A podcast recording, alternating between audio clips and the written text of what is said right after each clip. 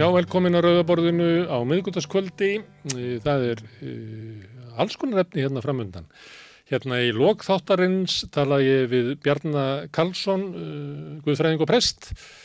Hann er svo síðast í rauðinni af þeim sem ég ræði við, þeim prestum sem hafa rétt upp hönd og sagt að þeim var ósart um það ef aðri prestar og ótjáknar myndu tilnefnaðu til biskupskjör. Ég hef rætt við sex presta áður, Bjarnis á sjöndi. Þetta eru merkileg vitur fyrst mér. Þetta eru að ræða um samfélagi okkar sem við lifum í frá sjónarhóli krist og kristni og kirkjunar. Það sem að mér finnst eiginlega merkilegast við þau er að svona erindið og efnið er kannski svipað en viðtölun eru ger ólík en þetta ger ólíkar mannskjur. Bjarni er mikið niðri fyrir og mikið landasmæður og ég held að það muni sjást hér í viðtalinu í lok þáttarins. Það er framundan uh, samstöðufundur, barátufundur, stórfundur fyrir Palestínu í háskóla bíói. Það var sliku fundur í nóvember sem við á samstöðunni sendum út og við munum líka senda út hennar fund sem að verður á lögadaginn til þess að aðeins að uh, kynna stundinum en kannski líka til þess að ræða bara um það er svona aðgerði sem hafa verið síðustu mánuði, það hafa verið mótmálagöngur og mótmálafundir, það hafa verið tjaldbúðir og kjartafleitingar, mótmáli fyrir utan ráðherrabústaðinn og, og utarkisráðunundið og nú lauruglustöðina, að þá kemur hún uh, Salfur Gullbrá Þorrensdóttir, Kollur Salka, kemur hingað og segir mér aðeins frá fundunum á lögadaginn en ég ætla að fá líka að ræða aðeins við hana um þessi stjórnmál götunar og svona átökin sem eru á milli mótmálenda og stjórnmálda e, það sem að mótmálendur eru að ég leggja fram kröfur eða sem eru sambarlega þeim sem að alþjóða domstólinn lagði fram að stríðinu verið hægt og að fólkinu verið bjargað e, en stjórnvöld e, þráast við og, og stefna íslenska stjórnvalda eru ekki í takt við kröfur mótmálenda og ekki í kraft í takt við já, vilja meiri luta þjóðarinnar eins og hann byrtist í skoðanakoninum. Ég ætla að ræða þetta við hann að sölku á eftir.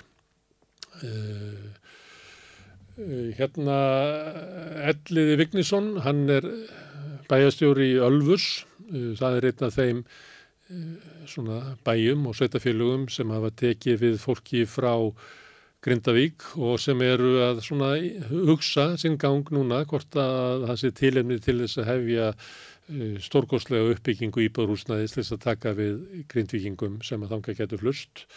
Björn Tólóksson, hann ræði við elliða hérna á eftir og kannski svolítið um svona þróunina á stór, stór höfuborgarsvæðinu, þetta sem stundum er kallað klukkutíma ratusinn í kringum Reykjavík sem hann ræði frá Borgarnesi að uh, Árborg út á Reykjanes tá, hvernig byggðin þar muni þróast. Ég held að þessu að ræða um lestakjærfi og jáfnvel út fyrir þetta svæði kemur í ljós við umræðum þeirra björs og elliða hér á eftir. Ég fór í leikús í gær, sá þar leikritið Saknarilm sem er leikjarð unnar Aspar Stefansdóttur á bókum Elsabetur Jökulsdóttur í leikstjórn Björns Tors Þetta var stórkostlegt leikus sem að tengist uh, samfélaginu okkar og samfélagsumræðinni, stöðu okkar í samfélaginu sem við erum alltaf að glýma hérna við uh, Rauðaborðið og ég fæ hér á eftir Elsabetu og Unnu Ösp til að ræða við mig um síninguna og ekki síður svona efni síningarinnar og um samfélagi sem við lifum í. Hérna, um það sem fyrsta viðtalið hér á eftir. Áhugaverð síning, áhugaverð umræðefni, áhugaverða konur. En áður en að við vindum okkur í viðtöl dagsins að þá vil ég minna ykkur á að samstöðin er samstagsverkefni, tilunarverkefni sem við erum að búa til, við sem erum hérna á samstöðinni, hérna með myndavellunar og hinn með myndavellunar, gestana sem hinga að koma og ykkar sem eru út í bæ, út í heimi að hlusta og horfa saman myndu við þetta stefnumót sem er samstöðin. Þið geti verið virkið þáttakatur með að benda vinum og vandamönum á efni samstöðuna sem ykkur líkar. Þannig byggist upp dreifikerfið, þannig eru fleiri sem að taka þátt. Við erum á Facebook og við erum á YouTube og við erum í öllum hlaðvarsveitum. Við erum á útvarpinu og stór höfuborgarsvæðinu 89.1 og FM en það, það má líka ná í þær útarsendingar á spilaran hann er bæðið á netinu á spilari.is og svo er spilari líka app sem má maður hlaða niður í síman og hlusta á samstöðuna hvað sem er í heiminum. Við erum komin í sjónvarpið til þeirra sem að fá sjónvarpið sitt frá símanum. Það er verið nummið 5 á fjastinningunni. Vonandi munu önnu fjarskiptafyrirtæki bjóða sínu viðskiptavinnum upp á efni frá samstöðinni einhver tíman.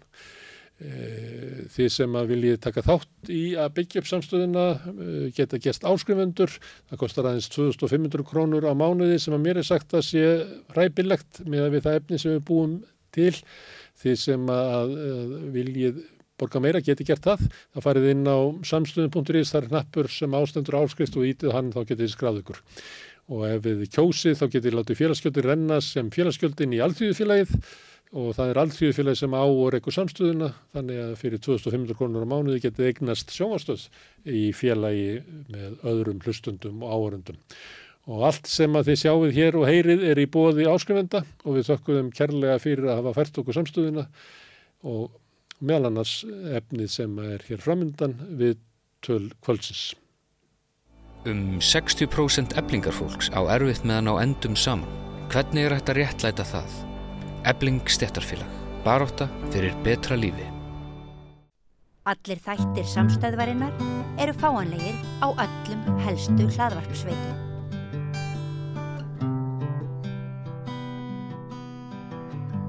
Já, er þið nú að komið að leiklistarhorninu sem er hérna á viðröðaborðið. Þá er leikurinn sá að ég er sendur leikús og segi svona kannski eitthvað hvað mér finnst um verkið en ég má ekki gera það nema fyrir framann þá sem að standa að því.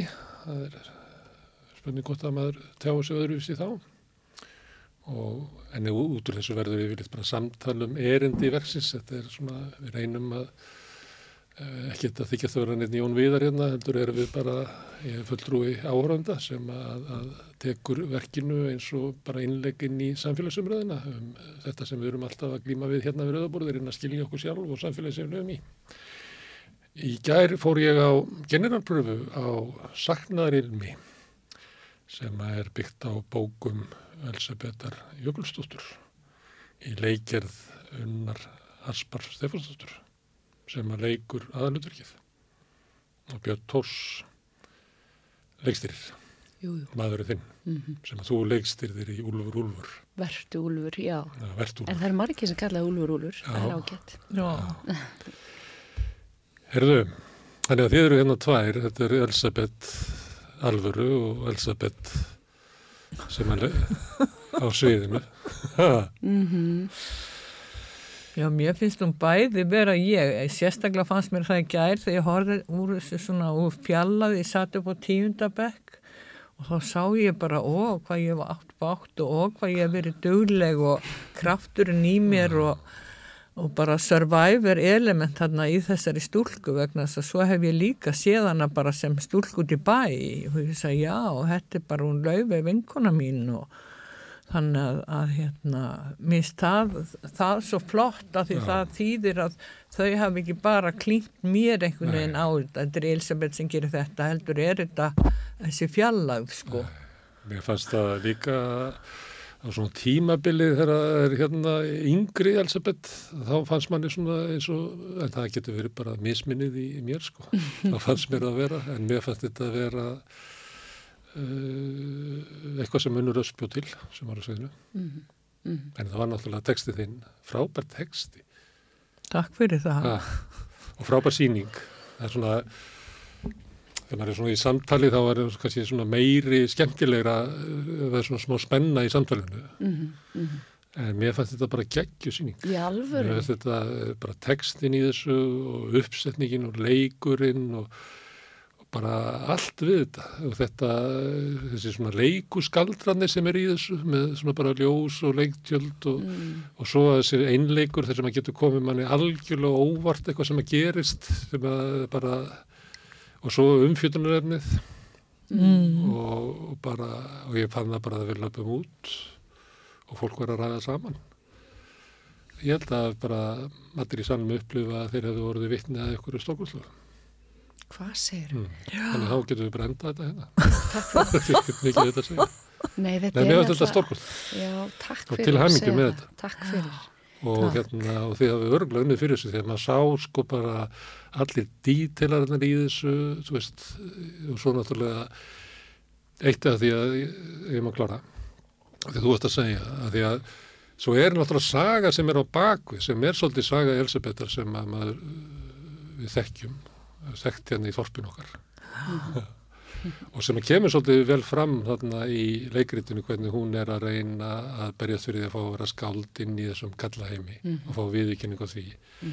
En hún fekk blessunarlega aldrei viðkynninguna þannig hún barðist sjálf við að búa til sinn eigin minnum við að segja bara sín eigin, eigin bókmöntagrein og er svo að uppskera núna að hérna bara samfélagi ræður bara vill að, byrja alla daga á því að, að segja Elisabethu hvað frábær. Og það eru, eru settar upp sko verk eftir hana og, Já.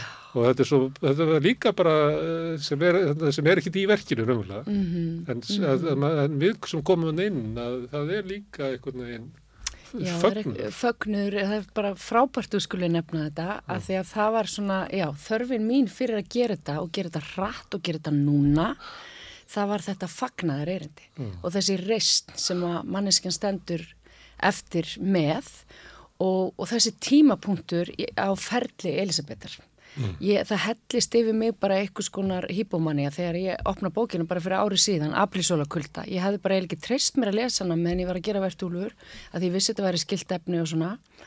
En, en þegar ég opnaði hana þá fannst mér þetta bara, ég veit þetta hljómar kannski svolítið brjálað, en við erum bara smá brjálaðar, þá fannst mér þetta vera það sem við þurfum að heyra núna og það sem við þurfum að tala um núna að því það er svo margt að fara til fjandans og, og það er fögnuðurinn, þú veist, að keira þetta ekki niður í ykkur af því það er alveg verið hægt einhvern veginn að fara í allar áttur með verki af því það er allt í þessum bókum, það er alveg blúðrandi húmor og beitt pólitík og tabúsprengt og brjálaður harmur og, og það er allt í verkinu sko já, og það, það er verið hægt að kannski fara okkur á svona einalínum það keirir þetta, bara í ykkur svona já, tóni það er hefur verið sko. hægt eða, eða, eða lenda þar Já. En þú veist, þetta lag hennar Ólafar Arnald sem við veljum sem lokalag sem er bara lúðrasveit og fögnuður og, og þú veist, mér fannst við verða að senda fólk hérna út á þeim stað sem að þú ert að lýsa. Elisabeth er á núna. Hún er einhvern veginn að uppskera uh, eftir alla sína skálda æfi, þú veist það sem hún er búin að vera á tímabiljum kannski pínu utangáta og vera með bækurna sínar fyrir utan melabúðina og svo koma þessar tvær frábæru, lefi ég mér að segja bækur sem eru skáldsögur en mjög mikið byggður á hennar æfi núna bara undanförnum fimm árum sem að eru kannski, þú veist, aðeins jarðbundnari en, en mikið af hennar skáldskap. Og mér fannst bara strax borðileggjandi að tengja það saman af því að þetta er pappin og mamman það sem býr okkur til sko. Og að missa þetta fólk okkar sem að við þekkjum öll eða munum kynnast þannig að það er svo rosalega margir þræðir í þessu efni sem að mér finnst eiga erindi. Það er ekki bara eitt, það er bara allt. Já, það er nefnilega. Ég vil endilega taka fram að því þú minnist inn á melabúðina, ég er búin að vera speklur svolítið, er munur á melabúðinu og þjóðleikúsinu og það er munur að einhvern tíma þegar ég var að sópa í þjóðleikúsinu þá hugsaði ég bara hér er ég að sópa í þjóðleikúsinu og mér fannst eins og ég væri bara að sópa Notre Dame og ég er nú aldrei komið þangað en Pétur í melabúðinu, ég vil nú bara minnast hans vegna þess að hann hefur aldrei tekið krónu og ég, hann bara, þetta held mér upp í fjárhastlega, ég gæti gefið börnunum mínu jólagjafir og, og átti mín að kunna og alla konur og þú varst ekki fyrir utan meilabúðinu, þú varst inn í meilabúðinu Já, ég var var þetta inni. inn í díteseber og það var kallt úti þannig að þú já, varst inni sko. já, já, ég var inni og, og hérna þetta voru alveg dásanlega tími nema svo hugsaði ég að ég ætlaði ekki að daga þar uppi, ég var búin að vera þarna ég, þegar ég fór að reikna í 20 ár. Hugsaði og það var svolítið ómikil tími þannig að, að hérna. En ég vildi endilega nefna þetta með Pétur. Hann er mikill öðlingur og örlátur af því hann hefði getað tekið bara eitt þriðja af sölulaunum en alltaf leiða mér að standa þarna og það voru engin jól fyrir ég var komin þess að ég var eins og jóladrottningin. Einmitt. Er, En þetta sem að unnu var að tala um þetta með fóreldrana að, að hérna hvernig þau eru stólparni sem standa sitt hverjum einn viðmann og uh, fóreldrar hlutverkið er svo mikilvægt og, og uh, maður finnur það bæði með sjálfan sig og, og uh, þegar maður er líka orði fóreldri að, að hérna hvað þetta er óbóstlega mikilvægt hlutverk að, að hérna að vera til staðar fyrir börnin sín og, og geta gefið þeim. Og það var svolítið merkilegt sko í hver að gera það sem ég fengi svona einu og eina vitrun, ég ætla nú ekki að taka allan tíman hérna en hérna Þinn tími er komin. að býtu hvað var ég nú að segja já, vitrun. já, já og þá allt í einu ég skrifaði fórlur mínum bref sem bara helvitis fucking fóreldrar og þeir eru búin að rústa lífið mínu og það er ekki ykkur að þakka ég lifið þetta af og svo framvegis. Og svo fyrirgaf ég þeim í sama brefi og sagt þið vissuð ekki betur og þið gáttu ekki gert betur og ég ætla að fyrirgefa ykkur.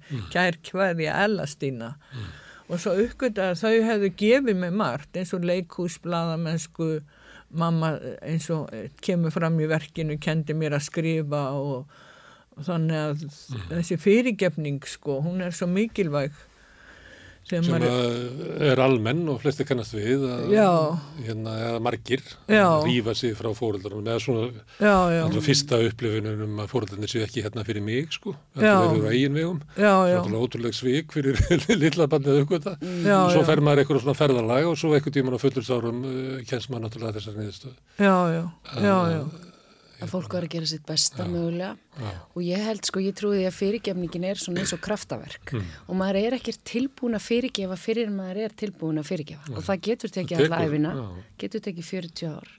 Og, og ég man, þú veist, þegar vinkonum mínar á lendi áföllum og ég hef kvartar til að fyrirgefa, það er ekki hægt að íta á eftir því. Og nú þekk ég það við einn raun að reyði er mjög eidilegjandi afl og getur brotist fram í alls konar fíknihegðun og, og sársöka sem að getur endaði geranum, áskorunum og, og öllu slíku og festist eitthvað neginn, áföllin festast svona í líkamannum. En svo þegar að maður lætur undan og, og er tilbúin, þá er þetta eins og lítið kraftverk. Þú veist, það, svo ég, svo ég tækir nú bara stort upp í mig og, og ég trúi sem ekki á svona heilunamátt í listum. Og ég hef sem ekki áhuga svolítið leikus í sjálf sem áhorfandi. Þú veist að sita besta leiksýning sem að ég mann eftir að hafa séð var Englar Alheimsins hjá honum Þorlegu vinnum mínum. Þá var ég nýbúin að vera að takast á mikið áfall, við vorum að fá greiningu á barninu okkar og maður er með bers, berskjaldaður með það að, að eiga barn sem að færi ekki sömu spil á hendi. Og það var ekki geðran áskurinn í okkar tilfelli en þarna var verk bara um, um uh, móður meðal annars sem að var að takast á við það, barni var hérna viðkvæmt. Og ég fekk bara svona vægt högafall á þessari síningu og ég man ég greti 20 myndur í salnum eftir hann og ég komst ekki út og, og það bara bjargaði ykkur innra með mér sko, þú veist að geta fengið að fara í gegnum svona heilun í, í leikúsi og, og, og þess vegna er ég alltaf, og ég var aðeins rætt af Elisabethu, ég er svo, mér er svo, hana, ég er hugsið yfir þessu trigger warning æðir sem er á öllum listum núna, þótt ég bera auðvitað virðingu fyrir því að fólk er að vita svona aðeins hva, hvað er í húfa, en í raun og vera ætti að standa trigger warning bara í steipu þjólkúsins, utan á húsinu, mm. að því að við vinnum við það að reyfa við tilfinningalífi. Þetta á ekkert að vera er ekki þægilegt. Þetta á ekki að vera þannig, ekki tilfinningalegt safe space. Þú ætti bara að geta lesið þér til um sýninguna og ákveðið hvort þú treystir þér. Heru, hérna, þetta verkur um margt. Uh, af, af því að þetta er svona uh, þetta með þig og, og Björn uh, þá tengist þetta hérna, verðstúlfur Mm það verk var um, um hvað myndi hann segja hérna, geðrannar áskoranir Já. myndi hérðin segja. Já, en þetta, þær eru þarna í verkinu en þetta, það er bara hluti af hérna, sagnaðarilmi já. miklu minna heldur en í, í verðstúlfur mhm. og náttúrulega hluta til er það bara vegna þess að Héðinn og Elisabeth eru gerólíkt fólk Mhm. og horfa á þetta bara, bara frá bara gerólíku, það er verið gaman að sjá þetta sko saman, Einmitt. bara meðal hans út af því sko, Já. því að það er náttúrulega þótt að verðt úlfur hafi verið mögnuð frásögn, Mhm. að þá er hún bara hort á, á, á geðranar geðraskanir bara frá einu sjónarhóttni Já, en Elisabeth horfir á það bara frá allt verið sjónarhóttni já. eða þú veist, þá er ekki að segja þessi í anstöðu við hann, Nei. þetta er bara verður allt verið mynd Ég veit það og það var alveg smá áskorun fyrir mig að því að ég var náttúrulega búin að læra svo margt af hérni og, og svona hans sjónarhorni á þennan málaflokk. Eh, Svo gæti ég auðvitað ekki vera að reytskoða hvað orð hún velur að nota. Hún talar bara um að hún sé geðveik og hann vill nota allt önnur orð og hann ræðst svolítið á tungumálið í sinni baróttu og kerfið og fordóma samfélagsins og hann er svona mikið að kenna okkur Hann er náttúrulega heili, sko. Já. Meðan að, hérna, er sumir eru hjarta. Já, þau, þau eru svona á öðrum ólíkum levelum og svo var það þetta bara fascinerandi fyrir allan hópina því við erum að megninu til sama fólk sem stendur á baku síningunni að, að bara hugsa þetta sem í raun og veru algjört konsept að þarna er í raun og veru sama erindi. Eh, erindi er bara við erum öll manneskjur að díla við sársöka og áföll og þjáningu og hvernig getum við lifað þetta af þetta, þetta hérna, líf og það að þurfa bara að vera manneskja. Það er le levellin sem við viljum vera að vinna á en ekki búið til heimildaleikús sem Elisabeth Jökulsdóttir og hérna hennar fjölskyldu sko eða, eða úlfin. Þannig að, þannig að okkur langað í báðum tilfellum að opna efnið. Við heitum ekki, ég heit ekki til Elisabeth, ég er ekki að leika Elisabeth, ég laði bara hennilega ekkit upp úr því. Ég hins vegar fer algjörlega inn í allan, þú veist, ég, ég sækja mér innblástur í alla hennar orku og alla hennar hugmyndafræði og all, allan hennar sköpunar mátt en að ætla að fara eitthvað að reyna að leika hana, þú veist, það er bara svona leið sem að ég hef ekki endilega áhuga á. En ég, mér finnst ég skilja hana eitthvað staðar. Og mér fannst ég skilja hana strax þegar ég las bækurnar og, og allar hennar ljóðabækur og mér finnst það eitthvað sem hatt sameigilegt við erum báðar aldar upp í eitthvað skona skugga foreldra. Við höfum þurft að alveg svoleiði sann okkur allt okkar líf. Og það er alltaf verið að spyrja okkur um, um foreldra okkar og, og það er bara hluta, þú veist, að, að alast upp í, í svona hérna, menningar umhverju og hefur auðvitað verið rosalega mikil gjöf fyrir okkur báðar líka en það er líka hefur líka verið erfitt Þannig En að eitt sem er saminlegt, varðandi hérna, séð á geðraskaninnar, Já. það er hérna frelsisviftingin. Já, ekki bara það, heldur eru þau bæði frelsisvift af foreldri Já. í baði. Og, og það er svo ótrúlegt í okkar litla samfélagi að, Þannig ef, sko ef bara, fóreldrar eitthvað segja ykkur að fara í bað, Já. ekki gera það. ef það er eitthvað sem getur lært af þessu. Nei, nei, maður auðvitað ekki að grínast með þetta, en Nei, það, nei. það var það magnað að sko Björn var búin að lesa aprilsólukvölda þegar var að gera Úlfin, hann sagði þetta kallast á, þetta kallast svo áhennur að við verðum eiginlega bara að gera annan einleik og mér fannst það bara ömurleg hugmynd þegar hann nefndi það, ég hvað heldur að fólk haldi, þú veist þetta er bara fáranlegt. Svo opnaði ég bara bókinu og þá sé ég þetta bara, þetta er algjörlega gjör óliki karakterar sem hafa ha samt haft svona mikið að segja og mikið innleg í umræðu, samfélagsumræðin okkar og eru svona ólík og eru kall og kona og, og mér fannst þetta alltaf bara verða að kallast á sem einleikir. Að því að ég hef ekki treyst mér í að skrifa leikrit fyrir mig og Kristbjörgu Kjaldar sem við tækjumst á sem maðgur af því þá eru við einhvern veginn fyrir mér að fara miklu viðkomara svæði og segja svona var þetta. En það er spennand að vinna með þetta form einleikur af því að það er sjónarhorn einnar mannesku og þessar áskoranir sem að þið bæði hafi verið að díla við þær geta verið einmannalegar og þarna fá þau bara orðið. Þau fá orðið til að eiga narratífuna í eina kvöldstund. Og á tímabili var ég búin að breyta því að Elisabeth er ekki sjálfræðisuft í baði, bara mamman er alltaf að gefa henni fiskaborða og það var eiginlega eina kommenti sem Elisabeth kom með á í öllu ferlinu á handritið, já en þetta var nú í baði. Og þá er ég farin að reyna að hafa einhverja, e eitthvað vit fyrir einhverju sögu sem að er bara raunverulega er ótrúlega og er mögnuð að þau eigi þetta sammeila þannig að fyrst vorum við svolítið hrætt vorum að búið til sýninguna um það er myndið kallast of mikið á en svo lefðum við bara því að koma sem kom og það er kallast sannlega á þetta eru einleikir og það, það eru þarna senu sem hennilega kallast á, ég veit ekki að taka kannski ekkit allir eftir því, mm. náttúrulega langt síðan að fólk sá úlfinn kannski.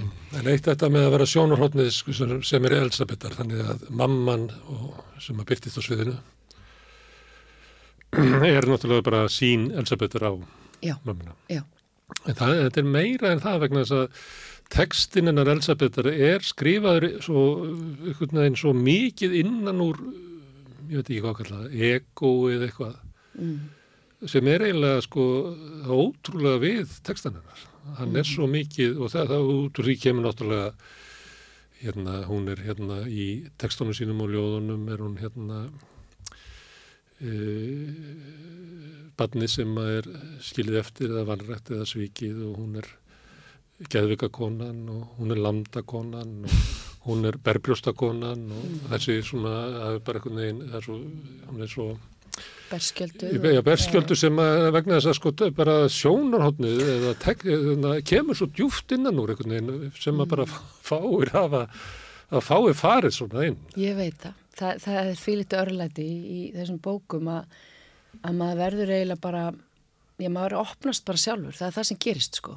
Að bæði við lestur bókana held ég að þá, þá fer fólk bara í eitthvað svona innra ferðalega með sjálfu sér að því að örlæti hennar það hvetur mann til dáða sko. Það er svo djúft inn sko. Ég held það sko, þú kíkir bara í bakbókan. Og maður veldir eða fyrir sig byttu, þetta er ekki alveg í lægi að fara svona inn sko. Já, er hún bara, já. er hún hérna, Elisabeth svona sjálfsupptekinn eða hvað er bara, horfir hún á heimi svona rosalega út frá eigin egoi og Ná, þetta, ég, þetta er svæði, ég er ekki að segja þetta síðan, því ég er bara að segja, ég er að lýsa að sko maður er komin inn á svæði mm -hmm. sem að manni er að sömuleitu ókunnugt. Já. vegna þess að það var ekki vanur því að fólk tjáði sér svona Nei. um sjálfans Já, mér finnst svo göfult að ég les sögur sem að það sem að höfundurinn fjallar um sjálfan sig og uh, þá fá ég svo mikið skilning á sjálfur mér. Já. og ég til dæmis þegar ég var að skrifa saknarilm og ég er að skrifa þann um píkuna og skapabarma og eitthvað mm. svona ég, þegar ég herði þetta í leikrutinu ég sem bara, ó gott var ég að skrifa en það er sama ég myndi ekki vilja lesa bók það sem væri bara lóiðað mér. Mér langar langar að lesa bækur það sem er sagt, sagt, sagt og og hérna, já. En í verkinu er talað um að sko þú skrifar aldrei nógu vel, þú mm. fellur ekki, fellur ekki að uh, kröfum hérna kallana, snillíkana og gerir ekkit rétt. Já. Þannig er alltaf verið að þú ert með svona svipu, svona innri rittskoðanda, skoðanda. Já. En svo þannig kemur einhvern veginn svo sé bara enginn rittskoðandi. Það bara flæði þetta bara... Mm -hmm. Já, þakkaði fyrir þetta. Ég held að kannski þegar einu heima þá er ég auðveldar með að segja rittskoðurunum að því þeir geta nú verið margir ja. eins og ég var að yrkja ástraljóð í, í fyrradag og ég var að hugsa um að senda manninu það sem áða sko ja. en ég hugsa að Guðminn góður þú veist, hann myndi örugla bara hugsa, þetta væri halva ógeðslegt og ég er svona þú veist, slæmur rítskoðandi svo sagði vinkonum ég setti þetta bara á Facebook og hann, hann kannski fattar þetta eða fattar þetta ekki það gerir til sín sem eiga. Já, en þá er ég með innri rítskoðanda sem segir nei, þú mátt þetta ekki og ekki mm. strax líka. Það má geima það má geima hérna ljóð og texta og já, þetta er ekki samt sko rítskoðan að þú skrifar þetta sko Nei. Þú skrifar ástoflöðið, en síðan er það bara sá sem á útgefandið hann vil ekki senda það til hans. Já, já. Það er, þetta er svona ytri, já, já. þetta er annars vegar svo sé engin ritt sko, mm. sko í textanum, já, en svo hvernig þú ert í heiminum með að kalla snillíkan alla, þá er það með flóknara sko. Já, já. Mm. Mm. En ég var að verða fyrir mig bara uh, að því að þið leikarar eru að leika svona inn fólk, eins og það, þú veist, hvort það sé, hvort það hafi verið rétt skinnjun hjá mér að það er eitthvað við textan sem er svo djúft inn í manni sko. Já. Eða inn í höfundunum. Já sko, ég satt það núna eftir 20 ára reynslu sko að það að, að leika er að skilja. Það er ekki að leika. Það er að skilja og finna og með góðan efni við þá er stærsta áskorunin að taka bara úr handbrömsinu og hleypa sér inn í efnið. Og það getur tekið mann heila, heilan feril að fatta það eða geta það eða eitthvað. En ég hef verið þeirra gæfa aðnötjandi að leika í frábærum verkum, Íbsen og öðru og þá líður mann eins og maður þurfi ekki að gera neitt sko. þá gerist þetta bara, mm. þetta er eins og galdur mm. og það er það sem gerist algjörlega með þennan texta. Mm. Ég gata aldrei lesið þetta á samleisturum og svona bara því að ég, ég bara reið ekki við það af því að þetta er svo tilfinningaríku texti og, og það var svona alveg áskorunni fyrir mig að því að hún tala svo mikið um að hún gráti ekki persóna að ég gat bara ekki farið í samleistur eða, eða eftir þetta, þú veist, þetta er bara þetta er bara einhvern veginn allt inn í manni. Og, og, og já, auðvitað var leitin okkar, leitin er alltaf erfið og, og maður er skítrættur og berskjaldar og ég tala ekki um að standa inn í eigin verki þótt þetta sé allt texti Elisabetar þá er maður, við vorum að vinna það fram á síðustu mínútu og hennar Facebook status að rata inn bara í síðustu viku sko. Mm. og alveg líkil kvörf, rata bara inn þú veist, við, við þorðum bara að vera svolítið í frjálsu falli með það sko hvað mm. þetta lendi. En hérna Já, þannig að leitin var erfið og mér finnst miklu erfið að vinna þetta en úlvinn sko, því að þar er ég bara út í sal og er búin að skrifa þetta og sé í þetta eitthvað neginn, mm. en þannig að það er ég líka að treysta leikstjóranum og, og vera bara eins og fíbl mm. sko í margar vikur. Þú, hérna, fyrir okkur sem voruð í sala þá varstu bara búin að hérna, ná þessu. Er það? Að- ég ef að bara, eitt af því sem ég hugsaði á leiðinu út, af því ég hugsaði svona margt á leiðinu út, Mm. bara ég bara kvílík sagnamennska sko, að bara leið og bara fyrsta orði kemur, að þá annarkort, þú veist, þá maður bara borin svona í gegn, Já. eða tógaði svona í gegn, ég veit Mm. það ekki, ekki feilpúst alla leiðina, maður beið alltaf bara eftir næstu setningu. Já, ég segi það að þetta sé, þetta er góður. leiksígur hjá henni unni. Þetta er bara algjör Svakalegu leiksígur. stuði, já. Þó ég hafi ekki séð öll hennar verk að þá, þá finnum maður það, þessi tækni, ofbáslega tækni sem að þú býrð yfir unnur og, og þessi tilfinning að geta komið tilfinningu til skila án þess að það verði eins og þú sagðir sko, eitthvað tilfinninga klúrt sko. heldur bara þessi, þessi virðing fyrir tilfinningum og, og, og hérna, tilfin, hvernig tilfinningar geta verið svona eins og vegur, eins og braut og uh, tengt okkur við skilning á sjálfum okkur. Mm. Þannig að, að hérna, Svo eru svona triks, þarna, það er svona mest gaman að sjá það, í beigimáli. já, En að þú varst að tala um að gráta ekki, þú veist að líka við að þessi triks í leikritinu, það talaði um það allan tíma. Aha. Svo grætur hún, þá grætur náttúrulega samurinn með það. Já, Grét- allur salurinn. grét allir samurinn. Það var alveg Þetta ótrúlega. næstuð því svo, þetta næstuð því svo svindl, sko. Þetta það við göppuð okkur til að gráta já, já. Þetta eru kvörfin og hún er Já. alltaf að reyna að tengjast skroknum og tilfinningunum og gráta svo dettifoss og svo hellist það yfir hana sko í, í sáttinni eftir dauða móðu sinna og það, það er svo fallegt að við getum fyrirgefið jafnvel þótt að segja og segja, það er aldrei að segja en ég fekk svo mikið að brefum í gær frá karlmönnum sem grétu svo mikið að því ég var alveg samfærið um að þetta væri nú kvennasýning Já, ég hugsaði líka þegar ég var að horfa á þetta. já, Að, þú veist, já, þetta- já, þetta væri svona mækna Allir konunar í samlum Já. upplýsa síningu ger ólíkt. Ég hugsa það og tengja auðvita kannski meira við en það sem við höfum öll samanlegt eru áföllin Mm. og erfiða lífsinslan og það er oft flóknara fyrir kallana að þóra þangað inn sko. þannig að, já, mér þótti vænt Mm. En svo er þetta ekki bara áföll. Af Því að ég misti mömmu í fyrra Já, og þegar hún er að deyja á sviðinu þá mm. flögra ég þangað. já, Og það er ekki endilega út okkur um bara áföllum að að þetta er líka missir. um það að lífið er þú veist, hérna, hvernig var það orðað aftur, að hérna, að það sé svo erfitt en líka fallegt að vera manneski. já, Þetta er líka á því sviði, sko. mhm, og að sömu leiti sko bara stóru leiti á því sviði sko frekar heldur að það sé verið að kafa og vann í, kannski er þetta galla sjónvarandi já, já, því það er náttúrulega hluti sem eru svona kvenna það er náttúrulega mæðra dætra samband er, Mhm.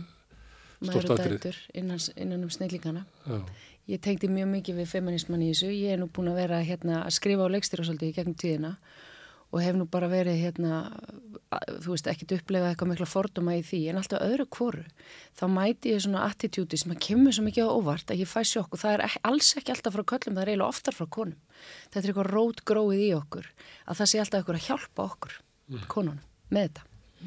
Og þetta hef ég heyrt frá alveg bara konum sem ég líti upp til, bara já, hún skrifaði þetta nú ekki ein eða hún leikstýri þess ekki ein eða hún átti nú ekki þetta konsept, eða þú veist, og maður verður svo hissa. Og þannig að það, hérna, ástu sigurðar, hérna, Elisabethur Jökuls, hérna, bara fuck you all, það blundar líka í mig, sko, eitthvað svona djúb frustrasjón sem að þannig að, þannig að ef að þið upplifa að ég tengi við tilfinningarnar í þessu, þá er það bara því að þetta, þetta, hérna, brennur svo á mér, þetta efni. Þess vegna gerist þetta svona rætt og þetta bara hellist yfir mig eins og, eins og köllun, sko. Ég held að það er svo mikil gjöf að vera stattur inn í efni sem að manni finnst eða svona mikið erindi. en, Hún rústaði bara þjólikúsinu, bara kemur með bækurnar og... mm, en kallanir byggur náttúrulega til Elsabetu Jökuls Já, þú Nei, segir það. nei, nei, nei. Jú, með því Mamma, Nei, byrju, ég, ég, er ekki að segja þetta svona, en ég er að koma til þú. Sofía Með því Auður. að hafna þér, Já. að þá hérna, neyðist þú til þess að finna þín eigin farveg. Mm. Já, Þannig ef að kallanir hefðu tekið þig, sagt. ef að kallanir hefðu tekið þig 17 og 18 ára og sett upp á stól og dáð, dáðst hvað væri mikill stindíkur, þá hefðu við ekki fengið Elisabethu Jökuls. Sko. Nei, Þetta er eins og, sand, nefnilega rétt. þetta er eins og samband sko, Sjostakovits og Stalin. Já. Að stundu getur sko höfnunin eða það að fá, eða þú veist, það getur verið. Já, heldur betur. Það er kraftur í höfnuninni. Það er svona hluta þessu. Herðu, síðan er það uh, faðir og móður í þessu verki. Það vil svo til að ég fór í leikúsi með henni Láru Martisdóttur sem ég tók reyndar hérna viðtal við við Rauðaborðið í helgispjalli, hún er, mm. vorum bestu vinir þegar vorum 12 ára og svo hittust við hérna 50 ára setna í helgispjalli mm. og hún er mikill svona lesi lófa og er myndur svona erketýpur og þegar hún er að tala um sko föðurinn og móðurinn þá er það bæði sko fadir mm. Jökull og Jóhanna En þau eru líki hlutverki sem að eru sko fadirinn og móðurinn svona bara í heiminum mm -hmm. sem að þau eru að uppfylla og þetta séu svona erketýpur sem að við erum ótrúlega háð og mhm. getum ekki lifað nema í einhverju, þetta getur tortimt okkur ef það er ósætt í þessu. En ég fór að veltaði fyrir mér að því að Lára satt við hljóðra mér, hvort að væri sko Hvort það mæti skilja verki líka þannig að því að þetta er ekki bara Jóhanna eða Jökul sem eru, mm -hmm. eru ráðandi. Mm. Heldur er þetta einhvern veginn bara svona afl miklu starra eins og þú ert að tala eins og bara við og frá sjónarhóði feminisma þá ertu bara með feðraveldið og mm -hmm. þú ert með -hmm. hvernig konunar geta lifað innan þess. Mhm. Þannig að átökin uh, þín eða þín mhm. við fóreldrarna mhm. eru raunverulega bara miklu, miklu starri heldur en bara uppgjör við pappa og mömmu, sko. Já, já, þetta er mjög mm. svona tilvistalega hérna, tilfinning í þessu öllu, öllu þessu efni og já. þetta með lífið og dauðan og fæðinguna og, og, og að hveðja og, og hérna stóra samhengið, sko, ef við förum bara alla leið út í geim, sko og við reynum að kalla fram ákveðna myndir bæði gegn tónlistina og visjóalana þú veist, þegar kollan fyrir að, þú veist, þegar hún byrjar að verða svona ofur næm og, og við förum bara með henni út í geim og, og allt þetta. Og, og þessar bara stóru tilvistar spurningar, hver eru við, hvaðan komum við og hvernig getum við lifað þetta af? Og ég held að Já, ég held að þú sést að lesa þetta bara alveg rétt sko. Þetta er ekki bara einhver pappa og mamma sem verða að horfi í augunamanni þóttu það sé svona kannski í narratífinni það sem við erum að tala um. Og ekki Jóhann og Jókull? Nei, nei, nei, nei, bara langt í frá. Þó að við þekkjum Já. þau, meðal annars út í hverju þau voru en líka því sem að þú hefur skrifað og sagt og, mm. og sískinni þín. Og... Ég vona bara, ég menna við nefnum engin öfn í síningunum, við nefnum sannlega Jóhanna Vörg en það er bara tilvíðun og hún heitir einmitt Jóhanna en ég vona að þú sem árandi hugsir um, um þína tilvist og þína fóreldra mm. það er markmiði og þú sért ekki að velta því fyrir þér sko hvað var í gangin og heimili Jökuls Jakobssonar og Jóhannu Kristinsdóttur mm. ég vona það einilega við náðum því. Hvernig var með mannum eftir fyrsta samlestu sem að ætla að ráða sér sálfræðing og ringi mömmu sína? Já Já, staðalveg mögnu saga. Já, það hérna var að vísu kona. En sjáu þið, svona ferraveldi, ég sagði þeim að það var smiður, já. en hún er já, smiður, já, okay. en hún uh, pantaði sér tímaði sjálfræðingi beint eftir fyrsta samlegsturinu, smiður í þjóðlugusinu og ringdi í mammi sinu. Já. En þó svo að ég vissum að þetta sé svona starri, að það fara mm -hmm. þyrlu og horfa á þetta, að þá er náttúrulega galdurinn sá að þetta er líka Jóhann og Jökull, sko. Já. Hugsaðu mikið um það í síningunni svona og veltir því fyrir þér að því að þetta er náttúrulega Kristján Sónuðinn var hérna þarna mm. þrema bekkjum mm. þú já. horfir á það í síningunni já, já, þannig að, og þannig að og þú varst bara... í salnum já. og við búum náttúrulega í Þorpi og ég er málkonu Kristjóni og bræðruðinum mm -hmm. og, og átti samskipti við mömmuðina og já, já. þannig að það er, það er mm -hmm. En fyrir fólk sem ekki þekkir þau þá er þetta náttúrulega bara venjulega fóreldrar og, og saga um valdið og valdfóeldrana og, og nöðsina eiga fóreldra vegna sem maður fær ekki að borða þá deyr maður bara inn á heimilinu og ef maður fær ekki snerting og ást og þá vestlast maður líka upp.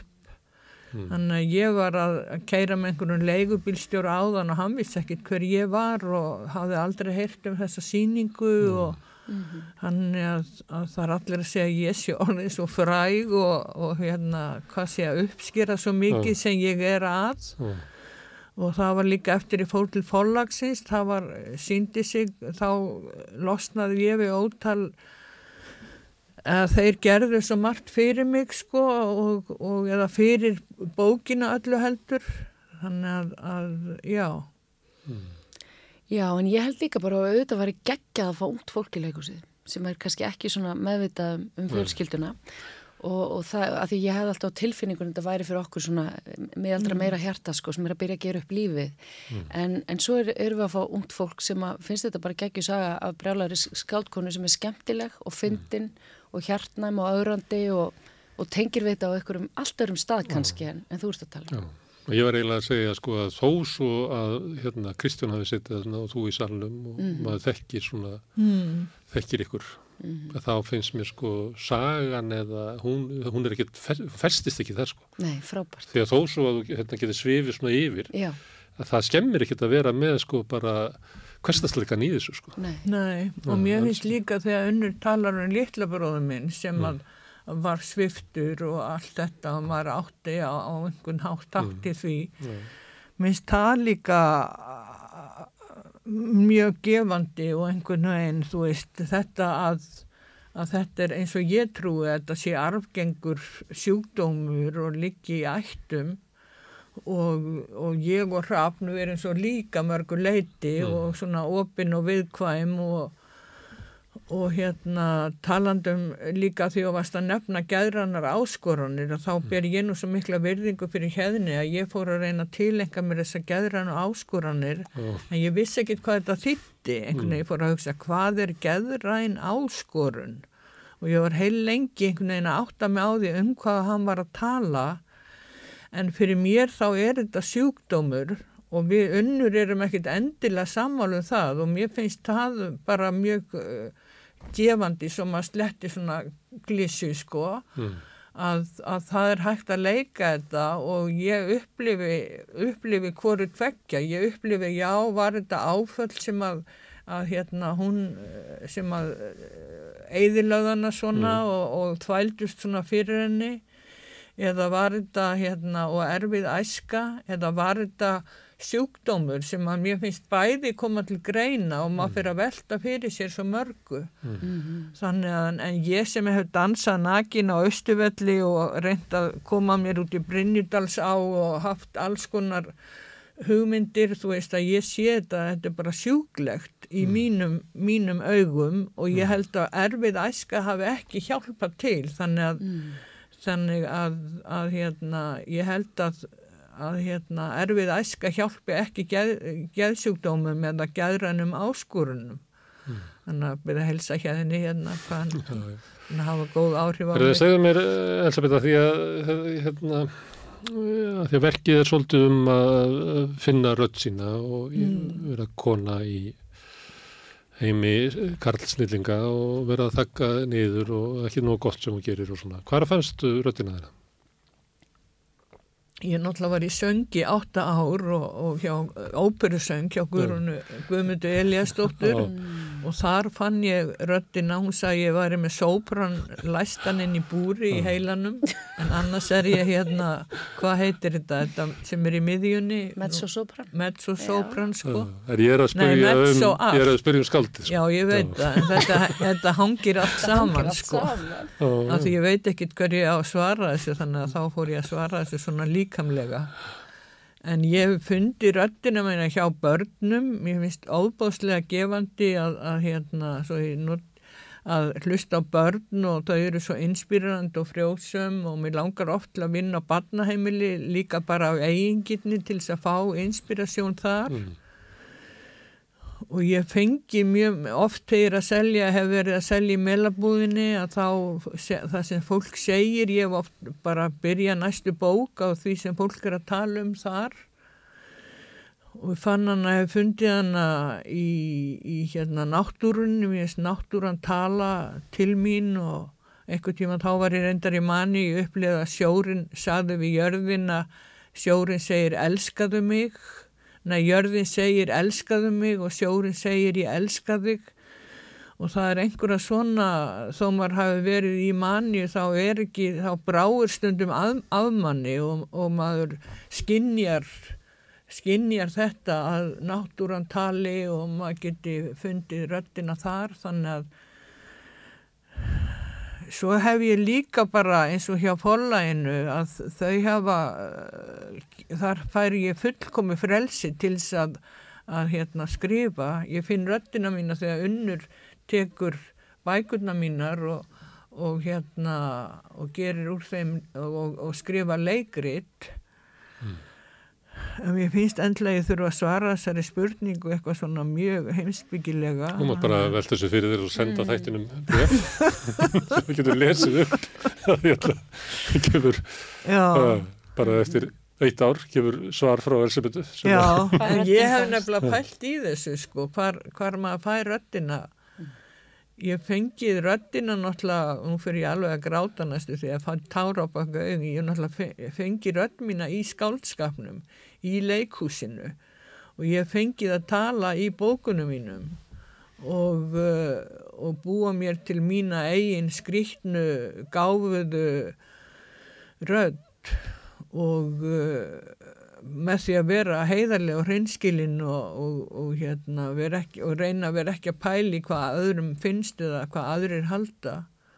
Og í leikhúsinu, ég elska leikhúsi kannski mest af öll og þar hef ég bara eins og í þessu verki og blóðuðu kannin og fleiri sem hafa verið að setja upp á svið. Þar hef ég fundið þessa rödd og það þrátt fyrir að það eru leikar og leikstjórar og leikhúsfólk sem er að, að koma mm, þessu til skila.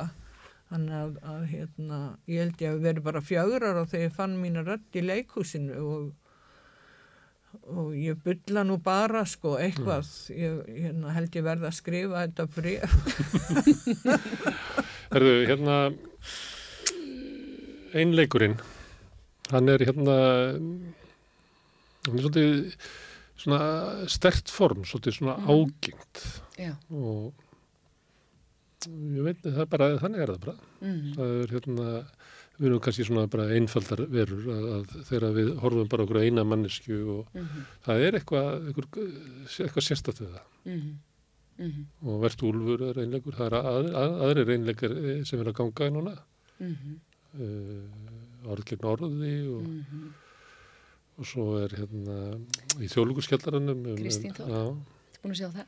Ertu nei, að- nei, Nei, það, það bara, það var bara seldist upp sko, ég held að Já. maður getur komið bara eh, 2026 eða Einmitt, eitthvað ég hugsa það. Já, Þrjár konur núna með einleggi í því Já. sem hugsaði ykkur, já. okkar tími.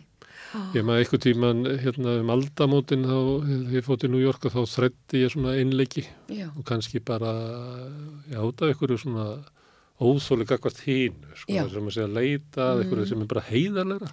Þetta, er- er svona sannleikur í þessu og Já. þetta er sögustund. Það er það Já. sem að er svo gott og, og, og það er engin fjórðivekkur og við leggjum upp úr því þessum sýningum að við erum hreinlega í beinu sambandi við ykkur Já. og ég er að spinna svolítið og ég er að hlusta á ykkur líka og ég og maður gerir það sem leikari, uppbytunum mín fels bara að anda djúft og anda mig inn í ykkur sko, þið eru mótleikara mín alveg raunverulega og ég held bara að þú veist, það er svo mikið áreiti í heiminum í dag og það er svo mikið, mikill gerfi heimur og Hollywood og glimmer og, og samfélagsmiðlar og, og krem fyrir ungar konur og allt þetta rugg að fá bara að horfa í augun á einni manneski sem er að segja þér sögu. Það er ekki verra, sagan er áhrifarík. Það er bara pínu þakklátt held ég inn í öllum þessum látum sko og öllum þessum Marvel bíómyndum og því sem að svona er að tröllriða kannski sem að menningun í dag getur kannski illa keft við með því að sko hækka hljóðið. Já, Það stundu þegar maður kemur í stóru salina og allir eru að tala í gegnum Já, eitthvað hljóðkerfi já. og þá verður maður einhvern veginn svona já, að þetta var ekki alveg, hérna, ég vil fá svona einhverja mannlega snertingu í leikhúsinu. Það, verður til svona veggur. sko. það verður til þessi veggur og það eru stundum með samtali frábæri síninga við erum núna með hérna Jæl Farber sem kom frá London, frábær leikstjóri. En vann mikið með bara reik og skugga og mæka og tónlist og það er bara allt annars konar leikús, það verður meira svona eins og eitthvað bíó eða þannig.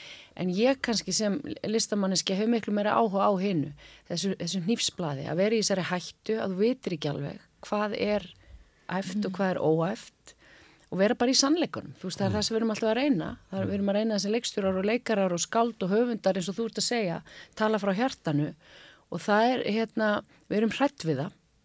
Og, og mér langar sko að, að þetta sé svona einmitt, þetta sé svona smá áskorun fyrir þessi síning að þetta er, þetta er ekki bara gaman sko, þetta er líka ágengt fyrir þig, Mm. skiluru að þú horfir á mannesku ganga í gegnum eitthvað svona náttúrulega rosalegt lífslöp, ég er náttúrulega eiginlega að fara í gegnum allt eitt lífslöp, bara frá því að þú ert 6 ára þangurlega þú ert 65 ára. Og hérna Já, mér, finnst það allavega spennandi að, að áhörfandin þurfi hreinlega að horfast í augu við sjálfan sig. Og þá eru alls konar svona triks eins og nefnir sko sem að er bara þetta, verið í alvöru samband og alvöru hlustun og það þarf alveg hugrekki og æfingu í, í að þóraðanga sko það er ekki sjálfsagt, það er alveg þægilega að vera bara með mækin og reikin sko, það er aðeins þægilega þá þarf ekki alveg að fara þangað. Mm. og í talungum þú veist með eitt leikara þú veist, þá ég held á öllu tempóinu og öllum kvörfunum sko. Mm. uh, en ég menn hún er alltaf að já, en hún er alltaf að tala um galdur og töfra, hún Elisabeth, hún er sem ekki galdrakona, Elastína og það var náttúrulega sem við vorum sem listur að teima að reyna að, að skapa. Mm. og, og við gerðum það með því að bara leita rosalega að öllum senunum. Við erum aldrei búin að ákveða beint hvernig þetta vera og hvað þetta gerast mm. og allir koma að borðinu með hugmyndir. Og, og þá kannski þá kannski gerist það að þetta kemur að innan, þú veist þetta kemur ekki að utan með einhverju rauðu ljósi og einhverju reikvél sko. Mm heldur að... Er satt með ótrúlega færni og það er bara lýsingin og þú veist það sem er gert á mm. sviðinu sko, mm. tímabilir eins og all logi og Já. svo opnast þarna, hérna, má ég ekki segja það sko, því að það kemur svona óvend og þannig að það, þetta er gert á gríðalegri færni. Já, en ég held að sé líka því að já. við vorum alveg ógisla léleg alveg í marga vikur, eða skiljið mig? Já. Eh, ég var bara unni í alls konar leikus Þetta var alveg fallið saman í þessu, hérna, þessu kynarpröfu sem ég sá Núna er þetta að koma. Ég hef síðan svona ykkur. reynslu og og maður sér það, þú veist að það var að lifta aðeins hérna, það er svo að orkan fari ekki alveg út sko, þetta bara fum Já, það bara það var ekki, eða ekki, þú hljótið að upplifa þetta að búið. Jú, ég gréti alla heimleðina, ég fekk algjörð spennufall. Þetta er náttúrulega gaman að vera hér í dag því að frumsýninga morgun, þetta er alltaf mesta spennan fyrir leikusfól. Við vitum aldrei hvað erum með í höndunum. Við höldum það, en við vitum aldrei fyrir að þið mætið áhuga. Ég vona þetta verði í kassanu líka. Já. Ég veit að eh, þjóðlíkustjóri verðna í sannum og hann vil ábíla ef þetta verður mikið selt og þá vil hann fara Já. með þetta í starri sal og svona. Nei, það átt ekki bara að vera í kassanum. Þegar ég vil að sem flestir upplifið það sem ég upplifið ekki aðeins sem að ég held að sé hlutið að er nálaðin í þessu litla uh, rými. Já. En hvernig fannst þér þetta, eins og þetta, síningin?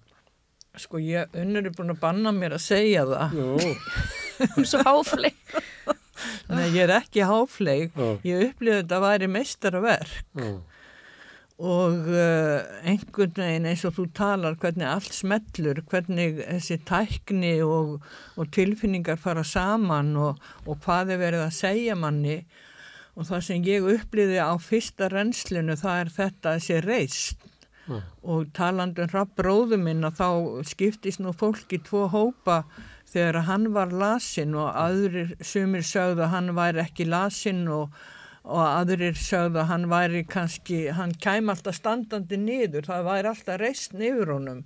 Mm. og, uh, og ég upplýði það í þessari síningu að manneskjan hefur þessa reist, sama hvað hann er beigð og buguð, sorgmætt, ástfangin, af því það er nú líka svona að sjá inn í kvíkuna á, á fólki.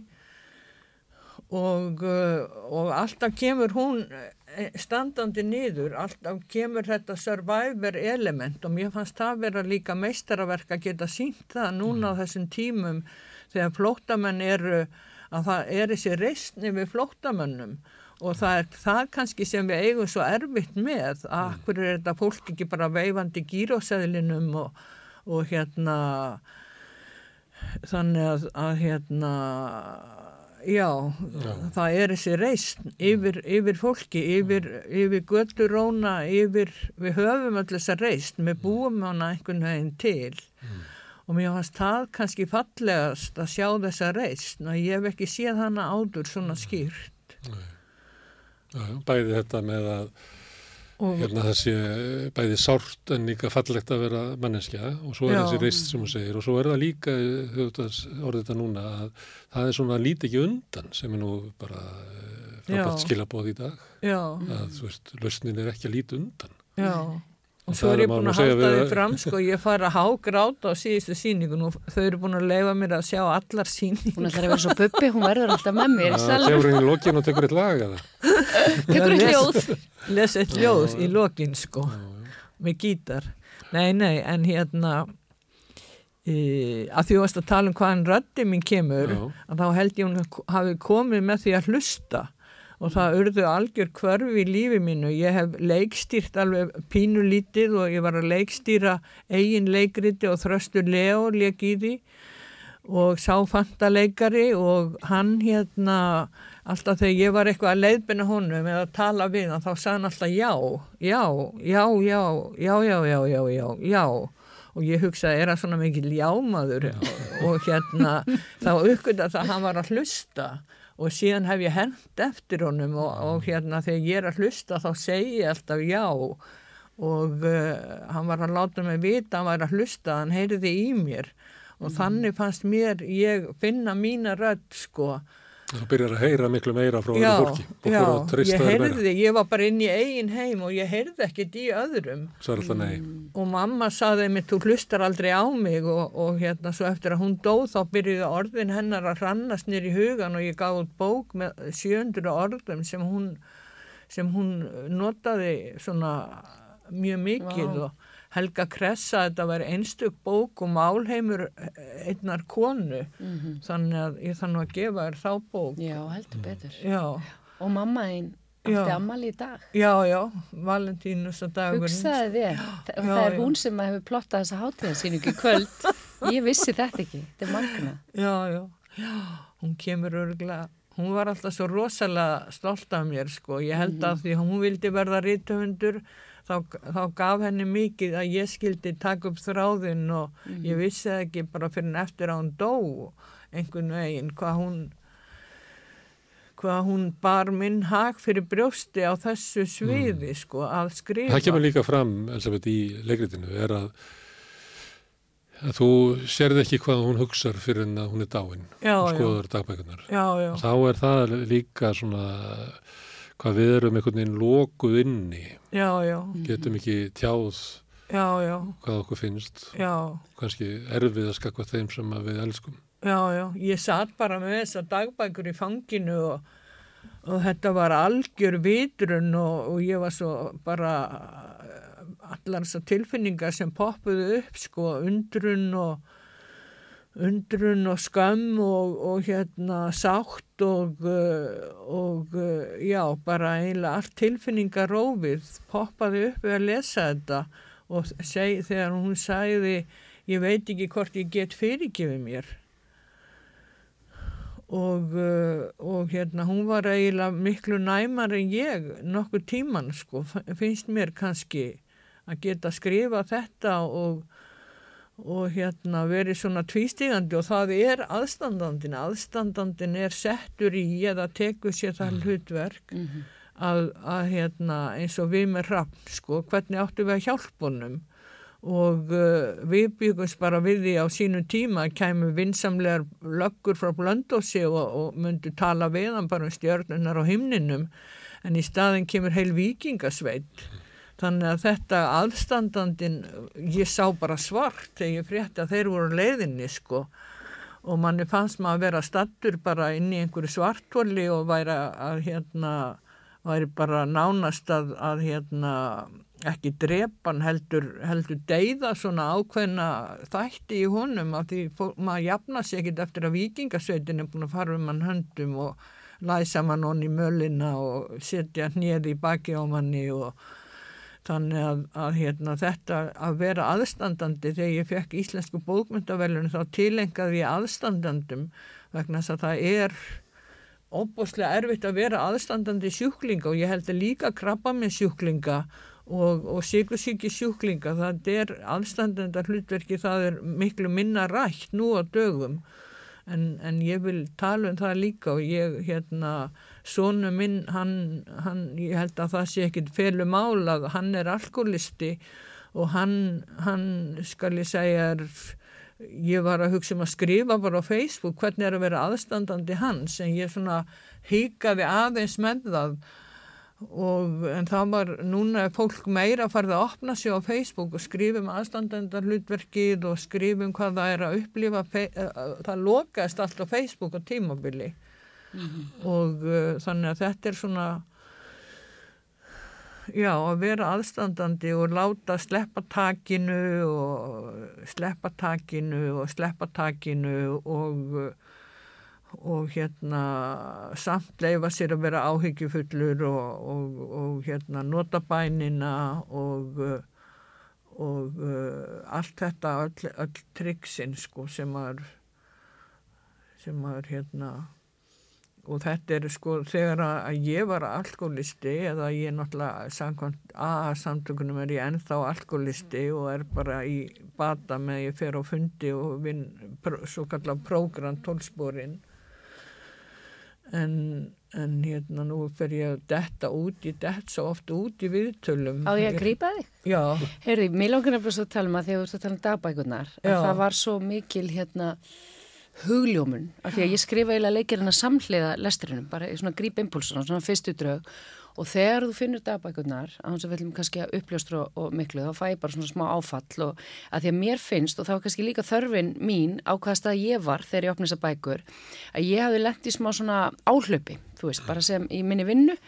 Og það var eitthvað, fólk ekki sá, sátt við hvernig ég var að díla við eitthvað ákveði verkefni og, og ég var alltaf einu bara útrópuð sem eitthvað nýðingur og lendi í smá svona útskúfun sem að bara mjög margir lenda í, í harðiri polariseringu samtímas í dag. Og það var ótrúlega lífsreynsla af því að ég eitthvað neginn held í sig svo góð og ég er bara á fjöðu börn og mér finnst ég sem ekki vera að fóruna mér. Þú veist og orku minni til að gera eitthvað gott fyrir samfélagið og ég legg svo mikið upp úr því. Ég legg miklu meir upp úr því en að láta klappa fyrir mér á sviði að gera eitthvað fyrir samfélagið. Og svo er ég útrópuð sem eitthvað nýðingur og ég er að nýðast á föllum þetta var út af leikriti sem að ég gerði í hjölkursinu og ég uppliði poljanan í mér sem hefur alltaf séð það góði fólki, uppliði að fólk væri vond og greimt og heimurinn væri bara dark. Og ég hef aldrei upplifið og ég er að vera 50 og það er algjört áfall, maður fer bara onni í hólu og maður hérna missir sjálfströst og dungreind og mér langaði bara að hætta í listum og ég fekk svona einsinni að vera pólitíkus og bara hvernig faraðu að þessu sko. Og mér fannst þetta svo grimt og hérna ósangjant þótt ég átti mig á því að þetta snerist ekki einu svona um mig sko, þetta snýst bara mannutindi og, og sársöka og, og ég skil það algjörlega því ég begja mig í borðsins í þessu öllu. Mm. eigandi falla bat sjálf sko og var nú að gera þetta fyrir hana. En þá fór ég svona að pæli skilningi og af hverju við erum í þessu stríði bara in general. Þú veist nú erum við náttúrulega bara í alvöru stríði sko En við erum líka bara alltaf í stríði í öllum hérna, okkar daglegu samskiptum við foreldra eða vini og ég á svo marga vini sem er ykkur um átökum við fjölskylduna sína og eitthvað. Og, og mér finnst skilningur svo hérna, mikilvægur og mildi og að reyna að setja sig í spór hinna sem að kannski Putin og, og hérna, hérna ágetir Trump og ágetir félagar eru kannski ekkit sérstaklega góður í enda allir alveg möll brotin börn úr asku þá hérna það var þetta sem að gerist í þessu verki mm. með að geta sett sér í spór manneskjuna sem þú er búin að vera svona reyð út í 40 ár.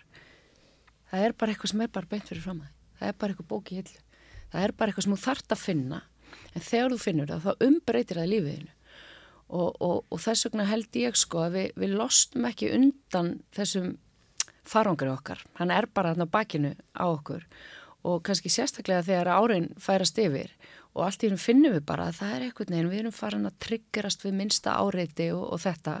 Jafnvel þóttu séum hætt að drekka eða hvað það er. Mm. og þá verðum við að fara að skoða og horfast í augu við. Og þá vonandi finnum við þess að likla þetta er, þetta er likild sem þú finnur því þú ert alltaf að tala um hérna, salin og hurðirnar og liklana þá fannst mér þetta að vera eitthvað svona, svona ótrúlegur likild að geta sett sig í spór þeirra sem þú ert dreyður úti. Þetta er náttúrulega hrikalega aðkallandi núna í, í gasa umræðinu allri og við erum svo fljóta, þurfa að vera í öðru hverju liðinu og, og í þessari sögu er þetta maðgur en í raun og veri er þetta leikrið um stríð fyrir mér. Þetta er um það hvernig við getum reynd að ná aftur samtali. Ég er ekki alveg með svarið en ég held að, að vonandi fær, fær síningin fólk til að hugsa eins um það og þú veist, það, það er ekkert tilvílin í þessu að ég er í Palestín, Palestínu bólunum sem að Elisabeth er búin að vera í 40 ár sko. það, þú veist, það er ekkert endilega tengt mómentin í dag sko. Herðu, það er þetta rauðaborð hér er endalus leit að þessu samtali Er það ekki? Við upplifum þetta sama að, að við þurfum bara að fara að tala saman og þess vegna erum við tölum við hérna lengi Já. og oft og mikið eins og við fagna að bóra okkur í gegnum hennar vegg Já, og er- hínum meginn sé eitthvað sem við veitum ekki hvað er einmitt. en við verðum að, að tala og tala og tala og við finnum það. Við erum búin að missa taktin. Já, já. Já, við erum Eina af að þessum aðferðum er náttúrulega að segja söguna og, uh, og safa, sagan er svo safarík og það einhvern veginn, hún frankallar alla myndir. Þannig að Já, það er bara hreinlega þannig að því ég vann þetta aðeins handriti með vísindafólki upp í háskóla í áfallasögu kvenna því að það var svona líka vakning fyrir mig fyrir fimm árum þá taka íslenskar konur þetta próf og það var bara svona intens sálfræði tími með sjálfu sér og bara djúft samtal við mömmi í kjölfarið og senda prófið á hana og bara já, þetta var kannski áfall þessi fæðing og alls konar svona vakning og þær segja mér og þau í áfallasögunni að það hefði ekki verið hægt að setja íslenskar konur í þetta test fyrir 15 árum var, allt í hennu vorum við bara tilbúin í þetta og það, þau eru bara að rannsaka það að það er hægt að heila erfiðar minningar og það er hægt að fara tilbaka eins og Elisabeth gerir náttúrulega bara algjörlega bókstaflega í saknaðarilmi og endur prógramera, þú það, það er bara fræði núna að skoða þetta með konur sem hafa orðið fyrir áföllum að þetta er bara svona eins og, eins og tetrisleikur þá ferðu bara inn í minninguna og þú, þú heilar hana og þú, og þú þekkir dörgla og þið úr bara sálfræðinni. Þannig að það er alveg það er svo mikil von sko. Og ég, mér, finnst við verðum að hafa þess að von og þessum tímum sem að maður er bara svo berskjaldaður að kveikja á sjónvarpinu sko, maður getur, maður treysir ekki lengur að fylgjast með fréttum. En það er vonaðna og, og ég vona að hérna að leikúsið og listir geti stundum bara með fallegri músik og e- fallegu ljóði og, og góðri leiksýningu kveikt þessa von og hvart okkur í samtalið. Getur orðið kveikjan, getur orðið stuðningur við leit okkar, getur kannski komið með ykkur að lausnir að sitja þarna. Með- Ég hef upplýðið það að þetta væri uh, verk sem á bara brínterindi við okkur sem einstaklinga og okkur sem samfélag. Gott að fyrir það. Unnur Ösp og Elisabeth, Kristín. ekki fyrir, ekki fyrir við erindisleisu eins og, eins og Kristina á dröngum, honum fannst að það væri það leiðinlegasta eða, eða hérna erfiðast af öllu, gamall bóndi norra á dröngum að ef fólk væri að fara erindisleisu. Flósi Ólásson sagði eitthvað tíma, það skildi ekki fólki sem var í sundi að synda ykkur erindisleysu. þannig Já. að við erum með erindi og, og það er óbúslega góð tilfinning að, að hafa þetta erindi bæði fyrir einstaklingin og samfélagið. Þannig að Vonandi. Herru, til að hafa mikið með þetta, eða ég veit ekki hvort að megið segja þið, kann ekki þessi leikursfræði, þeir eru með hátíðasýningu í kvöld og frumsýningu hvað á fimmtudaginn, Á morgun, já. á morgun, fimmtudaginn. Herru, til lukkum með þetta. já, takk að Við fyrir ætlum að sitja hérna eftir og halda áfram að reyna að skilja okkur sjálf, samfélagi sem við lögum í og heiminn eftir augnablik.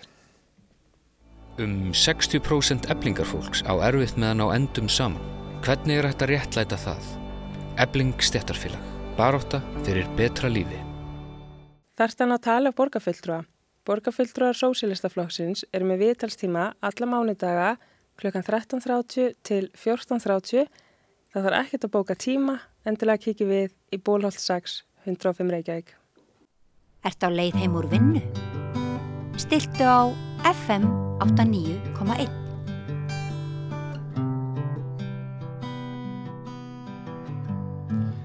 Já, komið í sæl, eh, við þekkjum öll vanda grindvikinga sem þurfa að finna sér nýtt húsnæði einhver staðar á landinu. Sumir kunna að eh, horfa langt í þeim efnum, mögulega mun eitthvert fólk flytjast úr landi, hvað veit maður um það á þessu stígi, en kannski munu flestir þeirra reyna að eh, hasla sér völl í nálegum sveitarfélögum og hefur nokkuð verið rætt um landrými og möguleika á Suðurlandi í þeim efnum en það þekkju við eh, stöðuna á höfuborgarsvæðinu eins og hún hefur verið. Nú hinga til mín til þess að ræða þessi mál er komin uh, Elliði Vignisson. Sæl Elliði og takk uh, fyrir að mæta til okkar hér á samstöðinni. Hvað þú sæl, takk fyrir að bjóða mér. Þú ert bæjarstjóri í Ölfusi. E, bara sem að vindi sér beint í það núna eftir um, þessar hamfarir sem orðið hafa e, hefur þú sjálfur fundið beinan áhuga einhverja þeirra íbúa sem hafa búið í Grindavík að flytja sig til ykkar eða í nærlegjandi sveitarfélög á Suðurlandi Já, já, við fundið, fundið það mjög stert. E, fyrst eftir að þetta ástand kemur upp og, og eftir að grindvíkingar verða landflótta af, af sínum heimilum að þá kemur upp svona ákveði neyðar ástand það sem þetta snýrist nú um að finna fólk í húsaskjól og koma börnum í, í skóla og, og, og, og, þessi svona grunnþjónusta. Og við tókum strax þá ákverðin í Sveitafélaginu Ölfusi og samþýttum það strax formlega að grindvikingar, eða sem sagt íbúar með lögheimili Grindavík myndu hafa sama aðgengi að innviðum sveitafélagsins og þeir sem eru með lögheimili í sveitafélaginu. Já. Af því að annars kæmi upp eitthvað að, að, að byggðlist eftir leikskóla eða aðgengi að grunnskóla eða þjónustafi aldraða, þetta er alltaf bundi við lögheimili, mm. þannig að við aftengtum uh, það strax og sínur nú kannski að bákni þarf ekkert að vera, ef að báknið er manneskjulegt þá þarf það ekki að vera að þvælast fyrir okkur. Nei. Og það gekk mjög vel. Og strax á fyrstu dögum vorum við komið með svona 30 upp í, í 50-60 þjónustu þega úr, úr, úr Grindavík. Mm -hmm. og, og hluta þessu fórin í Ölfusborgir. Já. og sló nú svona... Já, þá eru það sem orlofshús sem eru stór og myndaleg já. þar sem fólk hatt fundið sér húsaskjól og, og, og börn er að komast í skóla. Og sló þá í manni eiga hjartað af því að stór hluti eigamanna eða stór hluti af þeir sem döldi í Öllusborgum á, á þeim tíma voru, voru vestmanneingar sem fluttu frá Vestmanniðin 73 og meðan gósi var þar. Sjálfur fór ég frá Vestmanniðin til Grindavíkur strax um nóttina, fjóra ára gammal og, og þannig að við fórum strax í þessa svona e, þessar aðgerðir. En svo finnum maður eftir því sem að tímanum vindur fram og grindvikingar eru kannski færðan að hugsa hlutina lengra og aðeins að meðtaka þessu bara stóru ákvarðana sem þeir standa frammifyrir og jábel færðan að leita sér að framtíðarheimili, fyrirtæki færðan að leita sér að, að, að framtíðar vettvangi mm -hmm. að það eru kannski þau verkefni sem þetta er að færast yfir í núna. Já. Eru einhverjir týjir uh, grindvikinga sem að þú gætir séð fyrir þeirra mögulega bætist við í hóp íbúa Ölfus? Já, alveg klárlega, sko, ég hugsa að þegar eru nú komin í tugir og grunnar að við séum nú frekar að horfa í hundruði heldur en, heldur en tugi Já. og þetta kemur á þeim tíma í sögu sveitafélagsins hjá okkur að það eru mjög stór uh, svona uppbyggingar áform í gangi. Mm -hmm. Stæðstar eru lagseldi á landi Það er verið að fjárfesta fyrir hátt í 300 miljardar á næstu 5-7 árum í, í atvinnuskapandi verkefnum mm -hmm þannig að svæðið er að þennjast út Já.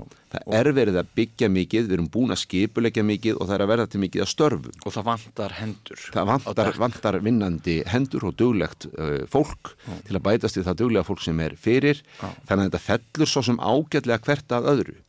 En uh, við tókum líka strax ákverðunum það að það sem að við gerum að það verður alltaf á sko forsendum grindviking og að frumkvæði þeirra því okkar draumur er líka að sjá Grindavík verða til aftur eins og hún var mm -hmm. sem þennan góða nágrann á okkar. Já, þú rættir og... við mig aðdraganda þessa spjalls. Líka þá rættir við mig að svona menningarlega og atvinnusögulega uh, væru ákveðin samkenni með byggðum eins og Grindavík Þorláksöfn og þínu sveitarfélagi. Já, þetta er alveg rétt. Og að mörguleiti á sveitafélagið mitt sem sveitafélagið Ölfus og sérstaklega þá Þorlásöfn á meira tengt við Reykjanesið heldur en, heldur en Suðurlandið. Bara svona sögulega og menningarlega séð og daldur svona lífstakturinn hann er aðeins öðruvísi í sjáarbyðum heldur en í landbúnaðahýrðum mm. og það finn ég eh, fættur og uppalinn í, í, í Vestmannum og, og þekkjandi bæði Grindavík og, og Þorlásöfn að þetta er svolítið svona svipaður lífstaktur. Færir framsóknumenn Nýtt framsóknarmenn eru alltaf, alltaf velkomnir og bara ekki á mikið af þeim en, en það er það er hérna svona þessi, þessi taktur sem þarna verður, hann tengir fólk mm. og, og það er meiri munur kannski á byggðalögum heldur um að gera þessi grein fyrir mm. áður mm. Og, og, og sjálfur þá, þá líður mér mjög vel að koma inn í sjáar samfélag þótt ég búin og reyndar í, í dreifbílinu að, að, að, sagt, í, í sveitinni að þá, þá er það svona þessi taktur sem til er í sjáarsamfélagi sem ég tengi við mm -hmm. og mig grunar það þegar ég við um grindvikinga en auðvitað er þetta líka bara, bara praktíst mál, bara hvar, hvar finnum við hús Já. hvar getum við komið okkur fyrir Já. og það er erfitt að því að ef þú skoðar bara, bara loftmynda Grindavík mm -hmm. þá séu hvað stór hluti af húsunum sem eru einbílishús mm -hmm. og þá stór parhús, stór rathús fólk hefur haft svolítið svona rúmt um sig mm -hmm. og auðvitað leitar fólki þau lífskeiði áfram Já. og það getur það fundir hjá okkur af því að það er einfallega ódýrar að byggja hjá okkur heldur en við annar staðar hér á þessu söðvestur hodni Já Nú bætist þessi húsnæðiskrísa grindvikinga ofan á krísu ástand sem fyrir var Já, og við þekkjum það elliði að hérna ungt fólk það uh, rekst úr landi þessa dagana vegna þess að uh, það er eðlileg sjálfsbjörgar viðleitni hjá kraftmiklu uh, sterku fólki að ef aðstæður í samfélagi er ekki þannig að, að þú getur með sæmulegum hætti komið upp yfir þig þakki þá leitar það bara eitthvað annað. Um, um, hvað hver, hver er svona ábyrð ríkisins og sveitarfélaga á því að áður en þessi staða kemur upp með Grindavík þá má segja að það hafi verið hálgert neyðar ástand vegna skorts á húsnæði og, og því öllu sem, sem, sem sverfur svona að mörgu fólki. einmitt. Hér hittur við mig alveg í, í hjartastað. Eh, ég er nú búin að vera í sveitastjórnarmálum mjög lengi. Búin að vera í sveitastjórnarmálum síðan 2002, reyndar aðeins byrjaðir áður, verið svo bæjastjóri 2006. Og ég mitt á þessu tímabili þá hefur mjög margt breyst.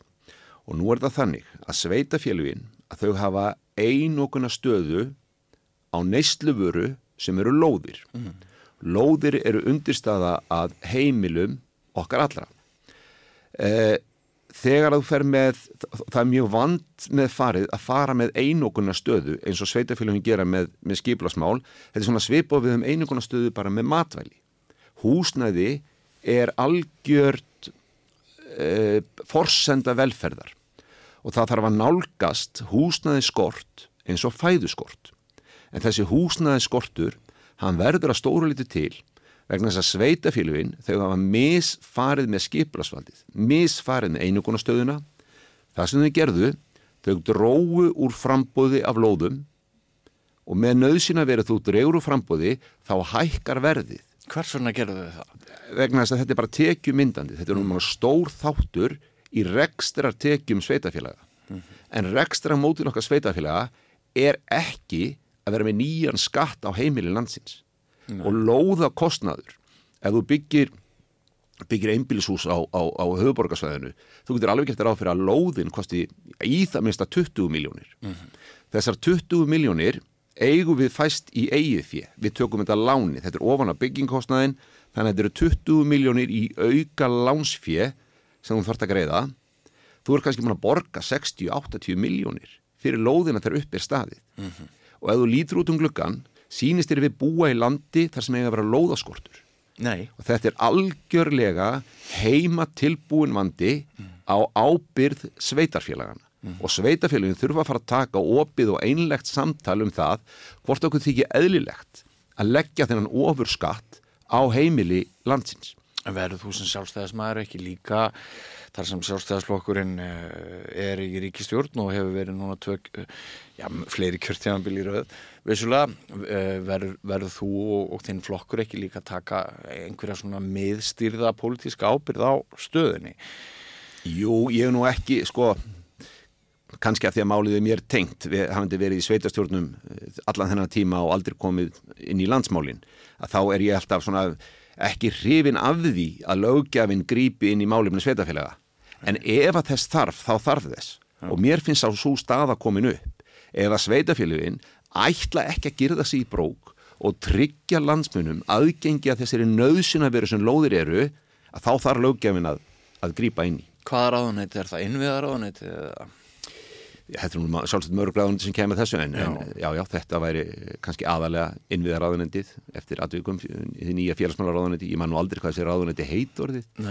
En, en, en þetta liggur eitthvað staðar á þessum, þessum mörgum en það, að hring... það sjá þetta allir. Það Já. sjá það allir að við getum ekki haldið áfram að horfa upp á húsnæði hækka upp úr öllu valdi og, og sko nú ertu pínunlítið svona búin að svona snerta þennan streng í mér að því að þetta tengi svo annari tekjumyndir sveitafélaga sem eru fastegnagjöld sem að eru svo ósangjöld það er svo ósangjöld að foreldra mínir sem eru búa í sama húsinu síðan 1969 og ætla að deyja er þess, í þessu húsi þau byggja þetta sem ungt fólk og síðan búa þau í sínu húsi og síðan seljast húsin í kringu þau.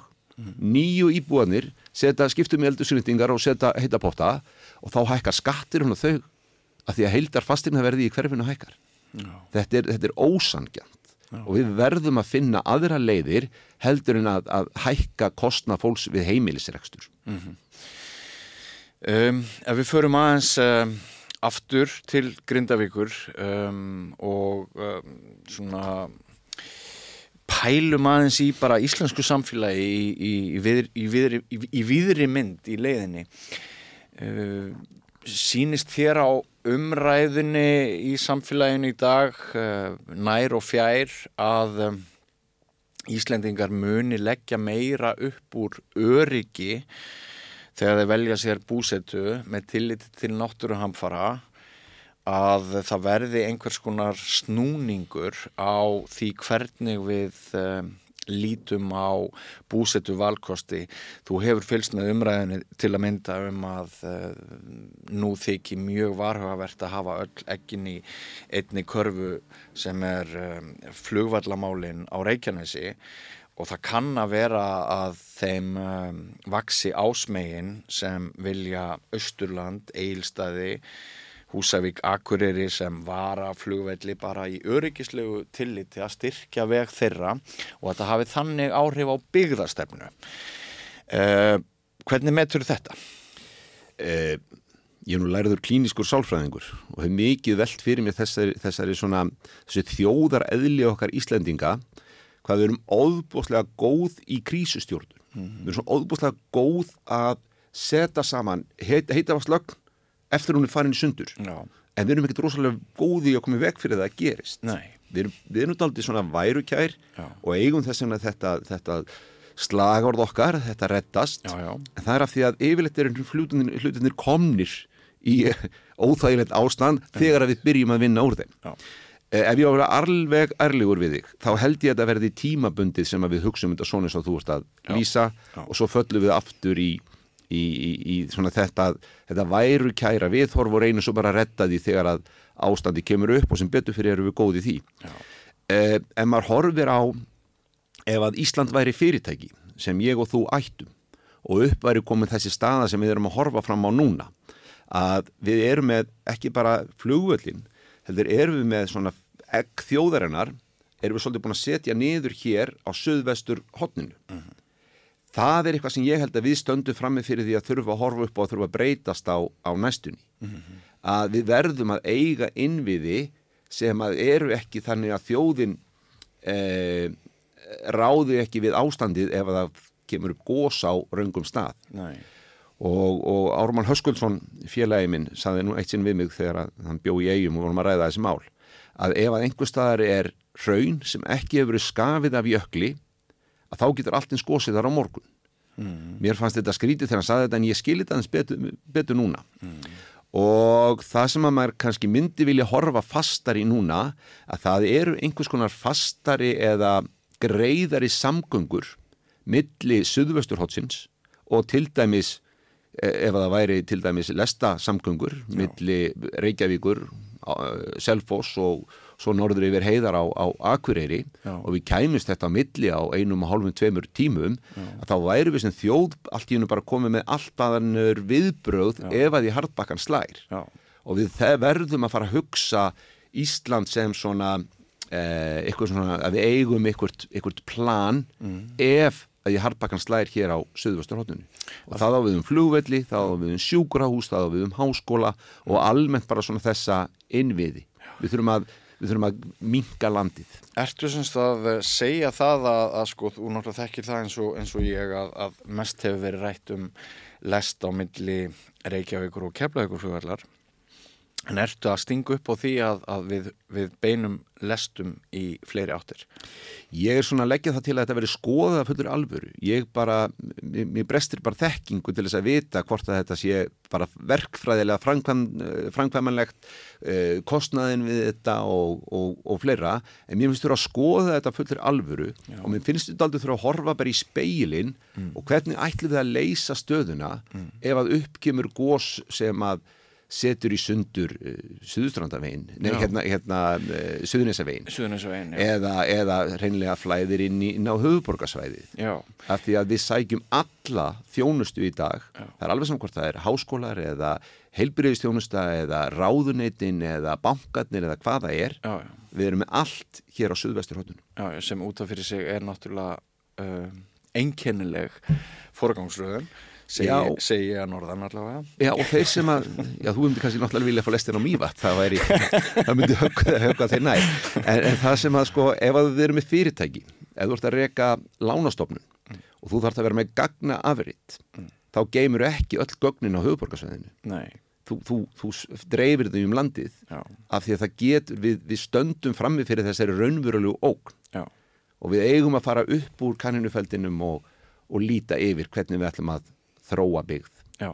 En af því að mér finnst svona hugmyndir svo áhugaverðar og skemmtilegar, uh, þetta með lestina, uh, hverjir gætu orðið svona istu áfangastaðir um, uh, lestar uh, kerfisins? Uh, hva, hvað ert að hugsa langt frá höfuborgarsvæðinu?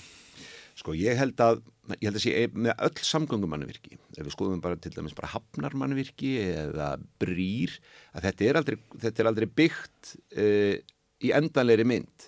Þetta heldur alltaf áfram að vefja upp á sig og, og við þurfum ekki annað en bara að horfa á þessi hræðilegu dauðasli sem hafa orðið í, í umferðinni það sem að þetta skamma sem að aflifir árs sem er bara þingur en tárum tekur. Það er svo sannarlega mjög að- alvarlegt mál. og að sjá að við, við erum ekki með innviði Nei. sem ráða við það sem við þurfum að gera ferðarþjónustan er náttúrulega búin að valda svo gríðarlegu auka álægi hér á innviðina Já. og hún hefur auðvitað þróast eins og síðast kom fram í umræðu hér á samstöðunni gær að nokkur leiti stjórnlöst Já. Já. og þetta er, og það sem við þurfum að gera þetta er orðin einn staðista þetta er staðista atvinnugrein á, á landinu og við þurfum að tryggja að innviðinir vaksi með og tryggja líka að þetta sé bara fjárhagslega hægt. Nú sjálfur er ég ekki frá hverfu hugmyndum til dæmis um veggjöld en alla þá æfi þannig hluta æfina sem ég bjó í Vestmannum ég borgaði veggjöld í hvert einasta skipt sem ég ferðaðist milli lands og eiga og, og taldi það ekki eftir mér þó að mér finnist það stundum dýrt. Nei. en mér finnst ekki ósangjant Já. að þegar ég keiri um þjóðvegi í, í Fraklandi eða, eða Bandaríkjanum eða víðast hvar í heiminum að ég borgi þáttöku í það að aka eftir veginn en ef ég reyna mér að finnst það sama með erlenda ferðamenn hér á Íslandi. Mér finnst ekki ósangjant nei, nei. að þeir greiði fyrir að nota innviðina hjá okkur. En ef ég reyna að krista þig aðeins meira samt og, og reyna að fá þig til þess að svara þessari spurningu getur þú séð fyrir að lest á milli akkurur og, og, Já, ég er að fatta núna hvað ég, hvað ég hérna, ég er búin að vera lengi í stjórnmálum. Ég fór út úr spurningunum sem þú spurður og svaraði ykkur allt öðru. Eh, sko, já, ég myndi telja að eðlilegt fyrsta eh, fyrsti áfangastæður væri Reykjavík, Árborg, Akureyri það held ég að væri eitthvað sem við hefum að skoða bara að fullri alvöru. Muntu tala fyrir því inn í þínu flokki, sjálfstæðaslóknum? Eh, mun ég halda áfram að tala fyrir já, ég mun halda áfram að tala fyrir því að við skoðum Já. hvernig við ætlum að tengja landið betur. Af því að það er í þjóðarsálun okkar að við viljum vera með búsetu um, um all land. Við viljum, okkur, okkur líður ekki vel að keirum svæði þar sem að áður var blómli byggð en er ekki lengur Sannlega ekki. þannig að við, þessna þurfum við bæði að horfa í atvinnuppbygginguna sem að hefur verið mjög myndalega á landsbyðinni á seinustu árum.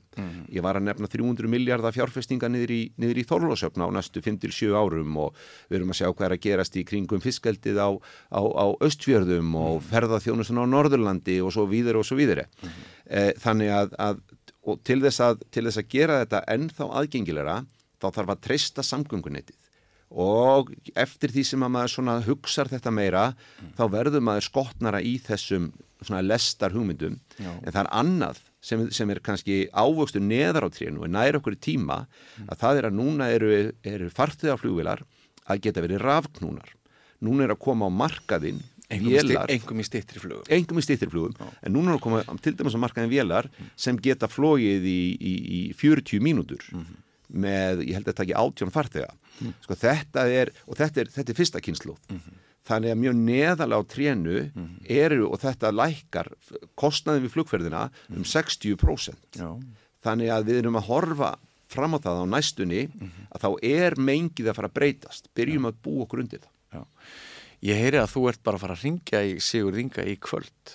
Ég hitti Sigur Inga mjög reglulega og eigum gott tal en en nú sjálfda sem við náða að ræðum lestar, það er eitthvað sem er, er nærtækara eins og stækun þólósafnar sem, sem ég nota kaffibólla með Sigur Inga í. Erum verðliðið, það búið að vera gaman að fá þig í þetta spjall. Þakka þið fyrir að gefa þið tíma til að líta hérna við. Við hófum það á vanda grindvikinga en eins og stundum er þá tegist umræðan í, í fleiri áttir. En takk fyrir komuna og gangi ykkur vel á þínum heimaslóðum.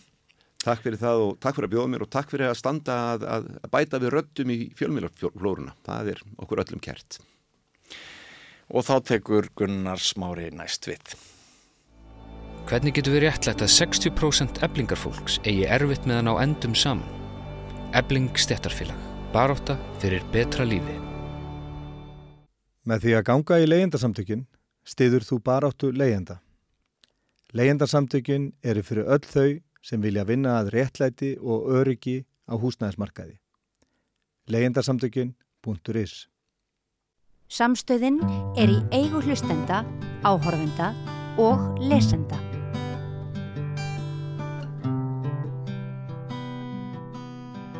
Já, herðu við ætlum að fjalla um, um Palestínu eða það vil svo til að á, á laugadaginn að þá verður uh, stórfundur í Háskóla Bíói. Það var hérna fyrir jól og þá sendum við hann út á samstöðinni uh, og þið getið séð hann á, á síðum okkar, allir ekki öðvöld að finna hann bara á YouTube síðu samstöðunar. En núna á að kannski að endur taka leikinn, Salver Guldbrá, Þorvarsdóttir, klokka.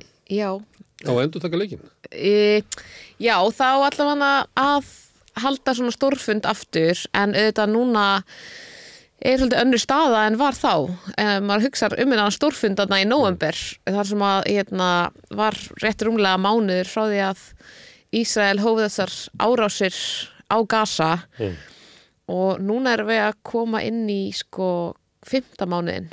Þannig að þú veist, hérna, við erum að tala um oktober, november, desember, janúar og þú veist, það er orðið svolítið svona önnur staða, þú veist, það er einhvern veginn hérna, líklega, veist, er þreita í einhverjum út af þessu svona stanslausu átökum, þú veist, það er, þú veist, maður ímynda sér að fólk getur orðið hérna, þreytt á því að, að mótmæla og ég hef verið að hugsa hvort það myndi gerast en það hefur ekki ennþá gerst Nei. þannig að þetta er svona eiginlega tilhættin til þess að halda bara svona ennþá stærri fund og sína fram á að við erum hvergi nærri hætt og ekki að fara að gefast upp í þessari baráttu. Uh, er árangur að barátunni? Já, sko að minnstakosti þá hefur mér virst að afstæða almennings hafi haft áhrif á stjórnmálafólkið. Uh, nú sjáum við að, hérna, að þau hafa þurft að, að bakka með ákveðna hluti eða reyna allavega að breyta svona sinni uh, narratífu. Til dæmis get ég nefnt að þegar að, að hérna, þegar að Bjarni Ben uh, ákvað fyrir Íslands hönd að við skildum sitja hjá í atkvæða greiðslu um vopnallið þá brutust út náttúrulega brjál, þá voru bara fólk var algjörlega brjálað og það voru bæði mjög fjölmenn mótmæli og hérna, mikil, mikil svona barátta í fólki og bara reyði kakvart þessar ákvörðun. Og það var alveg svona nokkuð ljóst að, að það hversu skýrta var síðan næst þegar það var kosið um vopnallið að hann myndi kjósa með því að það væri einhvers konar viðbrað við sko viðbröðum almennings sem hann blæði svolítið stjórnmennum. Ég upplifði það líka að það var eins og ríkistjónin og ég held nú var ekki Þórdís en þá hérna auðvitaðsraður að þeirra hérna í oktober. Jú. Eða skiptin er eitthvað alveg það leiti. Það var Já. eins og þau tvö uh, hérna ætluð að vera bara með einarða afstöðu með Ísrael Já, en, en þurftu svolítið að bakka. þau þurftu að Ég bakka held með að það. það veri út af almenningi, það veri ekki út af einhverjum talin í þingsölum eða eitthvað. Nei, algjörlega. Það var bara vegna þess að veist, þessi barótta hefur verið, þú veist, rosalega svona, hún hefur verið að sækja í sig veðrið frekar en hitt. Þannig að ég hugsa að mín tilfinning var allavega fyrst, þá, þá held, held, heldur pólitíkusinu kannski að hérna, þetta myndi svona aðeins, fólk myndi nú aðeins fara að fá leið á því að, að hérna, berist fyrir þessu en, hérna, og kalla eftir þessu vopnallíi en það varði einhvern veginn ekki. Þá fann maður einhvern veginn að þau voru farin að byrja að reyna að breyta svona sinni sögu. Og það sama hefur gerst í sambandi við fjölskyldur nú segir Bjarni að það sé e, í und ég veit ekki hvað er, það er, er einhverju menn. það er einhverju menn komnir hann til Kæró það er náttúrulega svona bein aflegging það bæði verið mikil mótmæli og vegna þessa gjörnings kvennana sem fóru út til Kæró og eins með þegar að Og hann hefur hrakist í þess afstöðu vegna þess að á einhverju tímapunkti en á leiðinni þá saðist hann að, að til þess að væri hægt að gera eitthvað til að fá fólki heim að þá yrði að vera heildar endurskoðun á uh, fjölskyldu saminingum almennt. Já, hann hefur svona hrakist í þetta, er mjög skrýn orðaða því að fjölskyldusamningar eru bara réttur flótafólks mm. í Evrópu veist, og það er, það er, þetta er náttúrulega mjög þröngur rammi eins og við vitum. Ég vona náttúrulega að það hafi ekki verið þannig að, að hérna, vinstu græni í ríkistjórn hafi gefið eitthvað eftir e, í staðin fyrir þessa ástöðu hans. En mér virðist eins og hann hafi hrakist svolítið í Og eftir að koma í ljós hvað í grænir borguðu fyrir það. Já, ég, ég vona bara að þau standi með sér. En hérna, Það er oft samið um svona, það er nú talað um að Já. þau hafi e, fengið eitthvað í staðin fyrir stuðningsinn við útlendingafröðvarp Jóns Gunnarssonar. já Það hafi verið svona eitthvað dýl. mm Stjórnmálinn er ekki alltaf falleg. Já, ég náttúrulega, maður reynir, maður vill trúa því að stjórnmálafólk sé hérna, ekki, í, ekki í stjórnmálum til þess að fara að víla og díla um líf fólks en auðvitað þá Þau getur segja það vel það verið sjálf. Já, Þau segja sjálf með því að þú Já. færð aldrei öllu þínu fram og já, stjórnmál eru þetta samkomulega svo þetta gera og já, við erum náttúrulega ekki eini í ríkistjórn og ef við verum með meiri luti ríkistjórn þá færi þetta allt eftir okkar stefnu en svo er ekki raunin og einmitt við erum búin að vera að tala um þetta í sex ár. Já, Svo það, eru stjórnmálinn.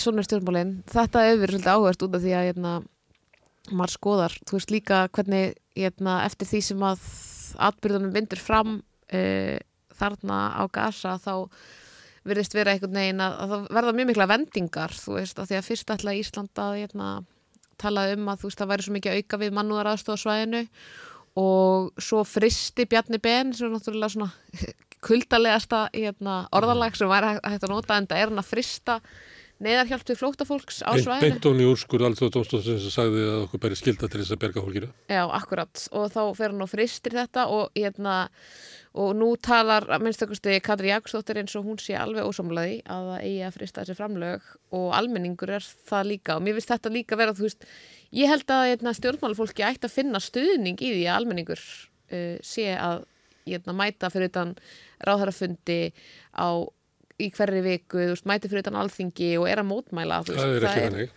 Það ætti að vera fögnuður í líðræðsíki, myndum maður ætla, að, að þeir sem er að stýra skinni vel uh, vilja almennings, almenningus mm. viljur og öflugur í því að koma sínu sjónamöðum fram. Já, Ef að hugmyndu væri svo að stjórnvöld myndu stýra í takt við vilja líðsins í líðræðinu, já, en það er bara ekki þannig. nei Og það er verið, hérna, að því að, ég veit ekki, uh, hvort að þú hefur tengst öllu sem hefur verið gert í tengslum við þetta. Það er svo, nei, það er svo margt að áræðilega ekki.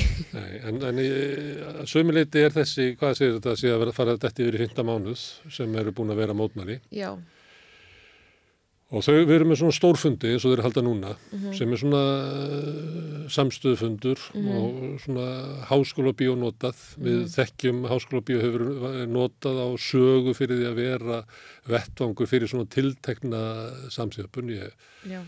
Hérna, S.A.A. var til þess stofnaði háskóla bíói og það eru svona nokkri fundir að, og þetta er, þetta er hérna, alveg svo austurvöldur þá er þetta sömuleiti salur með sögu. já, Já, það er allt annað ef þú verður með fundin í stóra sal eða í þjóðlugusinu eða eitthvað, það er bara já, akkurat. Þetta Svo- var haldið fund- fundir í búsaldabildingunni. Já, svo búsáttabildingunni, hérna þið er ekki þjóðinn fundurinn. Já, þið er ekki þjóðanfundin, það var í háskólabíó, já, akkurat. Já, þannig að uh, það hefur verið svoleiðis og að vera núna aftur á lögðin. Já, Síðan hafa verið mótmæli Mhm. uh, fyrir utan utarkisrandið, uh, göngur, bæði niður laugavegin sem að mér fannst sérstaklega gaman að taka þátt í að því að uh, það voru svona mótmæli minnaræsku, þá voru mikið göngur niður laugavegin sko. En svo líka verið göngur hérna niður hérna, uh, skólaverustíðin sem Já. að ég tegi það er druslugangan, það er svona Já, sem að gengur þá leið, en það er líka, ég menn eftir einnig göngu svona, við viljum ekki rasisma í íslensku samfélagi, já. sem var nú kannski til og með til þess að endinni. Það kom eitthvað byggt á eitthvað svona atviki sem að gerðist, það sem afhjúpaðist, Já, það er svona ofbeldi sem að þeir sem öðru svo lítið búa við og þá var ganga, það sem að fólk var bara hafnaði, sem kannski svona svipuð ganga og er núna í Þýskalandi, það sem að fólk er að hafna hérna, hugmyndum alternativ for Deutschland. Einmitt, sem er svona, við viljum ekki hérna ganga. við viljum ekki ganga.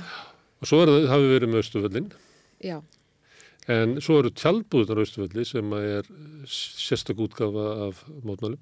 akkurat Þið hafi verið með uh, hróp fyrir utan uh, hérna, uh, ríkistofnafundina mm sem er önnur tegund af mótmæli sem er svona þekkt. Já, ég held að það sé nú búið að vera fyrir utan ráðhörabústæðin þegar að ríkistjóðafundir fara fram 13 sinnum Já.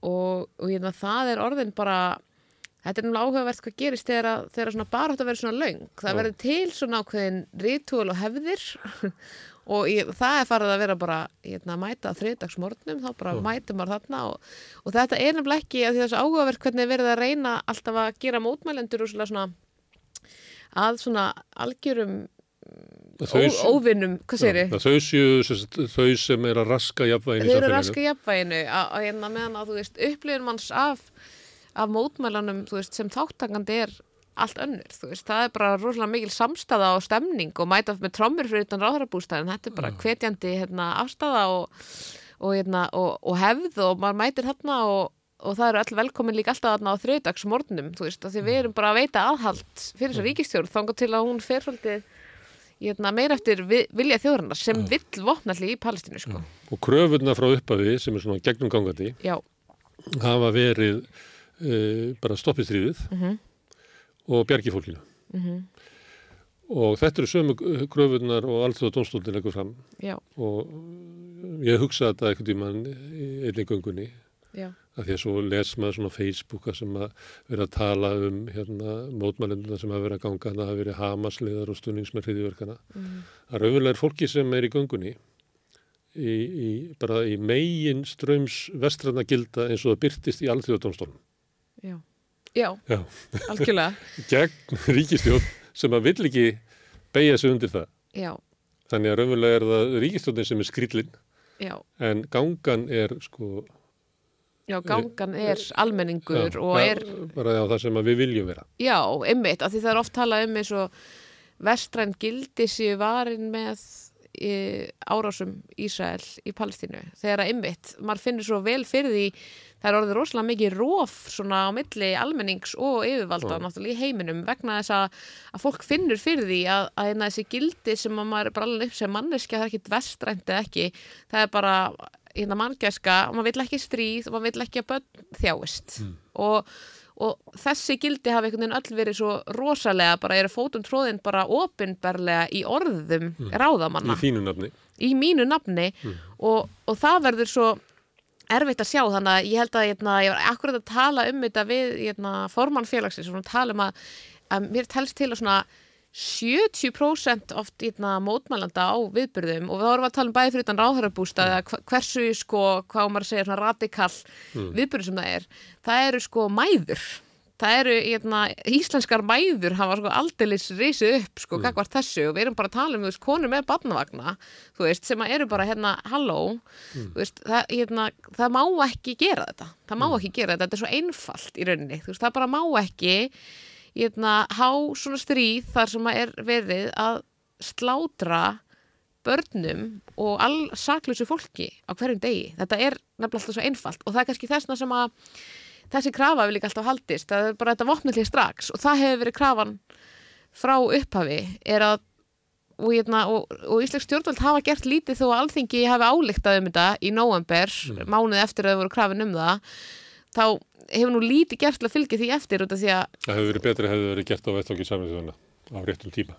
já, nákvæmlega Það er ekki alltaf, þetta er ekki bara spurningum að gera rétt, þetta verður að gera rétt á réttum stað á réttum tíma. Já, og síðan verða alveg aðgerðar að fylgja og það hefur svona skort þær og hérna í rauninni hefur svolítið boraðið að ráða fólk e, talið svolítið svona eins og almenningu sé mjög vanþakláttur fyrir það sem að þó er gert á meðan að þú veist að sko kröfulistin er ákvæmt að maður myndi fylgjast með kröfulistanum að hérna, það er engin krafa sem hefur verið striku út en það hefur bara bæst við af því það bættist við, þú veist að hérna, það sé verið að sko brottvísa palestinu fólki á meðan á þessu stríði stendur Það eru mótmæli núna fyrir utan við. vörglustöðuna. Já, það bættist við að, að þau hefur ekkert gert til að bjarga fólki um fjölskyldisamningu. Þannig að þetta er svo áhugavert, veist, það er einhvern veginn bara, listin er bara lengist, það er ekki að streika neitt út á honum. Er það að því að þú ert, eh, hérna, kemur úr leikúsinu? Já, Það eru- það eru stórfundunir, það eru tjaldbúðunar, það eru kröfugöngur, það er hérna einn hefðbunni austurvallafundur, það eru mótmæli fyrir utan utarkisráðundið eða lörgnustuðuna og hérna mm. ráðurabústæðin. Það voru líka kertafleitingar sem er allt annað fyrirbreyði, eða þú veist, allt önnur samkend sem að hópurinn finnur fyrir þar, akkurat, allt önnur áhrif. já, sem að hefur og tala bara öðruvísi til okkar. Mm En svo voru hérna, kasta glimmir yfir uh, Bennabenn. Já, það er náttúrulega sviðslista gjörningur. Ég meina það er bara algjör gjörningur. Já. Og alls ekki óþektur. Mér þetta svo áhverjast ég hefði svo verið til í sko, sviðslista greiningu á, á hérna, þessum Kir Starmer gjörningi. hafði nú fengið svona bara, held ég, bara eh, tveimur vikum áður eða eitthvað. Já, já, já, það. það. er bara, hérna, þetta er bara algengt, þetta er bara þekkt viðbrið, ég meina þú ert stjórnmálumæður, þá máttu bara eiga vona því að það sé glimmer, það er hérna, þeim tilgangi að benda á homofóbi í stjórnmálufólks til dæmis, þú veist, að kasta glimmeri, veist, að hérna reyna, þetta er er svona fighting hate with love, sko, þú veist, að hérna, Svo heyrðu, dýravinnir slettu blóði. já, akkurat, þetta er Svo var svona, einhvern tíman var verið að kasta svona, var ekki bara svona milkshake. Kastaði Jú. í fólk að... það hefur ímislegt og ég náttúrulega George Bush fekk náttúrulega skó, skór er náttúrulega mikið Skórinn var fengið, náttúrulega, það það eiginlega, sko, ótrúlega fallegur gjörningur. svo fallegur. Að, ég horfa á þetta vídeo oft, ég er ekki að grínast að því að magnast er þegar George Bush sko beigir sér svo vel hérna fyrir, en þetta eru náttúrulega þú veist tákgræni gjörningar og það er svo áhugavert þegar að fólk fyrir að setja það í eitthvað samengi sem er, sé eitthvað hérna, allt og langt gengið, af því að þetta er, er tákgrænt og það er svo, orðinn svo stór hluti af þessari baráttu finnst mér, en þetta er alveg rétt að þú veist að viðbyrðinir er alltaf svona ólíkir og það hefur ólíkur blæri við þeim. Og til dæmis þessi stórfundur og lögadaginn það er alltaf hugsað svolítið til þess að fólk sem að til dæmis það er kannski ekki allir sem treysta sér í mótmælagöngu. Og, og þar er kannski stórfundur fyrir málefnið eitthvað sem að höfðar meira til þess fólks. Kannski fólk sem að hefur hérna, Það er ekki allir sem geta sofið úti á Östuvelli í tjaldi. já ég segi það. Ég, það er, allir eru með svolítið svona mismunandi ramma og auðvitað reynum við alla að, hérna, að fara út fyrir þann ramma einhver leiti þegar við erum að berjast fyrir einhverju. En á sama tíma veist, þá er þetta bara svona líka spurningum bara þá geta, hérna, þá er aðgengi fyrir alla að koma og hérna og, og hægt einhvern veginn að, að samanest þarna undir þessi merkjum og ég man að, að það var svo mikið af fólki í hásklubbi og síðast, ég hef bara aldrei séð svona mikið af fólki í hásklubbi og, og, hérna, og, og það var rosalega svona, svona góð saminningar saminningar stund sko. En uh, þetta er ekki allt skipulagt af sama eh, fólkinu og þetta er Nei. ekki kveikjan af sama fólkinu. Ég býstu að tjaldbúðunar hafi verið sjálfsbrotnar af palestínum fólkinu sjálfu. algjörlega Við vorum með uh, mótmæli sem að, ég held að það verið hagaskóli sem að var kveikjan, en það voru samt hérna fólk kom úr framhaldsskólum við að. Það var augljóst að krakkarnir voru svona með vísun yfir í búsaldabildinguna og kasta eggjum og svona sem hefur ekki verið núna. sem hefur ekki verið í þessari baráttu en krakandi kom með það Já. og, hérna, og, og það var náttúrulega, það voru held ég bara flottustu verði ég að segja, sko, flottustu mótmælin sko, sem hafa verið, eða hérna, sjá sjá austuvell fyllast af sko börnum sem að voru bara að kalla eftir friði. Og það var rosalega fallið, það var rosalega kraftur í þeim. Og hérna, það var svona svolítið leiðilegt að sjá að, að lauruglan skildi einhvern veginn, veist, hún var svolítið svona mikla viðveru og svona ógnandi framkomi sem er svo skrítið út af því að hún hefur ekkit endilega verið það á fullorinsfundunum sko. Uh, en En hún hefur viljað kelna börnunum eitthvað. já og maður svona velti fyrir sig hvað það hefur verið sko hvers vegna hún hérna, ákvaða að- velja, velja þarna þennan stað og stund því það er náttúrulega bara eitthvað ákveðið. En það má einmitt nefna að skólaverkskrakkan er all- alltaf koma og vera með ræðu á lögudaginn mm. þannig að þannig að þau verða með fulltrúa þar til þess að ávarpa hópin uh, þannig að þeirra skilabóð fái líka heyrast sem víðast sko. Það eru, ef við horfum á þetta, þetta séu tveir hópar, annars vegar þeir sem eru að mótmæla með ýmsum hætti. Mhm. uh, og svo stjórnvöld. Að þá er náttúrulega, þetta er svona að deila um lögmæti. Mótmælendur eru að, að efast um lögmæti stjórnvalda, Já. bara eins og við nefndum áðan, að hvort það sé að taka sér ákvörðan í mínu nafni. Já.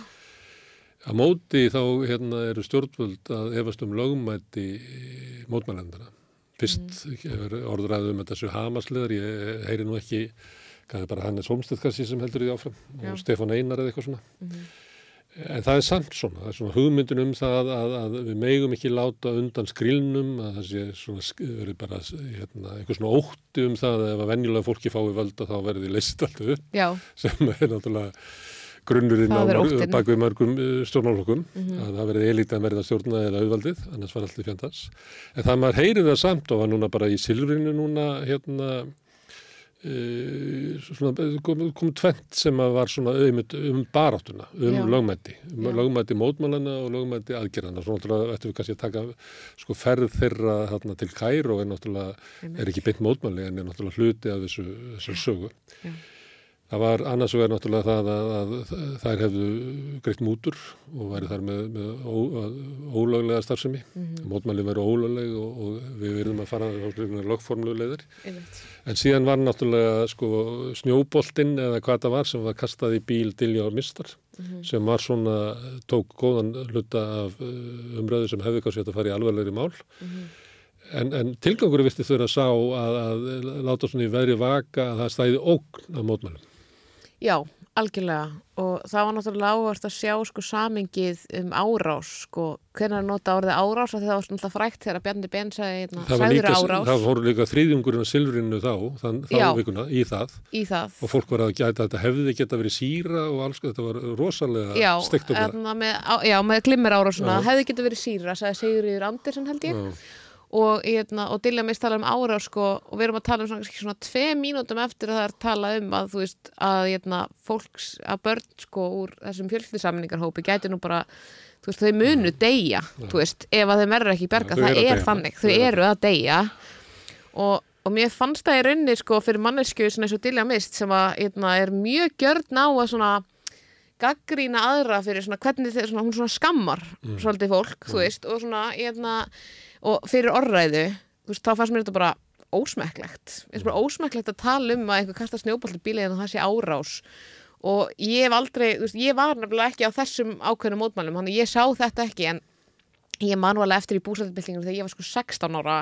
Þá var bara einna, alþingi umkringt og beðið eftir því að, einna, að ráðamenn kæmu upp úr þessum bílakjöllurum og þá hérna, kallaði á bílana skiluru og að því að ég finna fólk er alveg örugt inn í þessum bílum það er enginn að fara að ráðast á þau. En það er, fólk er reitt og það er að að hrópa, skilur það er að, hérna, að kalla þeirra að ná til fólksinn, sko. En mér fannst þetta svona nokkuð ósmekklegt og bara svona frekar hérna, Þessi átök eru, hérna þjótt að tala um að svona bíla að ég held að eh, svona í orðuræðu Hannesar Holmsteins og ég nefnir hann sem svona dæmi um þá sem eru kannski öfgasvittir hinnum einn að ég held að hann líti það að sko Hallgrimur Helgason hefði bankað bíl Geir Horte sem einna svona líkil viðbörðu búsættabillíkunar að það hafi eiginlega verið sínt að þarna var stjórnleysið bara Já, stjórn- handa, handa, við horn, já, handa við hornið. Já, þetta er svona hérna, tilefni til þess að flytja inn sko brimvarða bíla. Já þetta er nefnilega áhugavert út af því að einmitt þú talar um hérna lögmæti aðgerðina og það er hérna staksteina morgunblassi sér að velta fyrir sér hvort að konundar hafi bara borgað mútur og hvort að íslenska ríkið er borgað mútur. Sem að frekar- nei hérna staksinnar hafa hérna töldu það hins vegar þegar Samherji var staðin að því að greiða mútur Já. að þannig er það nú bara í Afríku sko, já, já, að öðrum hætti. gerast kaupuna eirinni, já, akkurat.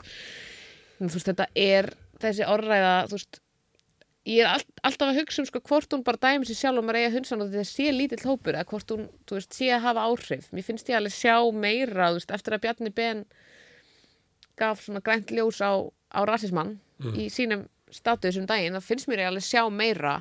En þú veist, á sama tíma er þetta, þú veist það er alltaf verið að afvega leiða og, og hérna setja í eitthvað annað samhengi en hlutinir eru. Og ég held að við séum svo mörg komin með svo mikla svona við erum svo af, aftengt út af því það er alltaf verið að, að segja okkur að, að hérna, appir sína sé epli, skilur, að mikið vægi parturinn í þessari sögu sé hérna hvort að skrifstofan sem þær sé að díla við, að því ég hugsa að það sé það sem verið í, í að sé lögmæti eða ekki eða sé einhvers konar á meðan að það er ekki verið að skoða hver er ábyrð ílska ríkisins ef að þessi börn deyja þú veist, er það, og hver er ábyrð þú veist, af hverju er ekki hægt að tala um þá morða börnum eru þau ekki ólögleg þú veist, af handi Ísraels hers þú veist, þetta er svo auðvitað erum við til í að berga börnum en... En við viljum vera í eh, smáatriðunum já, já, kannski. Er það málið? Við viljum vera í lægsta samnefnarnum og í þessu smáa. Ég held að segja þannig. Eh, Við erum til í að berga þér en því miður að kompjútur sé nú, Já, kompjútur fyrir smá, já. Mm En þetta er náttúrulega glíman, það eru átök í samfélaginu og Já. það er verið að grafa undan hérna lögmæti eh, stjórnvalda Já. með mótmálunum Mhm. og það er verið að eh, því ef að þau halda lögmæti sín þá bara halda þessinni stefna áfram ef að minkar svona lögmæti þeirra þá verður það endur skoðana til þess að geta verið í friði Já. til þess að stýra við samfélagið og á móti kemur þá verið að grafa undan lögmætum mótmælanna og þar er verið að höfða til svona ríkrar hugmyndar um, um sko upplausn og stjórnleysi Já. að allt verði bara uh, bara svona biblíu kaos Mhm. bræður munu berjast og, Já, akkurat. og það, þetta er, það er verið að vísa til svona svona um, þekkts óta með landmings Já. Já, um upplaust og kaos. Og, veist, og þessi ríkistjórn hérna, segist vera við völd vegna þess að hún komi með uh, stöðuleika sem að náttúrulega svona maður þarf að skoða kannski í ljósi raunverulegra atbyrða sem hafa gerst á meðan, að- meðan að hún hefur verið við völd. En já, þetta er þessi ótti og þú veist, ég held líka að hann virki á fólk sem að hérna, er kannski ekki búið að mæta til dæmis á viðbyrði. Þú veist, ég held að hérna, þegar það er verið að búa til þessa sögu um þetta séu mótmælendur, brjálaðir að hérna, lemja í, þú veist, lemja í bíla og allt þetta. Veist, ég held að það, það geti hrætt fólk frá því að mæta því að hugsa svona okkur, ég er ekki alveg tilbúin því að auðvitað er ekki allir tilbúin til að taka þátt í einhverjum aðgerðum sem gætu til dæmis uh, leitt til handtöku þeirra. Það er mjög skiljanlegt, það er alls ekkit það er, hérna, þú veist, kannski alltaf allra rótækastu hópurinn í, í hérna, hverju málstaf sem er tilbúin í eitthvað svoleiðis, svo er hópurinn sem er svona almenningur sem vill hérna, láta í sér heyra en er, þú veist, síðan bara kannski, þú veist, hérna með alls konar ábyrðir og skildur og, og hérna þú veist, vill ekki ganga lengra. Og hérna, það er eina sem að mér finnst, þú veist, svolítið leðilegt sko, er að ef að það virkar einhvern veginn að hræða fólk frá því að mótmæla vegna þess að einhver segir hérna, að þetta sé algjörlega brjálaðir mótmælendur eða þetta er og bara líka verið haldið fram að og... ef þú mætir hann þá ertu að styðja eitthvað tiltegna hluti sem er ekki um. Já, sko mótmælin er ekki um það að, að styðja Nákvæmlega. hriðverk Hamas heldur er mótmælin um að stoppa stríðið í Gaza. Já, það er það sem þetta snýst um. Það er bara að hérna, vopnallið strax. Hefur alltaf verið hérna, aðal krafan Mm. og það er það sem að er verið að berjast fyrir. Þannig ykkar hlutverk sem eru að skipilegja þetta er að búa til farvegi sem að, að ólíkum hópum fólks og ólíkum einstaklingum líður vel með, sumum líður vel með að fara í kertafleitingu og Mm. sem er kannski svona sem er hérna megin á svona, svona sem hún tekur bara afstöðum í hjertanu Já, og hérna yfir í það að vera að garga á ráðurana þegar þeir eru að fara á, á ríkistundafundi sem er kannski svona næst svona gött eh, hérna, hérna maganum. Já, þetta hafa svona kjark til þess að gera það. Já, akkurat. Þetta er svona mismandi stöðvar sko. Já. en á sama tíma, þú veist, þá held ég að hérna, það geti allir veist ég held að fólk einmitt finni sér svona sína vettvanga en ég líka ég óttast pínu lítið að sko þessi umræða um sem er alltaf um, þetta, um skautun og um hérna, allt í einu eru allir stjórnmálamenn fann að tala svo mikið um skautun. og, og hérna, þessi svo mikla öfgar. Það er ekkert neinar öfgar í þessari baráttu. Ég er bara leiður að fullir það. Það er einhver öfgar. Það eru hérna, mjög öfgar litlar kröfur. Þetta eru sömu kröfunar og það hefur Þetta er ekki, þetta er ekki rótakra það. Nei, nákvæmlega, þannig að þú veist og aðferðunar eru, ég meina þó að þú veist einhver fóði snjóbolta í bílinn sinn, veist og hérna einhver einn er að kalla eitthvað á þig og er hérna, þú veist, og er reyður út af því að þú ert hérna búin að tala fyrir stefnu sem er að leiða til morða á börnum, þú veist, það er bara þannig þú veist, þá er þetta samt hérna, það er ekki öfgar þannig, það er miklu öfgafullar að segja hérna, að, að fólk sem að stuði friði stuði hriðiverk og ég held að ekki leifa sko hérna, leifa því alltaf að færast í þá átt að það sé alltaf verið að tala um einhverja vinstri öfga. Það bara er ekki, við erum með vinstri græni ríkistjórn sko, það er ekki vinstri öfgar hérna, í þessu samfélagi, það er bara Varðandi þetta að hérna stjórnmálum er láta oft þannig að ef það er ykkur ósamála um að þá er allt innu skautun í samfélaginu eins og, það sé bara að uh, hinnkosturinn er bara allir séu alltaf samanlægum. Mm. En stundum komaði fram og, og teikna sér svolítið sem svona fórnalamp. Mm. Í, til dæmis þegar þið fara að tala um þetta, þegar þið kvart undan skautuninni, þá er það eins og þið fá ekki svona fer díl í umræðinni, að, að, að það sé ekki hlusta á það og það sé bara ykkur aðri sem að rópa og líklega krama svo að allir bara þegi og hlusti á það og meðtaki þess að þeir segja og, og svari svo með einhverjum hætti. Uh, en það er líka eins og með Dilja Mist og eitthvað fleira það sem er verið að, að, að, að mótmannin séu í ofbeldi hvert sér. Já, og það ég upplifið þetta sem ofbeldi. Þetta er svona fórnalamsvæðing stjórnmálastættarinnar mm -hmm.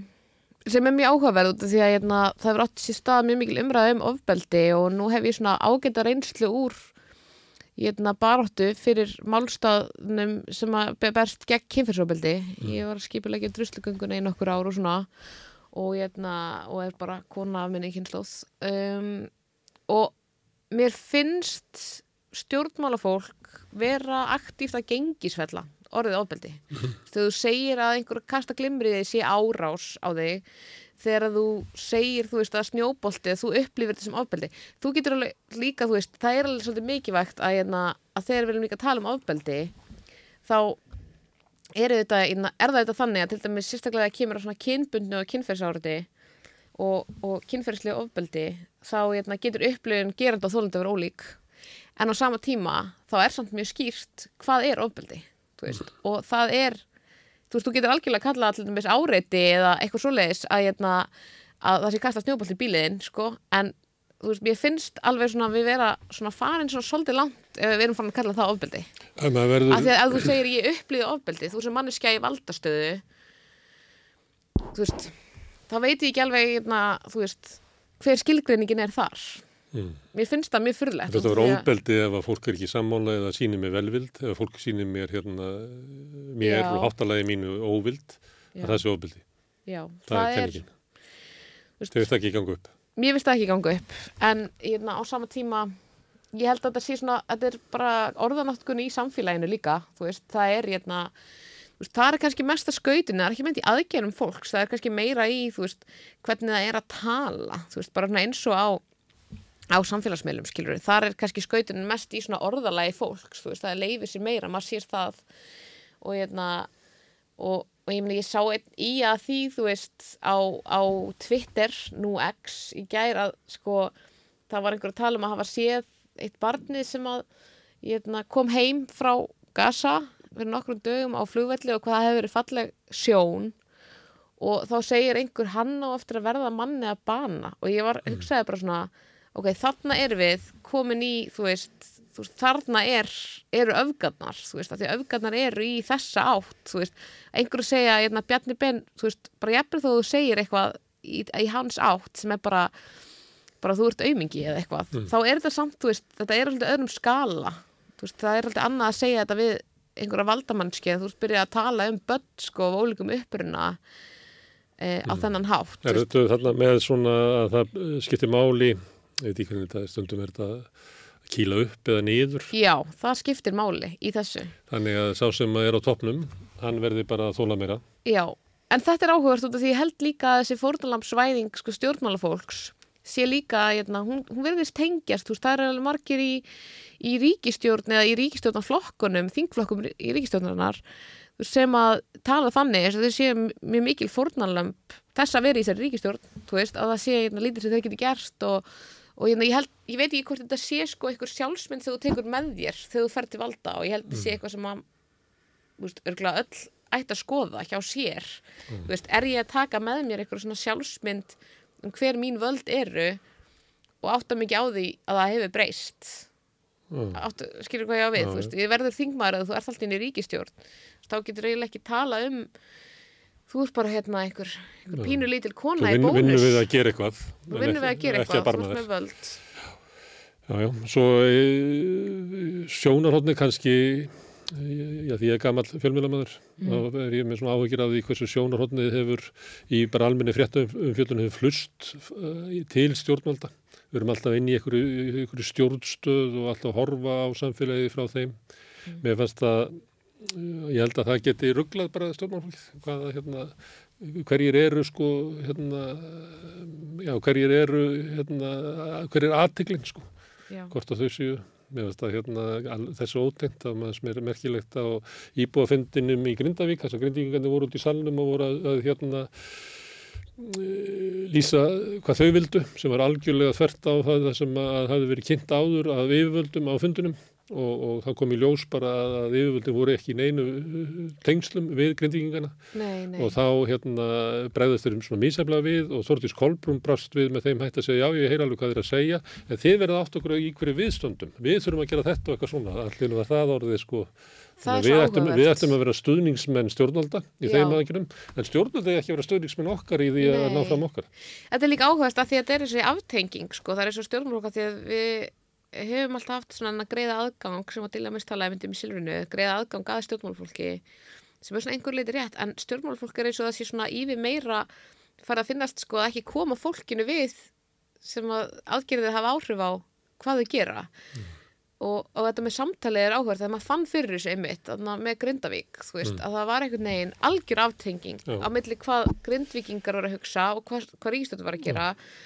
Og það sama með tjaldbúðunar þá tók maður eftir, þú veist ef að hérna, Bjarni Ben hefði bara gengið inn í þetta tjald, bara á degi eitt skilur og bara átt samtal þá hefði hann ekkert þurft að gera Facebook-statu sem hvað þetta væri mikil hörmung að sjá þetta.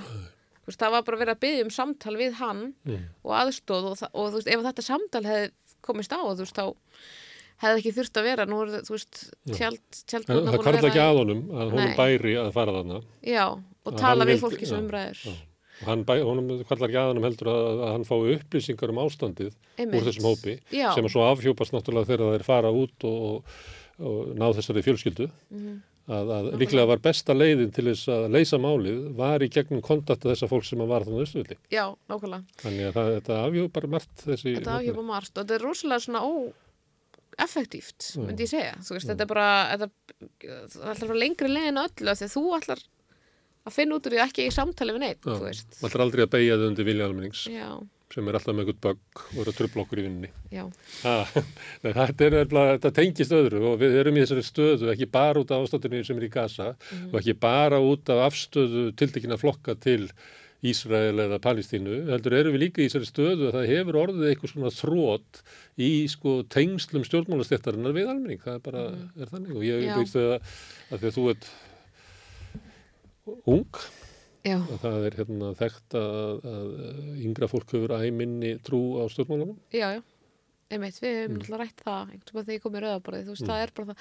En þú veist, ég er eiginlega að vona að, uh, jafnvel þó að þú veist, það sé, þetta sé alls ekki bara út af Palestínu og bara út af Gaza, þá held ég samt að það mál sé svona rosalega stórt þegar kemur að áhuga, að því það er látt síðan að ég sé ungt fólk, þessi, við tala um skólaverkfallið. Mm. Þannig var bara börn að skipulegja sig Mm. Og ég veit til dæmis til þess að því að, að, að, að að móðir en skipulegjandans Mm. vissi ekki að barnið væri að skipulegja það sá auðlýsingu sagði alltaf þú að fara skólaverkfalli já ég er að skipulegja það þú veist þannig að mér er það líka gaman þú veist Já. verandi líka með verkefni sem heitir Þetta, þetta krakkaveldi voru sko. ekki hérna börn uh, vinstri sinnana í Nei. 100, 107 nei þetta var einmitt þú veist hérna, einhvern veginn sjálfsbrottið að því að börn eru að kannski eru þau að byrja að nota samfélagsmiðlana eitthvað til þess að leita sér, fá upplýsingar þú veist, af því það er náttúrulega margt í gangi í samfélagsmiðlunum, ég veit það ekki, þú veist, af því ég er ekkert inn á sama algoritm á einhver sem er 16 ára eða 15 ára eða 14 ára.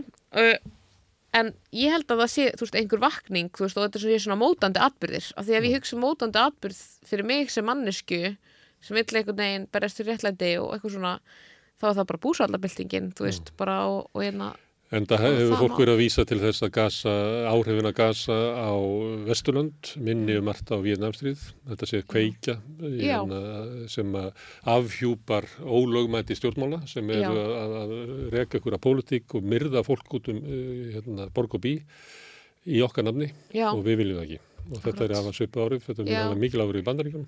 Það er svona mísjæft eftir löndum Evrópu hvaða mikil árið, er mikil árið hér. Þess að hér hefur stuðningu við Palestínu alltaf verið mikill. Alltaf verið mikill. Og við höfum að vera stolt af því algjörlega, Erðu, en það er mjög gaman að fylgjast með þessu, þetta er náttúrulega er í gangi endursköpun á mótmælingötunar í, gegnum þetta, eins og við erum búin að fara yfir þetta, þetta er eins og bara litakassi, að, hérna, hvernig getur almenningu mótmælt, löngu tímanbært, því að mótmæl almenning sögðu svolítið frósið yfir að vera fórinnar austufull, það var eiginlega eini möguleikin að gera eitthvað, þannig að það er, þannig að í, það er líka þetta að horfa á þetta þannig, þetta er svona endursköpun sem er í gangi. já. og þetta afhjúpar mjög sterklega róf sem er á milli stjórnvalda og almennings. Og, og það er svona eins konar stríð í gangi þar að það sem að, að stjórnvaldi eru að reyna að grafa undan lögmandi mótmælana, Já. mým sem þetta. En e, á lögadaginn þá er það stórfundur, Já, þar eru allir velkomnir, já. Þar- Öll velkomin, Já. það verður, það er samstöðufundur og það er fátt betra en að sitja í hópi eða standa í hópi með fólki sem er með sömu afstöðu til ykkur máls, finna samstöðuna. Já, og hún er úrslega breið, ég finna, ég finna bæði á dagskrá eru, ég finna, þú veist, það verður ræða frá uh, verkalýðsreyfingu, það er ræða frá, ég finna, ég er að reyna að halda spennunni um hvað allt sem verður, það verður skólaverkfallið, Já. uh, þú veist, og auðvitað tónlistratriði og ég meina, helsti, helsti stuðningsmaður allar réttilega í, í tónlistabransunum, Páll Óskar Hjóndísson auðvitað, auðvitað kemur fram Kemur. og, og þetta verður hérna, þú veist, bara mjög sterkur fundur og einmitt öll velkomin og öll einhvern veginn, þú veist og bara frábært tækifæri einmitt að taka einhvern með held ég sem hefur aldrei komið dæmis með í göngu Nei. en er kannski til í að tjekka þessu Já. og, og finna fyrir samstöðinni. og finna fyrir samstöðina Já. því að hún er síðan hreyfiaflið fyrir næstu heyra kvartningar orð frá ræðufólki, heyra hérna góða músík, Já, kannski fór að syngja með. syngja með nákvæmlega, bara 100% sko. Þannig að ég er mjög spennt fyrir þessu og, og hérna bara hvet öll sem velling geta valdið að mæta Við tökum undir það selka og getum alltaf til þess að mæta í háskólabíu. Þeir sem eh, ekki ná því geta fylst með fundunum uh, hér á samstöðinni. Uh, kannski búið til einhverja dagskrá í kringum þetta á laugadaginu við sjáum til. Samstöðin er tilhörnaverkefni, þeir eru allt í mótun. En það er ánægilegt að samstöðin hafi þrek til þess að vera með beina útsettingu frá uh, er nú gaman rúfgerði það en því miður við búum ekki við það. Erðu, við höldum áfram að reyna að skilja hann heim sem við lögum í uh, næsti kapli eftir augnablik. Fjárhagserfiðleikar eru afgerandi meiri hjá eblingarfólki en öðrum á vinnumarkaðnum. Hvernig getur við réttlætt það? Ebling stettarfélag. Baróta fyrir betra lífi. Félagar og forvitnir eru velkomnir í Sósilista kaffið alla lögadaga í bólólti 6 kl. 11.30. Tökum pásu frá kapitalíska hversteginum og njótum góðra stunda með félagum okkar. Sláist í hópin og gerist áskrifendur.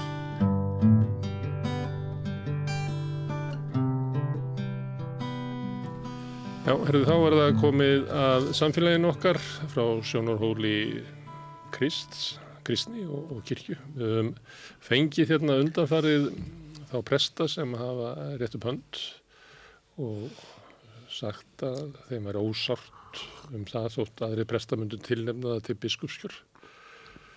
Og þetta er góður hópur. Ég hef hérna talað við Kristján Björnsson sem er vikslubiskup í Skálholti, Elinborgur Sturludóttur sem er domkirkjuprestur, Helgu Sofíu Konradsdóttur sem er prestur í Hátiskirkju og, og prófastur í Reykjavíku prófastæmi Vestra, Guðrúnu Karls Helgadóttur sem er prestur upp í Grafavogi, Guðmund Karl Brynjason í Lindakirkju í Kópavogi og Nönnu Sif Sáfastóttur sem er uh, prestur í Hveragerði, var að formaði prestafélagsins hérna fyrir ykkur síðan. Þetta eru sex og einn sjöndi er Bjarni Karlsson sem hingað komin, þetta er velkomin. Þú er prestur og guðfræðingur í, í sálgæslu og sálfræði stofinu Hof. Haf. Haf fyrir jú. Haf. Ég var einmitt að hugsa hérna á leiðinni um þetta haf, hvað það væri. Já. Af því að hvort að, hvort að sé ekki hérna með ekki skilja að, að táknmyndin um haf, til dæmis þegar Jésu gengur á vatninu, að hafið sé kaosið. Það er nefnilega, sko, það er náttúrulega, uh, það er einmitt þaðan komin, sko, þessi hugsun að, að við feðgar, ég og Andri, uh, svona minn, við verðum sammála um það þegar, þegar við stopnum þetta fyrir tíu árum að, að uh, sko, hafið er svo margrætt, það, það, það gefur og tekur Mm. og uh, það er, það er uh, og svo sem leggur á hafið, hann, hann uh, fer á staði von mm. annarkort um að komast eitthvað stundum er þetta stundum er hafið, hafið er, er, er, er þjóðbraut en það er líka það er líka matarkista og Svo getur þú sokkið það Hvað segir þú? Svo getur þú sokkið það Svo getur þú sokkið mm. Þannig að þú ert e, og þú ferð ekki e, þú ferð ekki að staðnum að meðvitaður um að þetta er að þú ert að e, lifa og, og, og, og þú ert að lifa áhættu og þannig er það með allan bata að því að, að það hefur orðið svolítið miklu utverk í lífinu að að vinna við sálgæslu sem, sem prestur og vera fólki samferða þegar, þegar, þegar, þegar það langar til að ná uh, framförum í lífinu sínu, uh, stendur, finnur sem standa á tímamótu og uh, og þá er það sko, það, það fylgir því alltaf núningur og áhætta að ná framförum í lífinu. Og, og og taka skrefin áfram og uh, velja með öðrum orðinu það að vera ekki hrættur við að vera hrættur og vera ekki miður sín yfir því að vera miður sín mm. uh, horfast bara í augum við að maður er smá hrættur og miður sín og halda svo áfram og um það er sálgæsla og, mm. og, og þessuna og líka sálfræði þjónusta hún er um það líka, við samlum, erum samluð þetta feðgættir og þess að finnst okkur nafni svolítið gott, haf Já Herðum, þú er þar alveg ekki starfandi innan þjóðkirkjunar. Er þú svona, já, ég ef þetta væri pólitíska kostningar þá væri þú skilkjöldur sem átsættirinn? ég, er, ég er hérna, ég þykka ekki launin mín af Íslensku þjóðkirkjunni en ég er, ég er þjóðkirkjuprestur. Ég elska þjóðkirkjuna upp alinn innan hennar. Byrjaði að, að starfa, sko ég var hérna 12 ára þegar ég uppgöttaði hvað er stórkostlega að starfa sem leiðtöði í kirkjunni mm. þá var ég þá var ég, uh, fekk ég að vinna sem atvinnungur í sumabúðum í, í Skálholti og, og hérna uppgöttaði sko þessa, þessa djúbu gleði í því að að um, bara þessa djúbu samfélagslegu gleði sko sem að, sem að því fylgir að að, uh, að móta samfélag og skapa samfélag og og, og taka þátt í að, að, að lifa stemningu þar sem er, er viðnátta og, og fólk er að tala saman. Samfélagi sopnuði. Já, það er eitthvað. Mm. Og um, þannig að, þannig að e, þjóðkirkjan er mér eins og, eins og öldur og móðir. E, maður getur gaggrínt mömmu sína alveg í strimla, mm. getur hvert einasta bann. En ef maður ber virðingu fyrir lífinu þá elskar maður móðu sína og mm og en okkur öldru móður ég meina maður er hættur að kirkjan. maður er hættur að að, að við fengja móður sína þegar hún er orðin öldru þá er það ekki sko ég held að listin ekki að komin að fótum fram þjóðkirkjan þjóðkirkjan. Það er náttúrulega umræðumnum sem að er eiginlega það er bara staða þjóðkirkjan já, já, staða hennar. Og, og, það, og ég held að líkingin sko við, það að líka kirkjunni við móður er bara gömul nálgum, mm. það er bara kirkjan er ós kristnum móður, orti, orti sálmarskaldi Kristins Jærkver er vor bróðir. Um,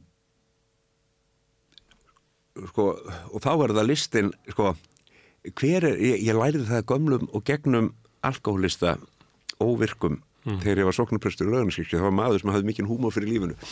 Hann hafði verið edru í 30 ár.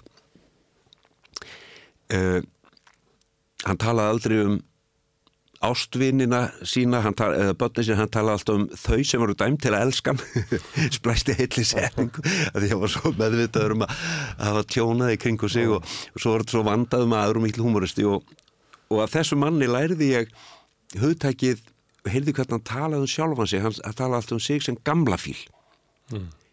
ég er gamli fíl mm.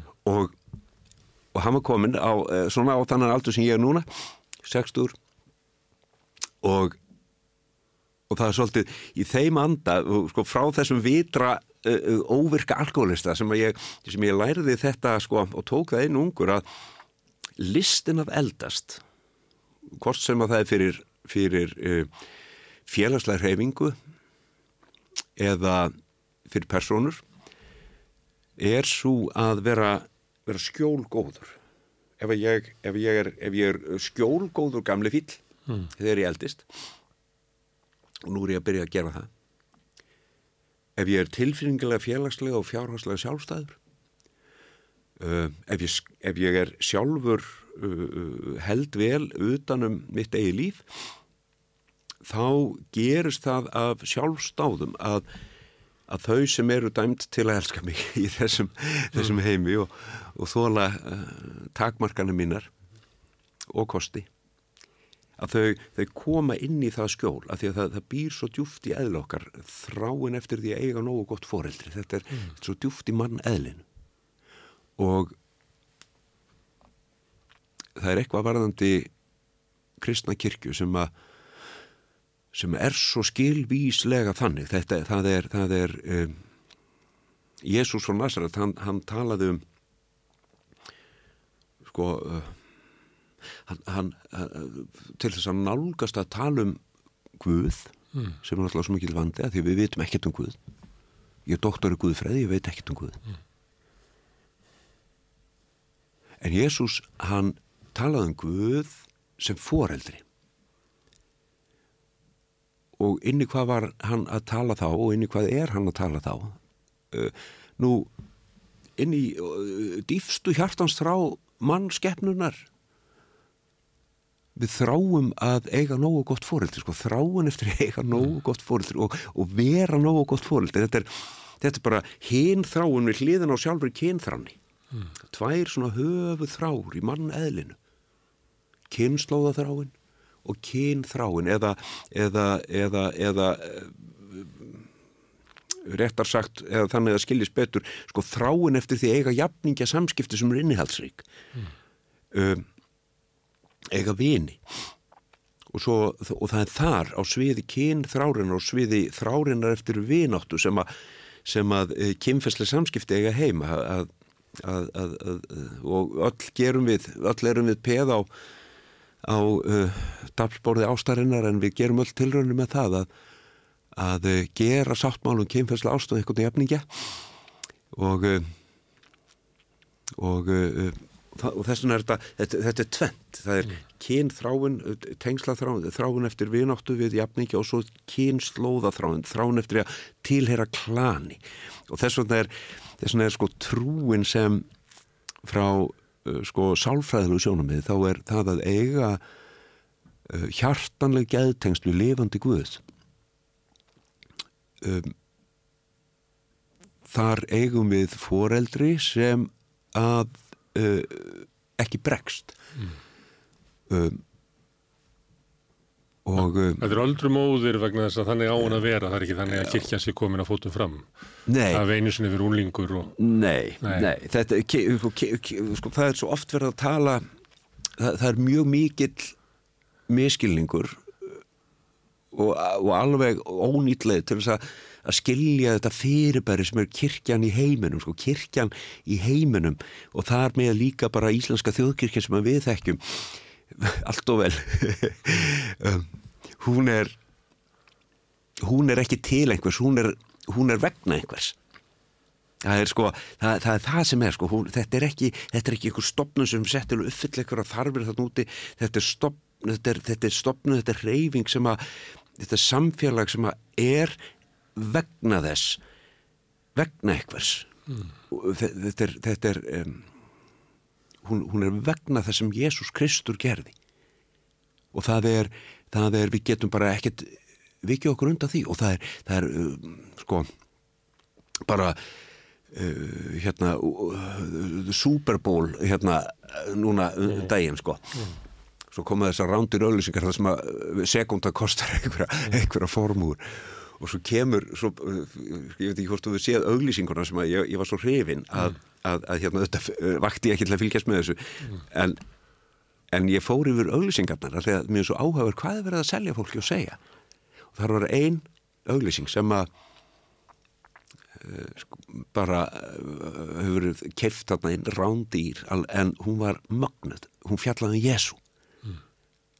Fjallaði bara um Jésu fjallaði um um, um þetta sem við í okkar kristni þekkjum illa það er þegar Jésús sko þetta með fóta þvottin þegar Jésús borðar sko síðustu kvöldmáltíðina með sínu vinum og og hann vil nálgast á til þess að vera þeim nákomin af því að hann var uh, hann kunni list vináttunar og svo tekur hann uh, hand, sko mundlaug það er, er handþvotta skál mm. gerir hann að, að og, og, og tekur, tekur uh, þetta vatn, þetta, þetta áhald og, og byrjar að þvó fætur vina sinna og er að gefa þeim sko nána, hlýja, virðingaverða, viðingandi snertingu og, og búa þá undir allt það sem koma muni.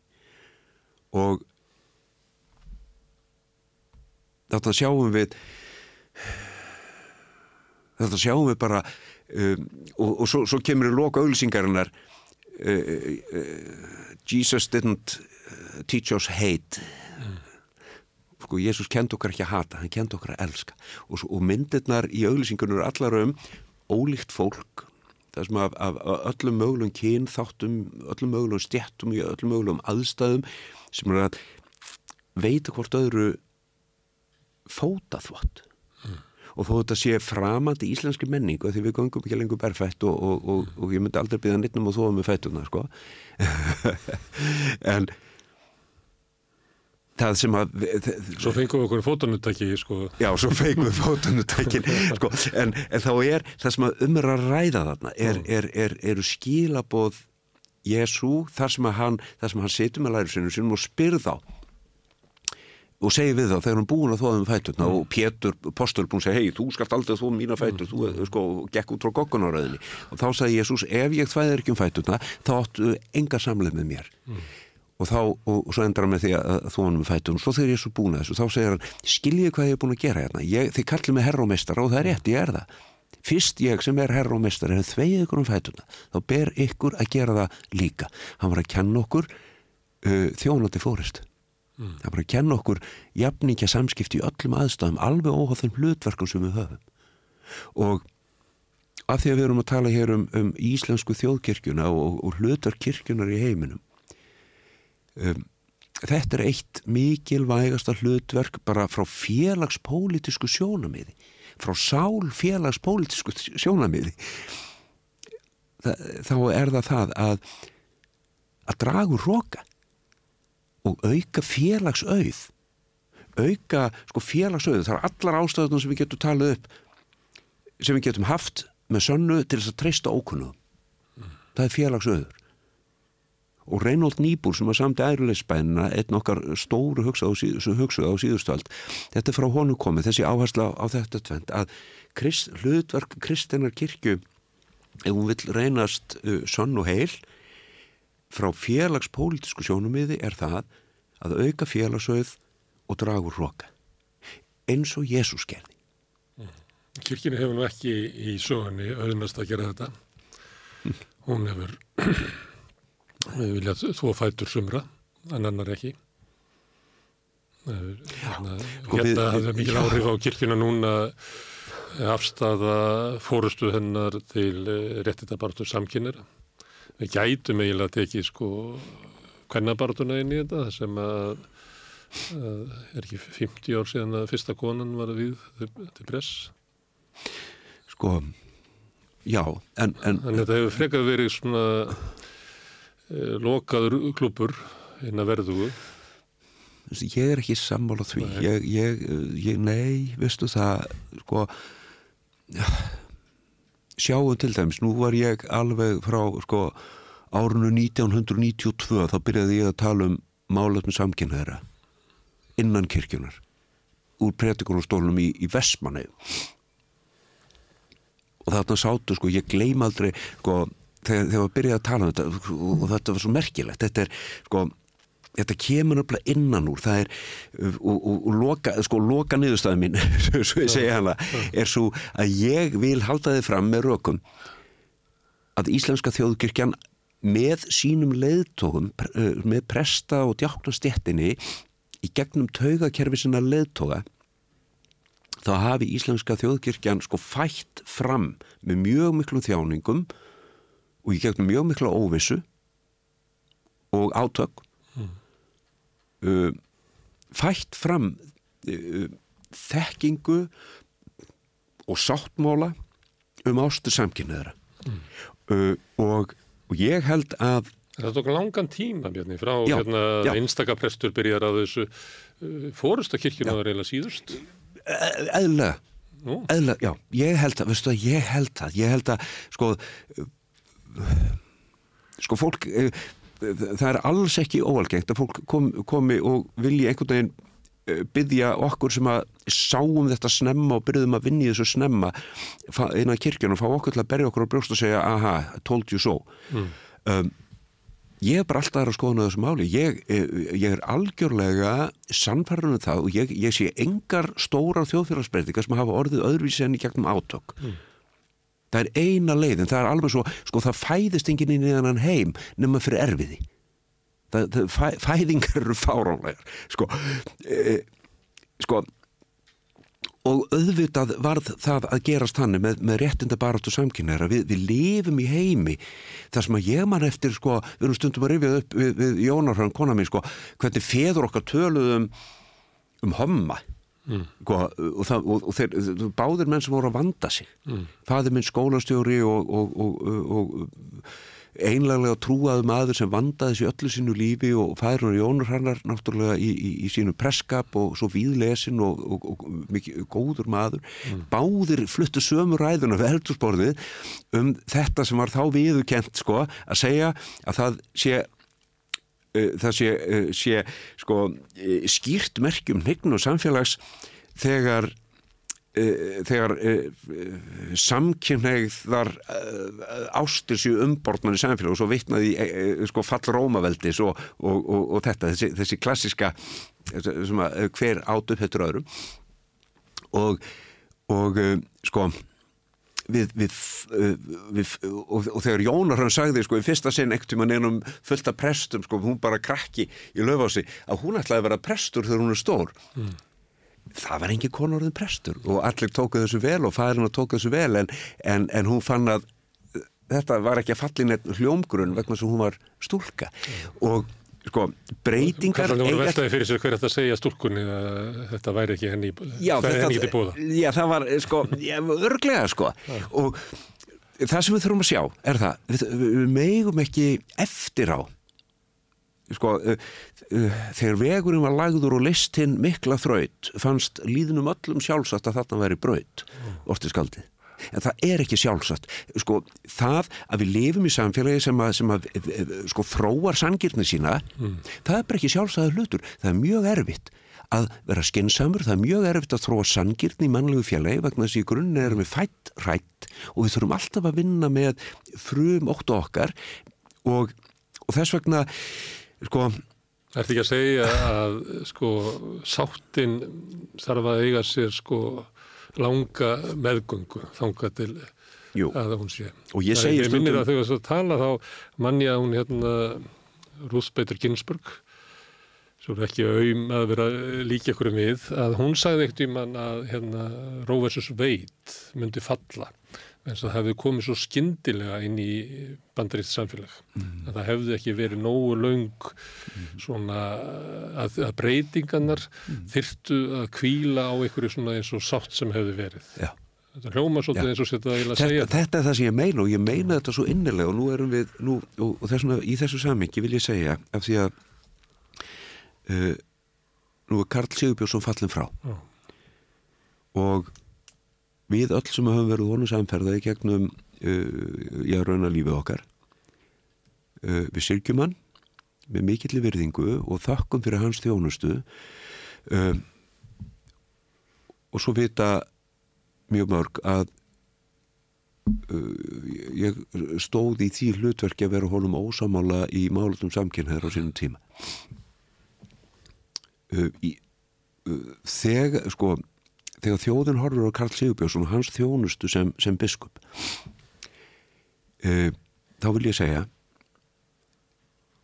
hann stóð uh, af, af, í, af, sko, af kjarki og styrk í því hlutverki að vera uh, uh, vera skýr fulltrúi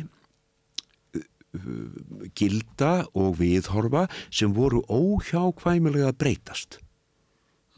Og til þess að uh, þessi síðaskipti gæti átt sér stað því að þetta voru hrein síðaskipti að verða ekki bara í kirkjunum heldur í allir menningu okkar. Og, og, og sannleikurinn sá ef fólk vill horfa á þetta með sangirni þá var sko Íslenska þjóðkirkjan uh, hún var svona frekar og undan þjóðfélaginu í réttenda baróttu samkynnaðra hún var svona frekar og undan vegna þess að allir helstu sko mjög margir uh, kröftugir leiðtóður innan kirkjunum og þá menn ég bara presta í prestasest sem voru ofinberi kennum en ég og margir fleiri og við vorum köllu 40 menningarnir bara ungir presta sem vorum atkvæða mikil og lögðum fram skýra guðfræðum þegar við teldum að, að, að, að það skildi víst vía samkynnaði hjónabönd og virða þeirra ástir og þeirra líf það að sko Eva Karl Sigurbjörnsson og fleiri mm hefði ekki staðið í fæturna til þess að útskýra þau viðhorf sem að þeir áttu og þau áttu og voru að víkja óhjákvæmilega þá hefði sáttin og, og svona einhvern veginn fríðurinn um málefni samkynniðra ekki orðið eins og hann er vegna þess að þetta snýst um það. Þau eru uppi staðið sko þegar börnin manns sko það ekkert fóreldur andar uh, sko létt fyrir en einhvern veginn þegar, þegar barnum hans er komið inn í ástasamband það sem að veit að það lifir haming og þegar við fáum að, á, á, á algjörlega burti frá öllum trúabröðum og er það þannig hvarvetni mannlegu samfélag fólk er vikt inn í hjónabönd og það er mikið stolt, það er mikið gleði, það er mikið, mikið samfögnuður sem á sér stað þegar fólk gengur í hjónabönd og þarna eru foreldrarnir og það gleðjast, við gleðjumst yfir ástum barnan okkar og fáum að vera stolt yfir þeim, hjartanlega stolt. Ef að ekki hefði verið unnin þessi erfiðis vinna af hálfu uh, uh, íslensku þjóðkirkjunar með Karl Sigurbjörnsson í farabróti þá var stolt ekki stolt þeirra sem eiga samkynnið börn? Um, eða kynnsegin börn? Stolt þessara fóreldur og þessara fjölskyldna væri ekki sko rótgróði grundallega það hefði ekki örgan stað að standa á vegna þess að það var ekki búið að vinna vinnuna. Það er ekki nóg að komast að niðurstöðu.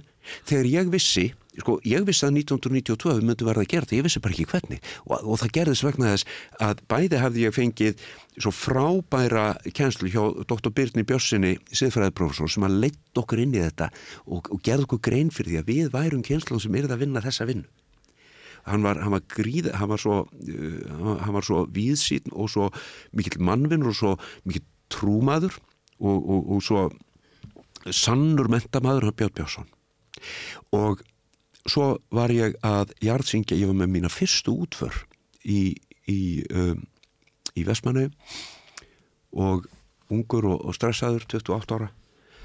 Æfir á þinn sóknarbrestur.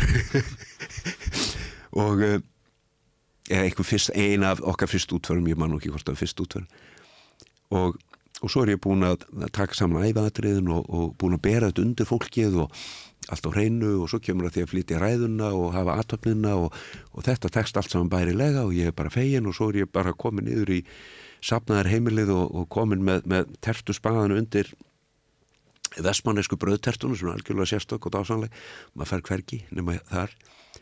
Og svo er ég bara með spaðan þarna undir sko bara eftir uh, útförun og er bara að fara að fá mér sísvangur og þá stendur allt í hennu kona hinnum með við, við borði og ég kannast við hann ofan að landi. Og hún segir uh, Sælbjarni?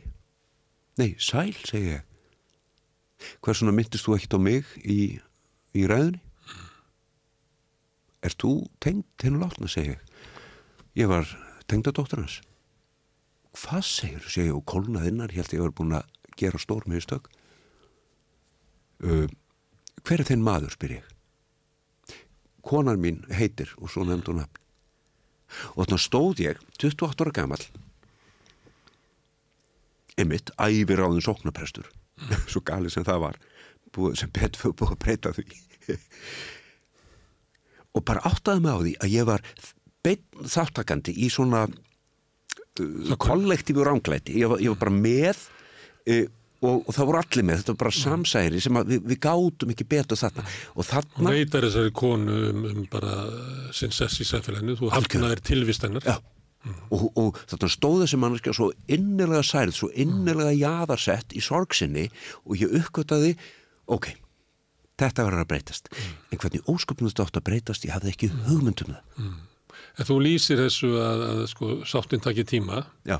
Og það er eiginlega hvernig er þetta að breyta, koma inn breytingum inn í krónist íhaldsamastofnun. En á tímabilinu, að þá voru eins og þessi kona, fjöldin allur, sem að hérna, kirkjan var að bregðast dag eftir dag. Og svo getum ímynd okkur bara eitthvað sem er 92 er hérna 20 og Já.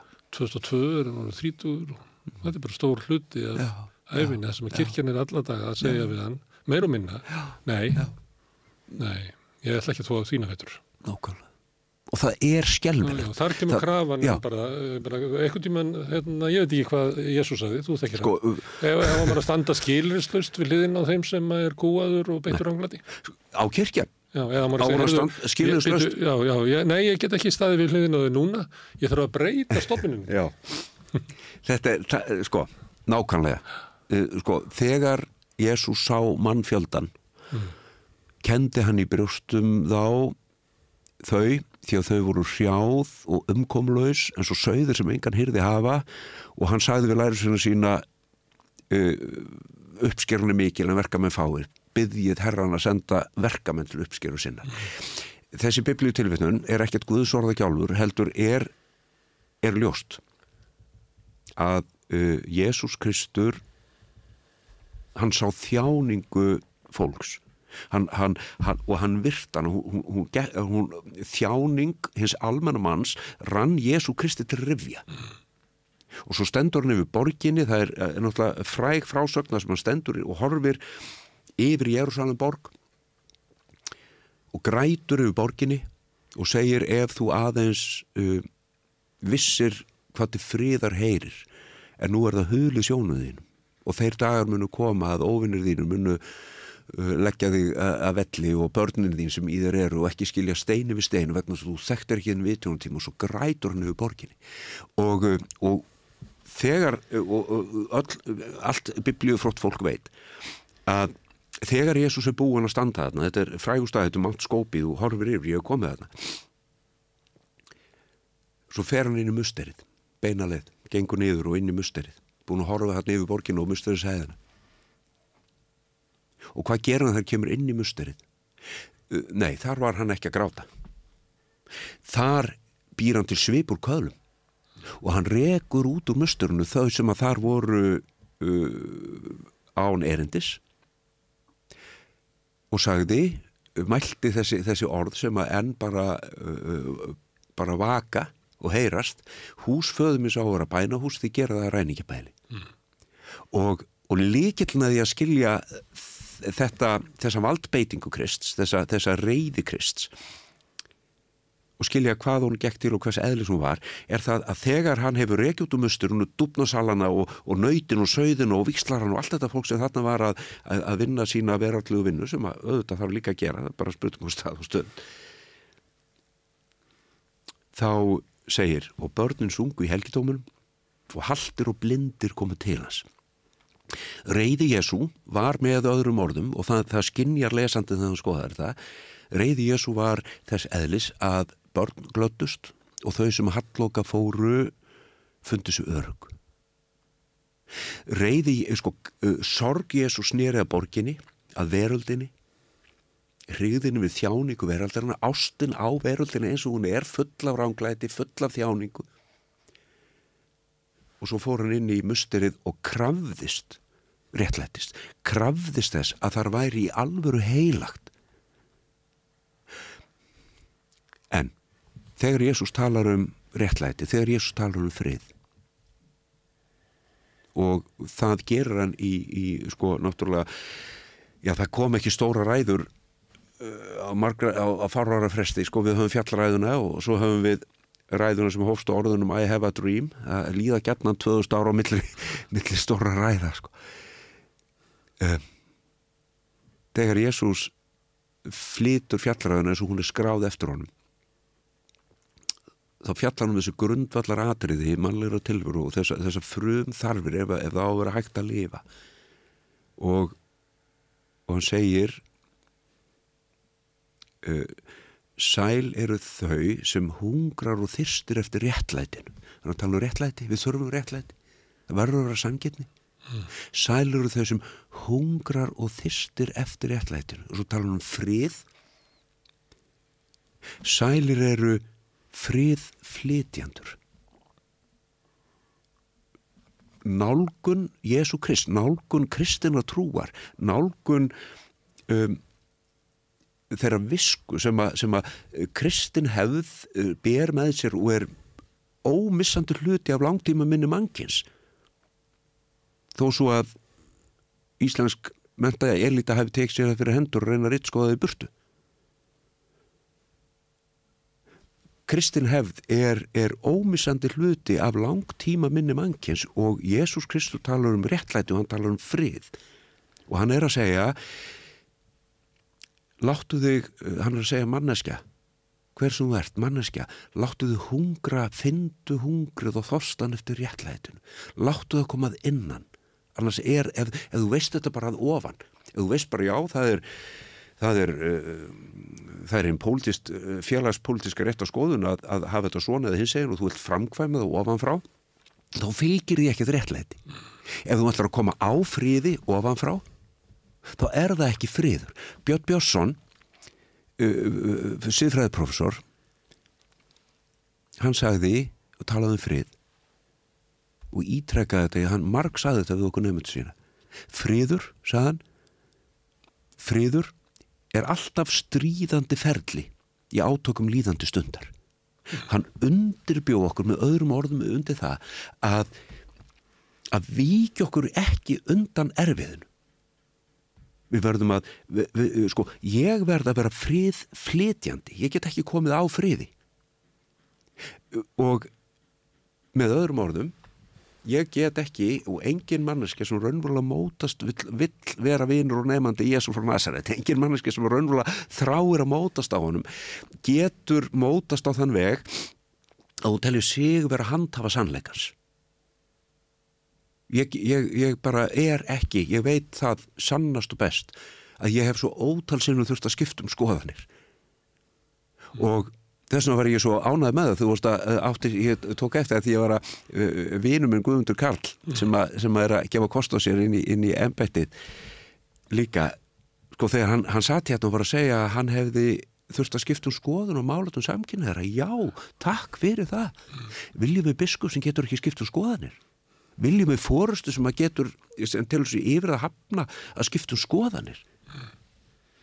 Það er þessa glímu sem við þurfum að glíma og, og þess vegna verðum við að, að nenna og vilja og kunna að hafa alvöru samtal, alvöru skoðanskipti þar sem við leitum að rótum hugmyndina og könnum það rætur sem að, sem að, sem að við erum tengt mm.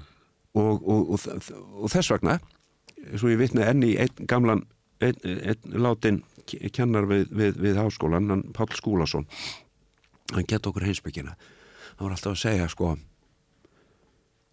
við hefum að bera virðingu fyrir fólki. En við hefum ekki að bera virðingu fyrir skoðun við hefum að skoðan eru til þess að rína þær rína þær til gags En svona snúið svolítið haus í, í umræðinu ef maður andmælir ykkur um að þá er verið að halda þið fram að mann er síla við hann eða, eða hata hann eða leggja hann í einelti ef maður er ósámála sko, þeim skoðunum sem hann er leggja fram. Já, skoðanir skipta bara svo mjög miklu máli Sérstaklega hérna á Íslandi held ég Þetta er alveg skemmt lítum á það að ef að þú ert ekki sammálað mér að þá takk ég það sem persónulega höfnum. Já, og, og það er bara, það er bara, bara búin virðing fyrir því að, að láta aldrei góða móðgum fram hjá sér fara, sko. Það er, það er alveg, alveg skelvileg ástand. Þess vegna rekum við þetta rauðaborð, við erum að reyna að komast í gegnum þetta, að tala okkur frá þessu ástandi. Ég, ég veistu það, ég ég er svo fegin þessari samfélagsþjónustu sem hér fer fram bara ég meina það, hjartanlega Herðu, en að því, að því vorum að tala um svona réttindabarötu mm. og þú hérna skust þarna frá fjallræðinni að hérna já með draum já, mm. Og varst að tala um að eins og ég skildi þetta að, að sagt, hungrið eftir réttlætinu er því að koma að innan einhver leiti mm. Og uh, Martin Luther King var náttúrulega í fórustu svartra í bandaríkjónum mm. sem að voru hafðu verið kynsluðinni áður umverulega búfinaður í, með þá stöðu í samfélaginu ja.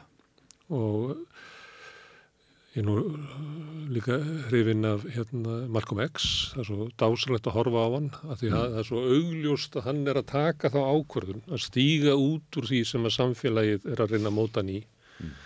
Og hafnar því algjörlega. Mm. það er svo gaman að horfa á hann í svona sjómasviðtulum þar sem eru kannski fjóri, fimm kvítir menn. Mm. hvað hann er ótrúlega sko stoltur. Þetta er hugra, minnst þetta að vera eins og hugrekkasti maður á síðustu völd það sem hann stendur. Mm. innan um menn sem að litu á hann sem svo óæðri að það var bara alltaf hægt að vorða á því. Hvernig hann stóð geikur. Og við þekkjum þetta síðan út úr sko réttindabarutur margra eins og réttindabarutur kvenna að, að hver kona þarf persónulega að fara út úr skápnum eða ég veit ekki hvernig orða það að, að átta sig á því hérna, þeirri kúun sem hún er orðið fyrir persónulega þú getur ekki bara skilið þetta sem svona samfélagslegt fyrirbriði mm. og sama með með hérna samkynniða mm. og fleiri í baráttunni að maður er að gangast við hver maður er og hvað árið það hefur á samfélagi mm. losa sig við hérna þá klafa eða, eða það boks sem að samfélagi reyna að tróða manni í og endurskilgrina sig persónulega sjálfur mm. og heia barðuna. Ja. Og að því að við erum alltaf að tala um stöðu sko Chris við hliðin á hennu kúaða og, og þá er það bæði það að hann vil uh, hjálp honum, hann getur verið með svona borgarlega hérna, góðgerðarsamtök að, að minga þjáninguna fátakara, en maður getur líka síðan þetta fyrir þér að þú horfir á heiminn frá sjónarhóli hinn að fátaku mm. að það sé einn rétti sjónarhól til þess að skilja mm. heiminn hjá þeim sem að líða fyrir óréttletið mm. En þú getur jáfnveg farið innar eins og ég er að reyna að gera núna með því að segja að leiðin til þess að skilja sko, stöðina er uh, þessi, þessi sko, umbreyting sem þarf að verða hjá þeim sem að skinja réttlætið persónulega og í baráttunni með öðru fólki. Mm. Nú er ég hérna, mm. nú er þetta orðið nálagt inn í samfélagslegu baráttu sko. Sko, uh, takk fyrir þetta. Ég, sko þegar, ef, ef, sko, það, það, það er svo einfalt að að eh, átt að sjá því hvað Jésús frá Nazaret stóð fyrir ein, sko, eitt guðspjall er bara svo ein e, e, opna í dagblæði að, að texta magni mm. sko, og þetta er þetta er engin genvísindi sko. mm. það, er, það, er, það, það er það er hægt að lesa guðspjallin og skilja sko, þess vegna eru þau þarna þetta er bara gammalt kennslefni mm og og þarna er Jésús frá Nazaret ítrekkað í ólíkum samskiptum við ólíkt fólk. Þar sem að þar sem að erindars allan tíman er nákvæmlega þetta, hann er alltaf að hann víkur sér ekki undan samtalenu, til dæmis sko Jóhannes og Guðspjall, bara þriði kaplun og fjórði kaplun og tveir stórkostlegi kaplar og maður þarf að hafa því huga þetta er, þetta er sko það, það, orðin eru spörð, þetta er svona eins og bara fortsögurnar sko bara orðin eru dýr, það var líka dýrt að skrifa og hérna e, og, og textin er knappur en hann, hann er hlaðin merkingu og í, í, þriðakaplunum í Jónskuðspjalli þar kemur, þar kemur maður sem er, er jaðarsettur vegna þess að hann er ráðherra. Og hon, samfélagið hefur sparkað honum upp, Nikodemus og hann kemur til Jésu uh, á miðnætti að því hann gæti ekki látið sjá sig í, í þessum vafasama félagskap og byrjar samtalið á, á uh, dæmigerðu kallatali við veitum að þú ert maður góðum frá Guði engi getur gert þau takk sem þú gerir um að Guði sé mjög það var svona og beðan eftir hrósi að Jésús hefði sagt já ég hef nú lengi fylgst með þér neitt um þú nú látum allt gott að leiða góðurinn en Jésús gera það ekki mm. heldur fer bara fum beint inn í inn í uh, samtala við hann og segja við hann Nikodemus, enginn getur sig Guðsríkin um að fæðist að nýju mm. hvað meinar þau? Segir Nikodemus og getur maður, meinar að maður, maður þurfa að fara aftur um lífmóðu sem er að fæðast. Vindurinn blæs það sem hann vill. Þú heyrir þittans, þú veist ekki hvað hann kemur að hvert hann fer, svo er hann þann sem á andanum er fættur, segir Jésús, og er að reyna að ná vitrænu, tilfinningarlegu og reyna bara listrænu samtali við hennan, hennan stórgáfaða mann sem bara mikla ábyrg og í samtali þessar að tvekja manna þar sem Jésús sko neytar að taka þátt í öllu svona e, einhverju kallatali sko. En fer svo augljóslega beint inn í raunverulega lífskildi það er þar sem að hann leggur fram það sem að kalla er uh, litla biblían og segir mælir fram orðin sem að hvert fermingaball læri uh, svo elskaði Guð heiminn hann gaf svon sinn til að hver sem á hann trúir glatist ekki heldur eigi eiluft líf. Svo elskaði Guð heiminn að hann gaf svon sinn svo elskaði Guð heiminn að hann gaf svon sinn. Það sem verður að kynna fyrir valdsmanninum og öllum valdsmannum öllum ráðherrum Uh, það er til Guð sem elskar hann heim. Verhaldin er grundvöld á ást en ekki yfiráðavaldi Nikodemus, Mm. hver sem þú ert. Og svo áan þetta stórkostlega jafningja samtal við hann. Í næsta kapla er Jésús bara á ferðinni inn í Samaríu sem var, var utan uh, sko, þægindarammas. Uh, góðborgarar, gýðinglegi góðborgar fór ekki þarna gegn, þetta var gettó. Og þarna voru samverjar og þeir voru einhvern veginn skýttu yfir og svo er Jésús vegmóður og þyrstur vegmóður bara uh, þarf hans fyrir, fyrir næringu og kvíld og, og, og vögva er afhjúpuð og bara mennska hans er byrt og þarna komið þeirra brunni og Jésús uh, og þeir fara vinir hans inn í þorpi til að sækja þessu þurfti og það er hádegi. Engin er úti um hádegi. Ég var einmitt sko síðna í eðmörkin í háti og þá uppgætti ára 2000 að ég var að byrja að fá skallan brannan. Það er þetta að verða úti Já, það er þetta að verða úti. Og þá kemur kona. Og þessi kona, það, sko Nikodemus er uppi, hann er innmúraður uppi, hún er og innmúraður. skynir heiminn með heilanum á sér. Já, alveg bara fastur hérna. Og Jésús er að ræða við hann og jafningagrundislega og sameilegri mennsku. Það er kjarni máls. Svo hittur Jésús þessa konu, hún er akkurat í hinum öfgunum hún er innmúruð þarna niðri og það kemur í ljós í samtalenu og hún er, hún er í siðferðslega gjaldfallin kona, hún er, er, hefur átt fimm menn og maður sem með núna er ekki hennamaður og, og með allir þeirri blíðun og skömm sem að sem að óláni ástamálun getur fyllt. Og og hún er að koma í hádeginni hann kemur á miðnætti, hún kemur í hádegi. Þetta er náttúrulega frásagna list og og hvað gerist? Ekkert húmorískasta og mest á svona jafningja samtal sem að bara Jésús ávið nokkra nokkurt karakter í hennum fáorðu guðspjöllum er við þessa konu. Hún er kona, hún er útlendingur hún er siðferðslega gjaldfallin í eiginu augum og annar. Og Kemur að brunninum þegar enginn sér. Já, já. Og, þarna, og, og, og þarna sjáum við sko að því við verum að tala um uh, tilgang kristina kirkju og erindennar inn í, inn í nútíman og, og, og hvað er þetta eiginlega og til hvers er þetta allt saman? Já. E- það er sístað þarf á því að auka félagsauð og draga úr roka. Uh, það er aldrei skortur á fólki sem vil ganga fram með góðar hugmyndur og, og, og, og berja sér á brjóstvagnar þess að hafi réttu hugmyndirnar. Uh, uh, þannig gengur kristin kirkja aldrei fram. Við getum ekki handrukkað uh, kristna kirkju um það að vera alltaf með réttu skoðanar hún, hún er í eðli sínu uh, víð óma samfélag. Hún er, hún er víð óma reyfing það sem að, það sem að er stöðugt verið að eiga samtal stöðugt verið að leita þess og spyrja sig hvað, hvað myndi Jésús gera núna? Hvað, hvað er sangjant núna? Og svo kemur presturinn upp í pretikarastóli bara í, í sínu söpnuði og, og það sem söpnuðurinn á hins var að ganga örugrað er það að þarna komi einmitt uh, skelvingulostin persóna. Uh, kjarklaus eins og klerkur sem klifur upp í stól var sagt uh, var sungið, sko, nei, ekki kjarklaus en skelvingur lostin fram fyrir því verkefni að gera það sem ekki er hægt að það getur engin predikat.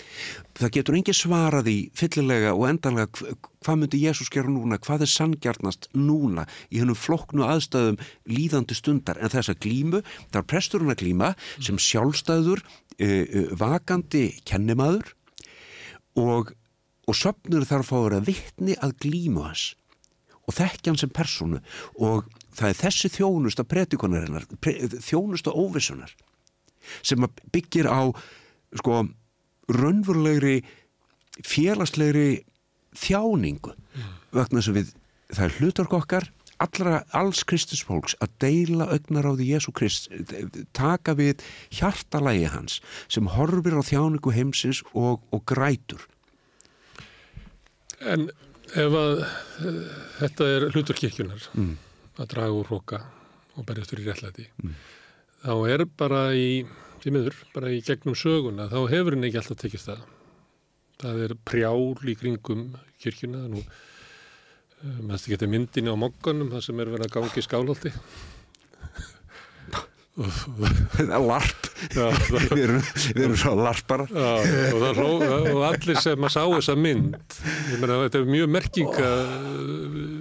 Þrungin mynd Já. sem að sýnir ekki bara hvernig kirkjan er þetta líka eh, svo nussar í okkur eða við hlægjum af henni mm. vegna þess að við þekkjum þetta bara svo vel að kirkjan er hérna, staður þar sem að talað bara yfir hausamóndunum á okkur svífur yfir einhver heilaleiki sem að einhver inn, stundum inniðanslust eða kirkjan er staðu þar sem við komum og erum dæmd en okkur er ekki sko, búið til samfélag, búið til samfélag.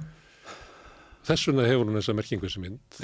Ef að, ef að uh, sagan væri svo að kirkjan hefði fært okkur allt það sem að þú viltum gera Já. þá hefðu við séð einhverja stjórnlösa fegurð í þessum búningum.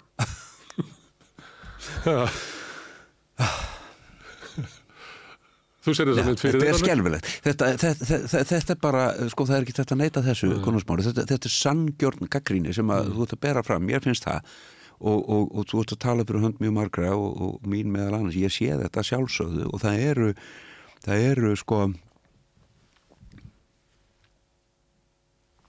það er sko, en á hverju kemur þetta? Á hverju á hverju hérna gagnrínum við ekki Akkur stillum ekki rítöfundasambandinu upp með sama hætti? Akkur stillum ekki skátarhefingun upp með sama hætti? Akkur stillum ekki landvernd upp með sama hætti? Ég, ég skal segja þér að að því að þú, eins og þú talar hérna núna, þá er hérna, er þú að, að vitna í Jésu Mm. og vitna í sannleika Mm. og kirkjan gerir það. Þannig það er ekki hægt að gera það bæði og segja svo byrju akkur þetta bend á mig. Já, nei, nákvæmlega og, ég, þessna, og, og það er akkurat þess að ég er að draga fram. ég er, nefnilega, ég, er, ég er ekki að reyna að vikja mér undan ég er akkurat að draga það fram. Þetta er nefnilega vegna þess að að við finnum það að krafa Jésu um það að húsföðurinn sé bænahús en ekki ræningjabæli hún bara er þarna við, e, e, e, við erum ekki sko, við erum, fólk er ekki heimst. Fólk veit að, að veröldin er er, er ófullkomin og, og, full af sundrungu og, og, og þekkja, við þekkjum öll í okkar eigin lífi, okkar mannlegu breskleika sem eru þarna alltaf og eld okkur alltaf og, og, þess vegna er, er þráin eftir hinnu heila og hún er nátengt þráin eftir því að eiga þrátt fyrir allt og allt og allt nógu gott foreldri þráin, sko kynnslóða þráin þráin eftir hinnu góða foreldri sem við veitum öll hvernig ég er. En enginn hefur fyllilega átt og enginn e, nær fyllilega að vera. Sko, það er eitthvað í mannsálinni sem skinjar hið heilaga og veit að það er þarna. Og algjörlega óháð því hvort að hvað hugmyndur höfum um Guð eða Guði eða, eða, eða hvað og þaðan kemur þetta, þetta, þetta óþól það er, það og það, það er eðlilegt. Við getum ekki vikið okkur undan því. Og þá er sko, þá verðum við líka. Og það er það sem mér hefur runnið alveg gríðarlega til rifja uh, að sko skilgreininga valdið á því hvað er nú þessi kirkja um hvað er nú þessi kristintómur það hefur bara gerst á þessu trúar, uh, trúmála gelgju skeiði sem við erum búin að ganga í gegnum síðustu 15 árin eða svo. í, í okkar litla landi að skilgreiningavaldið á því út okkar gengur, þetta hefur ekki verið í höndum þeirra sem að telja sig vera vinu og nefndur Jésu öðru nær, það verður í höndu þeirra sem vilja helst enga kirkju og enga kristni og, og svo hefur hans í að það áðan bæst við að, að mjög sterk ráðandi félagslega plafa sagt, heyrðu, burt með þetta sendum kristnina og kirkjunum bara inn í engarýmið mm. og fólk getur áttu við þetta heima, þetta er ekki fyllilega hæftur ofinbæra byrtinga, fólk verður bara að glíma við þetta heima hjá þess að þetta endilega vera með svona. Og Þú skalt bl- blót og laun, Ekkur við þetta sé já. nýsáttmáli. Já, nýsáttmál og við, við höfum í raunni og, og, og ég, það, það er ekki vist í þessi fyllega sangjart þegar ég segi kannski er ég of mikið að ögra. En ég ætla samt að segja ég held að, ég held að, að við höfum í raunni verið að gera það verið ákveðin tilraun til, til síðskipta að, að, að gera bara getur ekki bara verallugur húmanismi verið ríkistrú? Og, það, uh, og, ég, og ég held að mörg hafi sko gætna vilja svara því bara játandi og, og getur, er, er ekki eitthvað þar sem er bara uh, getum við ekki valið það?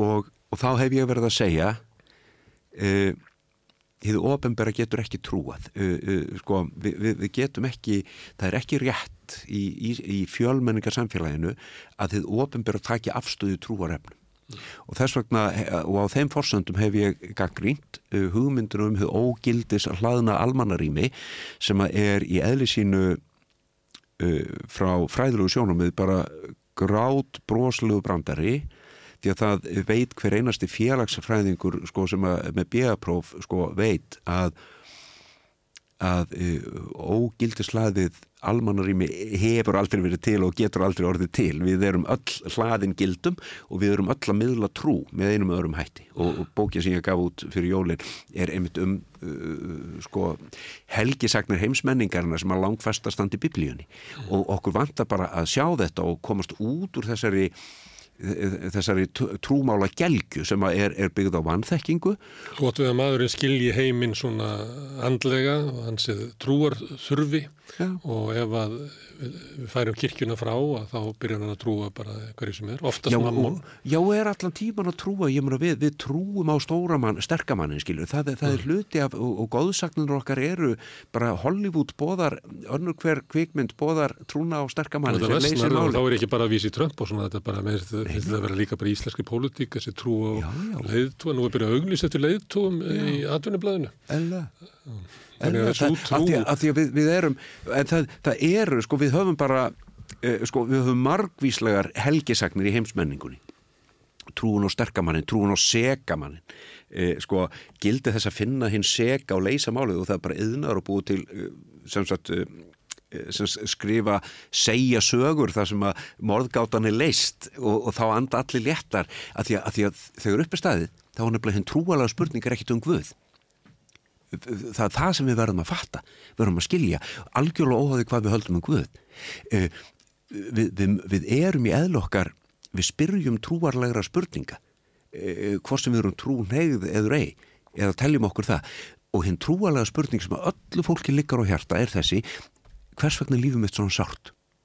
Á hverju hvaðan kemur allir, hvaðan sprettur allir þessu núningur, af hverju er, er þetta háa flækjustig, af hverju þjáist ég svona mikið? Uh, og má þetta bara? Uh, og, og engin manneskja nær full þroska öðru sem að, að blöskra sko lífið ofbýður okkur. Á lífið að vera svona flókið, á lífið að vera svona sárt, á mannlífið að vera svona ósangjant og svo stöndum við núna frammi fyrir náttúrulega algjörlega nýju siðferðslu prófi þar sem er, er ástanda á gasa þar sem að eh, sko öllu heilbrigðu siðvita gjörsamlega ofbóð algjörlega nöðgað og það er í alvöru hort í augun okkur svo að þeirru, taktu þetta taktu við þessu. Kynnt þessu. kýndu þessu og það er og við, og meina, þe- þetta er gengdalast próf sem við stöndum fram fyrir. Ætlum við að vera siðferðisverur eða ætlum við að skilgreina okkur sem hagsmunaaðila sem notendur, sem eigendur og, og, og þar af leiðandi e, víkjum okkur undan hinnu sið, siðferðslugu spurningu og við víkjum okkur undan þjáningunni. Og það er sterk pólitísk félagsleg krafa sem núna liggur í loftinu og fólk er jáfnvel álítið óábyrgt að, að, að tala eins og ég er að gera hér. Um, sko Kristin kirkja getur aldrei ef hún ætlar að fylgja meistara sínum hún getur aldrei annað en þjáðust í veröldinu eins og hún er þjáðst undan synd og ránglæti veraldarinnar og, og, og, og barist í í tilfinninlegri, vitsmunalegri, pólitískri, trúvarlegri óvissu sinni um það uh, hvað myndi Jésús gera núna? Og, og hún verður alltaf, það verður alltaf að heyrast Þú sagði þér áðan hvað Jésu gerði. Hann var á fjallinu og greti yfir þessu. En svo fór hann inn í musterið og barðist. Já. Já. Þannig það er ekki bara nóg, þú getur ekki bara grátið á fjallinu. Yfir óréttlæti heimsins. Nákvæmlega ekki, nákvæmlega og, og, hann, og, og hann tók samtalið hann, hann, hann sko, sem voru að tala sko, Guðspjöldin, þetta er bara samtal til samtal til samtal, það sem að Jésús og Nazaret mætir mannesku og hvað gerir hann hann, hann sko, hann vald eflir bara Bartimus sko, hvert sundarskóla sko, þekkir söguna Bartimus í blinda. Hann var bara öryrki út í hodni og Jésús kemur þarna inn í bæin inn í Jerikó minni mig og, og, og, og það er og öryrkin eins og í dag er þarna á hlýðalínni og er að kalla Jésús meistari miskunaða mér og hún er sagt að þeia Vannu því engil hlustur á hann Já, ekki, ekki þú ert að drepa í stemningunni hérna mm, öryrkiðin, mm, verðst ekki með þetta vesen? Mm, Rindi út á sögu Já, og allt í hennu staðnæmst Jésús segir uh, kallaði hann á mann. Og allir eru undrandi og, og það er komið til hann sagt, heyru, hann kallar á þig. Og svo kemur hann þarna og fálma sig á hann og hvað, að, að hverju spyr Jésús og aftur sko þetta er svo setningatunum svo dýrar eitthvað spjall það er ekki verið að spandera orðum sko. Það er ekkert kvapp, það er ekkert uh, spjall hvað vilt þú að ég geri fyrir þig? spyr Jésús hann horfir á öryrkjan hvað vilt að ég geri fyrir þig? Allt í húnum á hann bara svara því. Þetta er no-no. Kristin kirkja stendur fyrir þetta no-no. Mm. að horfa í alvöru í augun og örkjan mm. Hvað vilt að ég gera fyrir þig? Og leifa þeim að skilgrina sjálfur Já, og hann segir herra það þetta fát og fát að fólk ekki gera í dag þetta fá örkjanir ekki að gera í dag. Nei, nei. það er ekki hlusta á það, að vita betur. þetta fá ekki svona grindvíkinganir að gera. Nei. það var ekki bara fyrir núna um daginn sem að þeir eiginlega tóku völdin með því að láta í sér heyra að það var fyrir að hlusta á það hvað þeir vildu. Já. vegna þess að við erum ekki alvörun að kultivera líðræði við erum ekki að kultivera samtal við erum, við trúum svo mikið á stóra kall, stóra bróður, við trúum svo mikið á yfiráðavaldi, svo trúum við á það að taka fólk á skamma það, finna, finna, finna hins eka og, svo trúum við á elituna og enginn vil breyta leiknum, allir vilja stokka spilin mm. og við, við, við trúum því ekki e, sem samfélag að það sé hægt að finna sanngirni að, að, að við trúum því ekki að sannleikunni reki sér sjálfur þú veist að sannleikunni ég verða að fá að segja þessu mm. Hún Janna Jansdóttir um, um, kennari. Mm. hún var kennari minn og barnabókuhöfundur já og barnabókuhöfundur og hún var sko þessi kona hún var svo, hún var svo vitur hún var kennari minn í gagfræðaskóla mm. og ég var, ég var, ég var ekki hafmyggjusumur unglingur og ég var var eh, og ég maður það ég, hún, hún setti fram ljóð sem áttum að skrifa um einhverja rítgerð og ég var uh, og ég skrifaði bara á blæðið þetta ljóð verður ekki tólkað það verður bara lifað. Punktur, ekkert með mm. og var bara að dissa mm. en meina.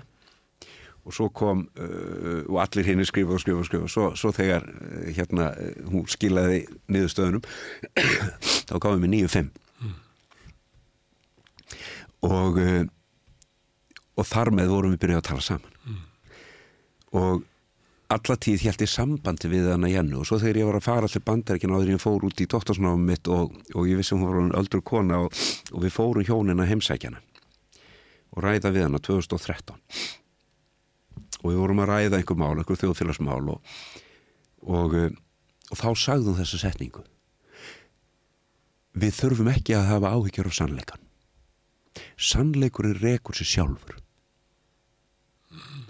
sannleikurinn rekur sér sjálfur það er nefnilega og það ég, ég, þessi setning býr alltaf með mér og ég skil hana sama skilningi og, og ég skil sælubóð Jésu þetta að hungra og þyrst eftir réttlætu þegar að vera sjálfur frið flytjandi, ekki að koma hlutum á ekki telja sig vera handhafa sannleikans. Ég er ekki handhafi sannleikans en ég get sem trúaðum að sem kristumöðu beðið þess að vera höndlaður af sannleikanum uh, annars slægið að það rofi til og að það geti lagt byrtu af þekkingum minni á Guði. Uh, annars slægið millið þess að ég gerir mistökin minn millið þess að ég er, er að skipta um skoðanir. Sko það, það er ekki hægt að byggja meira. Og, og, og þegar við erum að horfa á kristna kirkju þá eigum við einmitt, við eigum að tilengja okkur óþól Jésu og við eigum ekki að víkja okkur undan óþólans og þessari kröfum það að, að það sé heilagt mm. og, og við sem að höfum uh, tekið að okkur, hvort sem það er köllun eða klikkun að, að, að vera leðtóður í kristinni kirkju og, og taka okkur að bóða það sem að bóða Guðs orð sem er alltaf bara galið verkefni og það getur enginn uh, við verðum samt að klíma þessa klímu og það er okkur það sem að þannig að hugmyndunum það að, að, að því að það er alltaf verið að handrukka kirkjunum það að vera þessi, þessi sko fólk kemur. Vertu bildingi sem þú vilt sanda fyrir. Þetta er bara sagt við alla sem vilja breytingar. Kristur vil breytingar, hann vil réttlæti. Það er ekki réttlæti í heiminu Já. og þá segir fólk vertu réttlæti sem þú bóðar Já, já. Og þá þarf ég, sko, hvernig fer ég að því? Ekki með því að koma því á, ekki með því að bild að, heldur með því að, að taka þátt og það er, það er akkurat þessi skilning á því hvað er að vera manneskja og nú er það að gerast, ég verður við doktorsirkjörnum var að, að stórleitum það að, að skilja bara uh, heimsmynd og mannskilning sko bara uh, nótæfan ég spurði bara hvað er lífvanleg hvernig er mál lífvanlegur heim, lífvanleg heimsmynd og mannskilningu líta út í, í fjölmörgarsamfélaginu mm. og, og, og, og hvað hefur kristnin að segja því samhengi? Og saminuðu þjóðunar eru og bara öll orðræða sem að öll alvöru ábyrg orðræða í, í, í heiminum hún er um það að við erum að færa okkur frá mannmiðlægum mannskilningi og efnishyggju það sem við lítum á heiminn sem bara notaður á neyslu vettvang kanda homo sapiens mm. sem er bara uh, sturgluð hugmynd en við höfum sko bara á þeim árum sem við höfum lifað þá er bara búið að gera þetta. Og, og, og við erum náttúrulega stöndu fram fyrir visskerfislu gjaldþrótti sem að bara enginn er borgarnum að það fyrir og ekki börn okkar sko. Og uh, breytingin er svo að við erum að yfirgefa þetta ástand, þessa, þetta, þessa mannmiðlækni, þessa efnisíkju, þessa, þessa einstaklingsíkju sem alltaf ætla lifand að drepa líka kristendómin mm -hmm. og það er sko kirkjan ekki saklaus því hún hefur stilt sér upp í sögulegu samingi við hliðin á valdtöfunum, við hliðin á ríkisvaldinu. Og, og skilgreynd manni sem einstakling og skilgreyndar aleinan framfyrir Guði. Og það er bara, það er Guðlast ég stend ekki aðleitt fram fyrir Guði. Ég, ég, ég, ég til, er þáttakandi ég tilherir samfélagi. Ég er ekki einn. Það er ekki, það, það er vond Guðfræði. Samfélagi er ekki mengi okkar einstaklingarna heldur er samfélagið eins og sjálfstað vera eða? Við fæðumst inn í samfélagi og já. við búum til rými fyrir okkur sem einstaklinga innan þess mm. eða búum við til samfélagið í samkomlaði mill okkar einstaklingarna Ég kem staði, ég, ég myndi orða svona. Já. ég kem staði hver ég er með því að spekla mig augum annara mm. Þa, þá upplif ég, þá, þá kemst ég að því hver ég er sem einstaklingur og það getur verið svo marg breytilegt öll, sko og, og þess vegna er ekki hægt að vera hlutlaus við allir standa einhver staðar og, og flest standa víða. Við, við, við erum öll staðbundin við erum öll, höfum öll stað að standa á. En það sem, er, það sem við þurfum að skilja algjörlega óháð öllum trúar hugmyndum okkar. Er það? Að algjörlega nöðsynlega er hinn alþjóðlega, pólitíska, félagslega orðræða að færast frá, frá, frá mannmiðlegni yfir í lífmiðlegni í stað þess að skilgjana manni sem, sem að toga hérna á móti já, er ekki eins og það sé að falli ljúfa löð við minn álmátt átökinu sko. átökinu er brjálaðisli og þau eiga eftir að vera og við verum að sætt okkur og þetta, með þetta nákvæmlega eins og, og baróttuna um réttinda baróttu samkynneira baróttunum réttinda samkynneira e, það er bara enn starri, enn floknari orðræða þegar við erum að tala um sjálfa, sko, sjálft atvinnlíð, við erum að tala um sjálfa sjálfsberga viðleitni manneskjunar, út á hvað á hún á ganga, hver er ég í þessum heimi? Og hinn nýja hugsun, hinn lífmiðlæga hugsun sem bæði saminuð þjóðunar og uh, sko Páinn í Róm og, og lúterska heimsambandið og, uh, og, og landvernd á Íslandi og bara og einmitt uh, siðment líka. Sko og Kristinn Kirkja bara all öll uh, allstað þess að framfer samtal um raunveruleg lífskildi það er, uh, það, það er engin sem er ósamála því í alveru engi ekkert ábyrgt afl í veröldinni er ósamála því að við munum þurfa að gjöra svo vel að færast frá mannmiðlægni yfir í lífmiðlægni og í staðis að skilgjara okkur sem hagsmunaðila og keppinauta og eigendur þá þurfum við að skilgjara okkur sem þáttakendur. Við erum þáttakendur í formum og ferlum lífs á jörð þar sem er allt er innbyrðis háð. Og við getum ekki vikið okkur undan þess vegna þurfum við ástunda líðræði, við þurfum að tala saman og við verðum að tala saman þvert á menningarheildir þvert á trúabráð þvert á uh, fög, ólík fög og ástunda sko hnaus þykka samræðu sem er, er þrungin hefðunum okkar og, og það er því sem ég er að andmæla í bókinu minnu og yfir höfu bara sem guðfræðingur og siðfræðingur. Ég er að andmæla því þeirri, þeirri heimskulugu hugmynd að til geti verið uh, ógildislaðið almannarími inn í, ef við ætlum að skapa raunverulega fjölmenningu sem er ekki eina leiðin sko, það er, nei, er ekki besta leiðin, það er eina leiðin mm. við verðum bara að gera svolítið að hafa fyrir því að skapa fjölmenningu og, og að því að við erum í fjölmenningu það, það, er, bara, er bara ástandi sem við lifum í ef við ætlum að geta lifað verið fjölmenningarsamfélag þá verður það að vera þannig að það séu margar ratti sem er að tala og, og, og það er ekki ósk upplýstrar þjóðkirkju í nútíma samfélagi að vera ein með hljóðnumann bara ekki vegna þess að það er ekki heilbrygt við þurfum að, við þurfum að heyra rattinnar og svo þegar Íslenska þjóðkirkjan talar og talar jáfnvel þá í gegnum uh, byrtist einhver, einhver persóna sem er, er, er biskup fyrir, fyrir, fyrir þjóðkirkjuna þá verður að heyrast í máli viðkomandi. Að hún eða hann er að tala fyrir hönd uh, reyfingar sem er víð óma, þar sem eru margar rattir, margir ábyrgi kennumenn sem glíma, glímanu við að spurja hvað er sangjant núna, hvað myndi Jésús gera núna?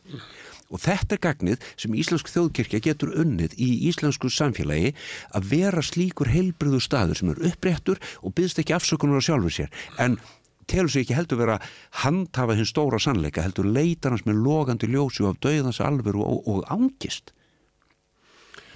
Þegar þú ert hérna með Guðspjöldin á lofti. Er ég á væstur? Nei, nei, alls ekki. Mjög gaman, mjög, gaman. En að því út að tala um sko síð, síðment og pávinn og samlið þjóðunar og mm -hmm. sjá, sjá þetta og við erum með þetta, hérna, við erum með alls konar glærur og gröf sem að sína þetta og þetta er eina niðurstan sem hættir að komast á þetta. -hmm. Hljómar ekki eins og hérna, maðurinn sem kom á miðnetti til Jésu um að, að sjá hvað þarf að gera, sjá hvernig heimurinn er. Mm en síðan er þeir sem er, þetta er, þetta er elítan. Þú ert að telja upp elítuna í heiminum sem kemst samilega ykkur í niðurstöðu að þetta sé eina leiðin sem þú þurfum að fara. En það er ekki endilega leiðin sem við getum farið vegna þess að elítan hún hérna ræðir þetta bara. Og maður getur séð fyrir sér sko fórnarlöfum þessa ástand sem er einhver sem að vill bara fá að borða í dag sko, einhver sem vill bara losna við óréttlætið sem að á meðan að þið síðumend og báinn og samrið að Silkihúr já, já, já, þjóðkirkjan. Rjóma ketti mm -hmm. að það er annað sásöki mm. það er annað óréttlæti sem að brennur og svíður fastar sem að er persónulegt ekki vitsmennulegt og ekki inn, þú veist, þetta er ekki eins og hjarta sko, þetta er bara mæn og mænan sem að, og rópar og réttlæti. Mm og það, hérna sko, já, því að elitan mun ekki breyta þessu. Hún er þarna því henni var lift upp að því kerfi sem það er. Mm. en breytikinn, mm. nú tala ég eins og því við rauðaborðið þessu sósílisti breytikinn verður frá þeim sem að upplifa óréttlætið af sjálfum sér. Það er, það er þess að breyta og við munum ekki ná að breyta neinu nema við fáum, setjum það fólk. Mm. og löpum til eins og þú ert að benda á með blindamannin, spurjum hvað vilt þú? Já, já. Og þarna, nákvæmlega þarna, nákvæmlega í þessari kröfu, já. ef að Kristinn kirkja er í alvöru bænahús, ef að Kristinn kirkja er í alvöru staður þar sem að fólk ber fram sína bæn, talar sínu hjartans máli, talar innan úr, sko, einmitt innan úr yðrunum, innan úr mm. Þá er hún það sem hún á að vera. Mm. og að því leiti sem hún uh, li, að því leiti sem hún fer að eðli sínu að vera staður bænar, að vera staður uh, sko, þegar fólk kemur saman að kristnum síðu til þess að byggja saman. Bara bara, uh, sko, bara pílagríma félagið mitt þar sem ég fæ að halda helgistundir, ég fæ að fara vikulega Mm. bara að því ég er með stofunum mína hinum megin á móti hugarafli sko, við síðumólan og við auður Axelsdóttur vinkonur sko í kemum tíðina. Og, og ég fæ að fara og, og, og bara e, og vera með helgistundur, við kallum þetta pílagrimifélagi og þau koma sem vilja og þetta er bara opið öllum og geðrannar áskorunar er ekkert skilir þó að hjálpi og það kemur alls konar fólk og þegar við Og erum að hugarafli biðja- er náttúrulega eitt af þessum mannréttinda samtökum Nákvæmlega, sem eru já. fólk með gæðraskanir að berjast fyrir því að hafa stjórn yfir eigin meðferð. Já, þess vegna elska sem ég að vera askarnir unnu þá, þá baráttu, Já. vonandi Já. eh, varanlega, en maður veit það ekki. Já. En eh, nú er fólk með gæðraskanir eiginlega að heia sumu baráttuna um að aðrir hafi ekki drottunavaldi yfir meðferðinni. Takk fyrir að segja þetta. Mm. Takk fyrir að segja þetta. Þess vegna elska ég hugarafl og og, og en hugarafl getur ekki trúað.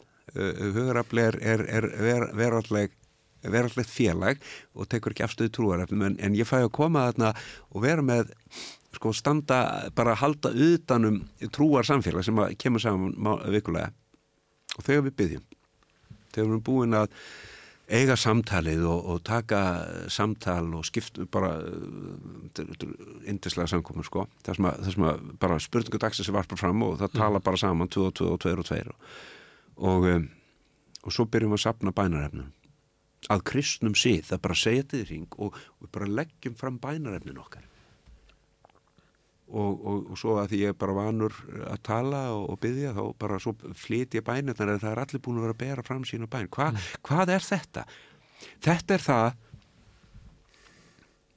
að uh, uh, sko að, að að blanda geði, þetta, þetta, er, þetta er bara hið fortkvæðan að maður er manns gaman. Stendur í háfamálum, það stendur bara líka í biblíunni, sko, er bara þetta er bara mann eðli, maður er manns gaman. Og við erum að deila mennsku. Og ekkert er jafn rótækt eins og, sko, og það, það er þess vegna sem að náttúrulega bara kristnin sko, mun alltaf trubla hinn rókafullu, kristnin mun alltaf trubla elítuna Mm.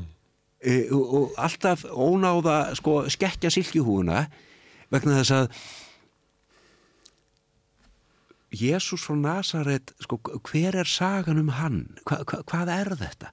Hva, hvaða guð er þetta sem við erum að tala um þetta? Þetta er guð sem fæðist inn í barnavendar aðstæður.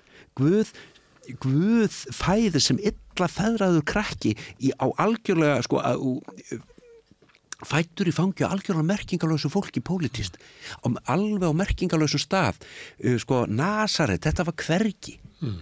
sko, ef að Jésús myndi fæðast á Íslanda, það myndi fæðast í staðaskála skilur, mm. það, það sem allir kom og engin er skilur, mm. það var, þetta er pólitist merkingalösu staður uh, og hvað gerist sagan af, af, af Jésúsnum er saga af barninu sem að fæðist við, uh, sko, eins og barninu sem núna eru að fæðast á gasa og hvað gerir alvöru fólk? Hvað gerir alvöru fólk? Það varpar sér yfir lífi til þess að vernda það.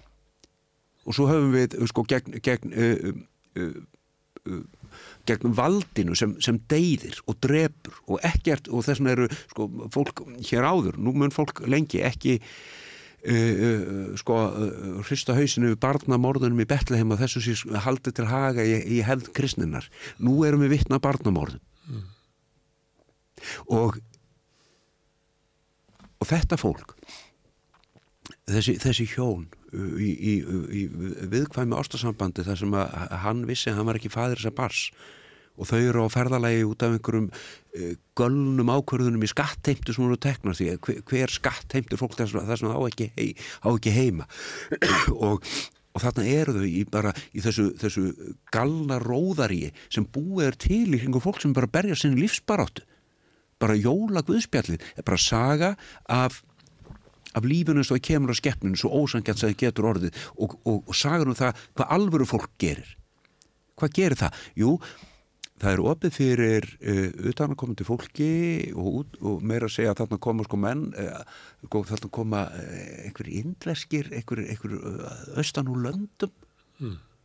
með, með allt aðrar hugmyndur um lífið og, og þau hlusta á þeirra visku og svo koma þarna menn af lægsta stíi það ömulega sem hægt var að gera það var að gæta sögða, vera fjárherðir þeir kom inn í söguna og eru koma í, og miðla því sem að uh, sko, miðla mennsku. Og þau eru líka andlega vakandi þau heyra skilabóð engilsins. Þau hlusta, þau eru andlega vakandi þau heyra kvísl andans. Og vegna þess að þau hlusta á kvísl andans þá farið á stað og eru eru sko ólaglegir innflytjendur í Afríku. Fyrstu þrjú ári, ég elska að segja þessa setningu. Mm. ólaglegir að því að Egeftaland er í Afríku. Þau eru ólaglegir innflytjendur í Afríku fyrstu þrjú árin og meðan, uh, meðan einræðis herran Herodes er að hveðja mm. og Guði sé þökk fyrir hrornun og döiða mm. í, í, í, í þessum, þessari köldu veröld þarna fæðis Guð hvaða félagspolítisk og trúarlegu merkingum á það hafa mm. hvað, hvað, hvað má það merkja hvaða afleðing sko, fyrir hvað getur svo kirkja sem Jésús Kristus stopna staði fyrir. Kristin hefð er það að lúta barninu. Og þess vegna þegar við erum að skýra barn þegar óveitin sem að veit ekkert hvað er í gangi þegar hann er klættur síðan hvítan kjól og svo stendur uh, uh, presturinn þarna í, líka í síðum hvítum kjól. Mm. Sem tákn, æfa, eld gamalt táknu um það ef einhver vill við því taka að þetta er ekki, þetta er ekki til að skreita prestin ef einhver skildi vilja við því taka mm. þá er þetta til að hilja hann og til að segja, heyrðu, hér stendur auð manneskja mm. uh, syndug manneskja sem þarf á skilningi og fyrirgefningu að halda yfir höfu til að geta dreifð frá lífið og þessi manneskja sem er þarna í hlutverki press er klætt í þetta kvítaklæði sem þetta er, þetta er, þetta er táknum það að þessi persóna þarf á fyrirgefningu skilningi að halda eins og allt fólk hmm. og og svo er barni klætt í þennan síða kvítakjól sem er allt of síður og ofur síður, öfgasíður. Af hverju? Af því að það er verið að segja við barnu þetta kemur kristin mannskilningur. Hvað er að vera manneskja? Að vera manneskja er að vera syndug manneskja, að vera sundur. Það býri okkur öllum sundrungin líka í nýfættu barnin og það er verið að segja við barni áður en það getur skila elsku, elsku barn. Rétt bráðum munum við fá að heyra nafnið við vitum ekkert hver þú ert. En við, þú skalt vita það að þú ert ekki að handa okkur við erum handa þér þú átt okkur, við eigum þið ekki og þú skalt fá að reyna það. Að þeir eru óhætt að gera öll þau mistök sem þú þarfst að gera sem ofullkomi manneskja til þess að verða þeirri mannesku sem í þið býr. Elsku patn, við munum elska þig í gegnum það að vera þú. Mm. svo þú náir þínu vakstar takmarki, það verður staðið með þér sama hvað. Þetta er kristinskýr og hún er svo sangjöld vegna þess að það er ekki verið að segja heyrðu, og svo verður bankaðið og sagt heyrðu, þú ert nú skýr, þú ert nú kristimanniska, þú verður nú að. Nei, það er ekki verið að skilgreina batnið, það er ekki verið að segja því fyrirfram eða skilgreina það fyrirfram sem kristna manneski, það verður að lofa batninu mannréttind mm. og það að við skulum uh, sko, og það er það er, sko, það er mér langar að grenja þegar ég hugsa um það hvernig, hvernig skýrnar hefðin mm hefur sko lot eitthvað að vera íttir hliðar fyrir, fyrir gelgjulegan miskilning hmm. það að klanið komi saman klæði barniðan á kjól og, og, og lýsi yfir ástsinni og Kristinn kirkja og svo, svo telt fram einhverjum einhverjum, einhverjum eh, svona eh, sem sagt já, ofinberum þjóni og í hverjar þessi ofenbæra þjónusta fólkin hún er í því fólkinu að vera ofenbær syndari. Vera ofenbærlega bara manneskins sem þarf að miskuna halda. Og vera að leita að, að, að, að friði og réttlæti mm. með logandi ljósi og gengur misvel. Mm. og, og, og þess að skýrnin svo, svo stórkostlega, hún, hún er svo mikill liður í í góðu fréttunum. mm og svo höfum við hitt og að því að þau erum að tala um biskupsembætti sko, það er sagt í hefðinni að hlutur biskups er að sjá til þess að sakramentunum sé veitt réttilega þjónust eitthvað svona, guðsorðað gjálfur sem engi skilur. Eh, þetta er svo stort mál. Við höfum tvö sakramentu, við höfum skýrnina það, við, með öðrum orðum, við höfum hefð mannrettindana kirkja sem skýri börn. Hvernig að hún getur hort í augun og börnum? Eða nokkur einustu lifandi mannesku sem hefur fæð sem barn og hafna mannestundum hennar? Mm. Uh, nei vegna skýrnarinnar vegna, mm. við hefum tvö sakramenti Þú færði réttindi, þú þarft ekki að ávinna þeir þú þarft ekki ávinna þau og hitt sem kirkjan gerir er það að hún, hún veitur sak, alltaf er sakramentið, kirkja er ekkert annað en hús með borði.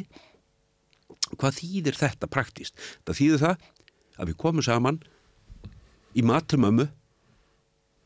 Við erum komin til hennar öllnum móður. Og þegar við setjum snuðu við borði hjá mömmu svo ólík sem við erum og ósámáluðum svo óbásla margt og þekkjum veikleika hvers annars og getum gagri hvort annað alveg í strimla og mömmu. Mm. en þegar við erum komin í mat til mömmu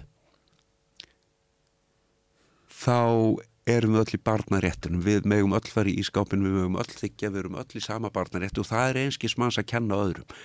Við erum, við erum komið saman í kynnslóða þráni þar sem enginn kennir öðrum. Þarna er félagspólitist, þa þa þarna er kristin kirkja, hús með borði þar sem öll geta komið. Og þú átt að geta gengið að því vísu að þegar þú kemur inn í kirkjuna þá ertu komin í, í þú ert í fríhöfn. Mm. það er svona snúa kirkjubekkinu þannig að það sér enginn framan í neitt sællir kirkjusvefnin, þú mátt sopna þú mátt gráta, þú mátt vera bara algjörlega slakað á. Það er enginn að fara að horfa á þig það er enginn að fara að dokumentara þig ert í frið eins og þú lýsir sko upphafi kirkjunar Mm.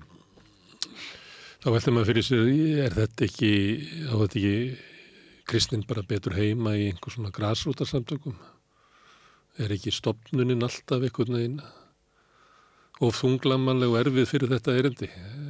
Er ekki Jésu svona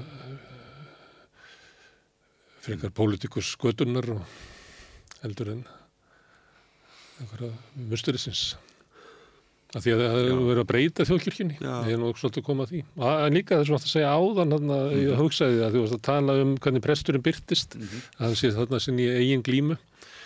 Hérna einhvern tímann sent á síðustu völd að þá var ég með messugagrinni á, á ráseitt í Víðsjá hjá honum ævari og var að hérna æmitt á þessu tíma og löngu föstu og eiginlega alveg fram á kvítasunnu, bór ég á hverju sundi í, í messu og þar uh, sá ég fyrir mér uh, einn predikara meðan að þú varst að tala um þessu stöðu og hann var í Fíladelfíu mm. það var hann hérna, nú mann ég ekki nafni á hann Mm. hann nú hætti núna en, en hann uh, lagði út frá, það var eitthvað af þessum hérna, spámunum gamla testamentisins en það var ó, bara ótrúlega fallega gert hjá honum þar sem hann var umverulega að tala um uh, glímu sína og erfilega við að vera settur í þetta hlutverk að vera einhvers konar leiðtogi og, og, og vís, að því að það var svo, það sem var svo fallet við að maður var svo augljóst bara þessi bara, eh, glíma, þessi lífsglíma hún var svo augljóst fyrir mann það sem að maðurinn bara framdana fyrir framann okkur Og svo dróð hann sig eitthvað litið til hljés og ég var ekki hissa eftir að hafa lusta á það því að hann var svo, var svo augljóst að hann að ábyrðin var þung og, og, og það er ekki alltaf ljóst hvert maður á að fara og En mér fannst hann hérna að standa sér best í þessu og þetta er svona, ég segi ekki að Philadelphia sé svona einhver jæðarfyrirbrið en það er samt ekki sko þjókirkjan, það er ekki stopnuninn. og Hvítasun reyfingjar á Íslandi sko, hún, hún gerir svo mikið gagn í, í íslensku menningu Það er sko, sko, það er þar núna sem að ásamt hjálpræðisarnum og svo erum við líka með eh, sko, við erum ekki að gleyma þessu þjóðkirkjan gerir hún vinnur mjög ötulega í, í, þáu innflytjanda og, og flottamanna aldeili sko, þar höfum tóks ekki tóma og, og, og fleiri og sko, en það sem að Hvítsson reyfingin er að gera er það að hún sko, það, það er verið að halda messur á, á, á spönsku og, og, og hérna það var til svona venu, venusúalíst samfélag Já, sem það- enginn hefði reiknað Nei, með það nei. það eru mótmælendur sem koma frá venusúalega. Já, og svo, og svo er, svo er einmitt inn í hjálpræðisarnum er þar er mjög stert venezuelist samfélag og, og, og svona er Kristinn kirkja, hún er þegar hún fer að eðli sínu sko Þetta er svona ekki svona það sem ég var að segja sem grásrótin og svo ertu með stopnun. Og þetta er- þetta er, sko, þetta er, þetta er vandræði. Vegna sem leiðum við búið til stopnanir, þá erum við komið komið fingraför okkar manna á áhið heilaga. Og, og, og kirkjan eh, kristin kirkja er í eðli sínu ekki stopnum, það er bara ekki eðli hennar. Mm. eðli hennar er það að hún er reyfing þeirra sem leitast að vera vinur og nefndur Jésu en svo þurfum við, svo lefum við í heimi stopnana alveg eins og sko, bara eins og hjónaband. Mm. sko allt fólk sem að sko uh, fer vogar sér inn í hjónaband. Sko ég er búin að vera í mínu hjónaband í 36 ár. Sko að einhver leiti er sko hjónaband er stopnun hjónaband er, það er, það, það, og til þess að stopna með ofenbjörnum hætti. En það er eitthvað varandi hjónabandi sem er, er heilagt í þeim skilningi að um, að engin, engin stopnun nærnitt utanum það þó svo að utanum uh, hjónabandi nái síðan uh, þaul hugsuð lögjöf sem er, er hjúskapar lögjöfin og sefjarétturinn og er mjög mikilvægur og ég er ofta að segja ungt fólk sem er, er bara, ég var um daginn að skýra hjá, hjónu sem eiga þrjú batni og segja, er þið ekki búin að gifta ykkur? Mm. Akkur hérna bara gifti, farið bara til síslumans eða, eða komið hér ekki, græða þetta mm. á fjórum mínúndum giftið ykkur bara að virðingu sko, af því að við lifum í heimi þar sem við þurfum á stopnunum að halda. Mm. en þær eru öll lögjöf eru ofullkomin, öll mannanaverk eru ofullkomin og leið og við erum búin að setja upp stopnum þá byrja vandræði. En, en lífið er vesen. Mm. og þess vegna held ég að held ég að, að sko líka þetta sem þú ætti að segja Það er ekki nóg að vera stopnun, heldur það að vera eitthvað eintakinn í því? Já, sko, og, það er í kristinni kirkjöru svo gríðarleir leiðrættingaferðlar, bara spámen gamla testamentisins. Mm. Svo fasta sem ég líkar er að þú leysir fjödra rángsleitninar og þú miðlir þeim sem hungraður á brauðinu og, og, og fyrrist ekki þann sem er holdist og blóð, þetta sendur bara í jermija. Mm. Sko, krafan um réttlæti og bara, bara þessi, þessi, hérna, þessi þetta viðlag sem gengur í gegnum allt gamla testamentið e, af því að það er svo mikið tíska að tala um einn reyða Guð gamla testamentið bara e, kæftæði það bara er ekki þannig. Mm. e, sko, Það er ekki lúter sem að talaði um hann? Ég maður ekki, en þetta er kæftæði sko, e, sko sá Guð sem byrtist í gamla testamentinu mm. er Guð sem getur ekki á heilu sér tekið á ást og mm. veit ekki sér drjúkandi ráð, gerur fullt af mistökum á leiðin að reyna að breyta þessu syndu ástandi með þess að drekkir öllu lífi í, í, hérna, í nóaflóðinu og yðrast mm. og yðrast og, og hérna setur regnbóðun og heiminin og bara ég gert aldrei eftir og hver er hver er, hver er niðurstan? Jú, við leysum ekki ofbeldi með ofbeldi Guðin í gamla testamentinu er að læra Mm. Gammal testamentu er þroskasaga Guðs þro, Já, ég held það mm. og, og, og, og það, það er svo stórkoslegt að, að meira segja hérna Nói sko, svo mm. kemur í ljós að Nói er alkoholisti sko, fjanda sveppurinn lifir sko, að hérna að svo liggur hann bara dauður af áfengistrykju sko eins og krossfiskur á jörðin í nektsinni mm. og, og hérna þannig að vandin heldur áfram en skilabóð e, skilabóðin, rauði þráðurinn gegnum gamla testamentið er allan tíma þetta e, ekkjan Uh, uh, uh, útlendingurinn munaðleysingin þegar þú leitar ávakst á fíkjutrénu ekki gera eftirleit í greinu þess vegna þess að ekkjan munaðleysingin og útlendingurinn eiga það. Þegar þú ert búin að hyrða hyrða e, ávöktun af agreinum þínum, ekki gera eftirleit vegna þess að ekkjan munaðleysingin og e, útlendingurinn eiga þetta. Þetta, þessi grunn hugsun um það að lífið er í eðlísinu gjöf, við erum öll uh, gestur og útlendingar við, við erum við, erum, við, höfum öll alltaf þykja og við eigum ekki þennan heim. Landið skal ekki selt fyrir fullt og allt fyrir að landið er mín eign, segir drottin og þið eru dvalarmenn og hjábílingar hjá mér. Þarna liggur sko hinn hin hebreska og kristna viska sem við eigum svo erfitt með að handla en er ekki að fara neitt. Er alltaf að áminn okkur og segja, heyrðu uh, þú ert manneskja, þú deilir kjörum með öðrum uh, þú ert ekki fyrst og síðast einstaklingur. Þú kemst að því hvers, hvaða einstaklingur þú ert í gegnum það að þú tilheyrir samhengi. Og ef þú virðir ekki þetta samhengi ef þú ætlar að nálgast það til þess að egna þér það til þess að graðka í þig og nálgast lífið til þess að taka en ekki til þess að rækta og gæta þá ert þú að misskilja uh, leikin mm. síndu hóvarð uh, uh, ástundaðu virðingu og samlíðun. Glemdu þið ekki. Gleymið ekki að þið voru þrælar í Egiptalandi mm. gleymið ekki að þið voruð sko, Ísland var byggt af þrælum og flótafólki Hérna þú trúaði maður. Trúaði maður? Mm. Spurning. Ég er ja, alveg ofbáslega lélugu trúari. Og, og þetta, þetta átti bara að vera svo yngagur að spurningunni en, en þetta er fín spurning. Ég get, ég, ég get ekki svara svona spurningu bara já ég er rosalega trúað skilur ég, ég bara geta ekki.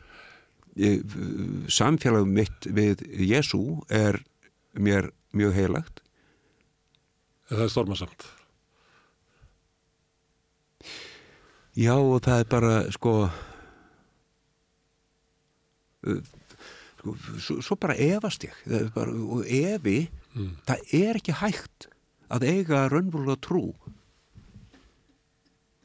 nema að takast á við raunvölulegan efa mm. alveg eins og það er ekki hægt að byggja upp við getum aldrei sko maður getur ekki verið gott foreldri nema maður efstu sjálfa sig sem, sem uppaland maður getur ekki verið góðu maki nema maður efstu sjálfa sig sem elskanda mm.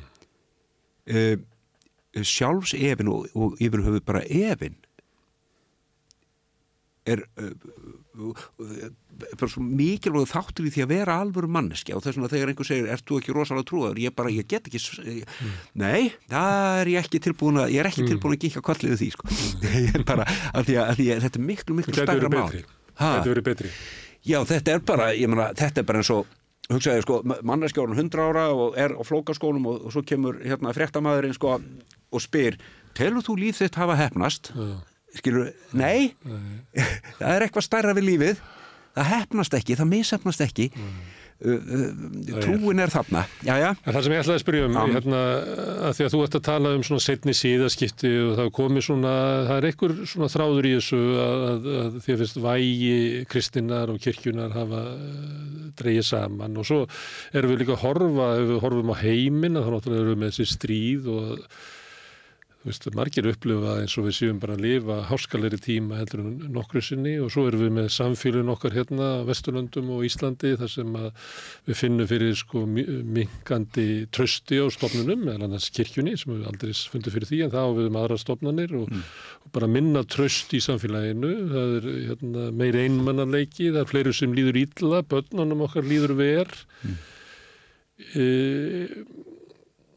er lækningin hérna kristni og trú. Er þetta dæmi um hérna, heim sem er svona afveganleitur að við erum hérna, verur sem að hérna, þurfum að hafa eitthvað svona, hvað ég segja, andlegan botn og skilja heiminn á, á þeim, hafa tilgang með þessu mm, mm. og þar sem að við erum vannærða því vegna kirkjunu hefur kannski verið ítti liðar kannski hefur henni ekki tekist að, að hérna, aðlaga sig að, að breytum heimi og öru slíku mm -hmm hérna ég held ég að hafa sagt þetta áður hérna við Rauðaborðið að það var hérna maður sem hétt Hósega Brá sem var bjóð í Venezuela einhvern tíman upp á 1970 og hann horfið í kringu sig og sá að það var hérna efnaðskreppa og fátækt og það var stjórnmálakreppa og það var stjórnlagakreppa.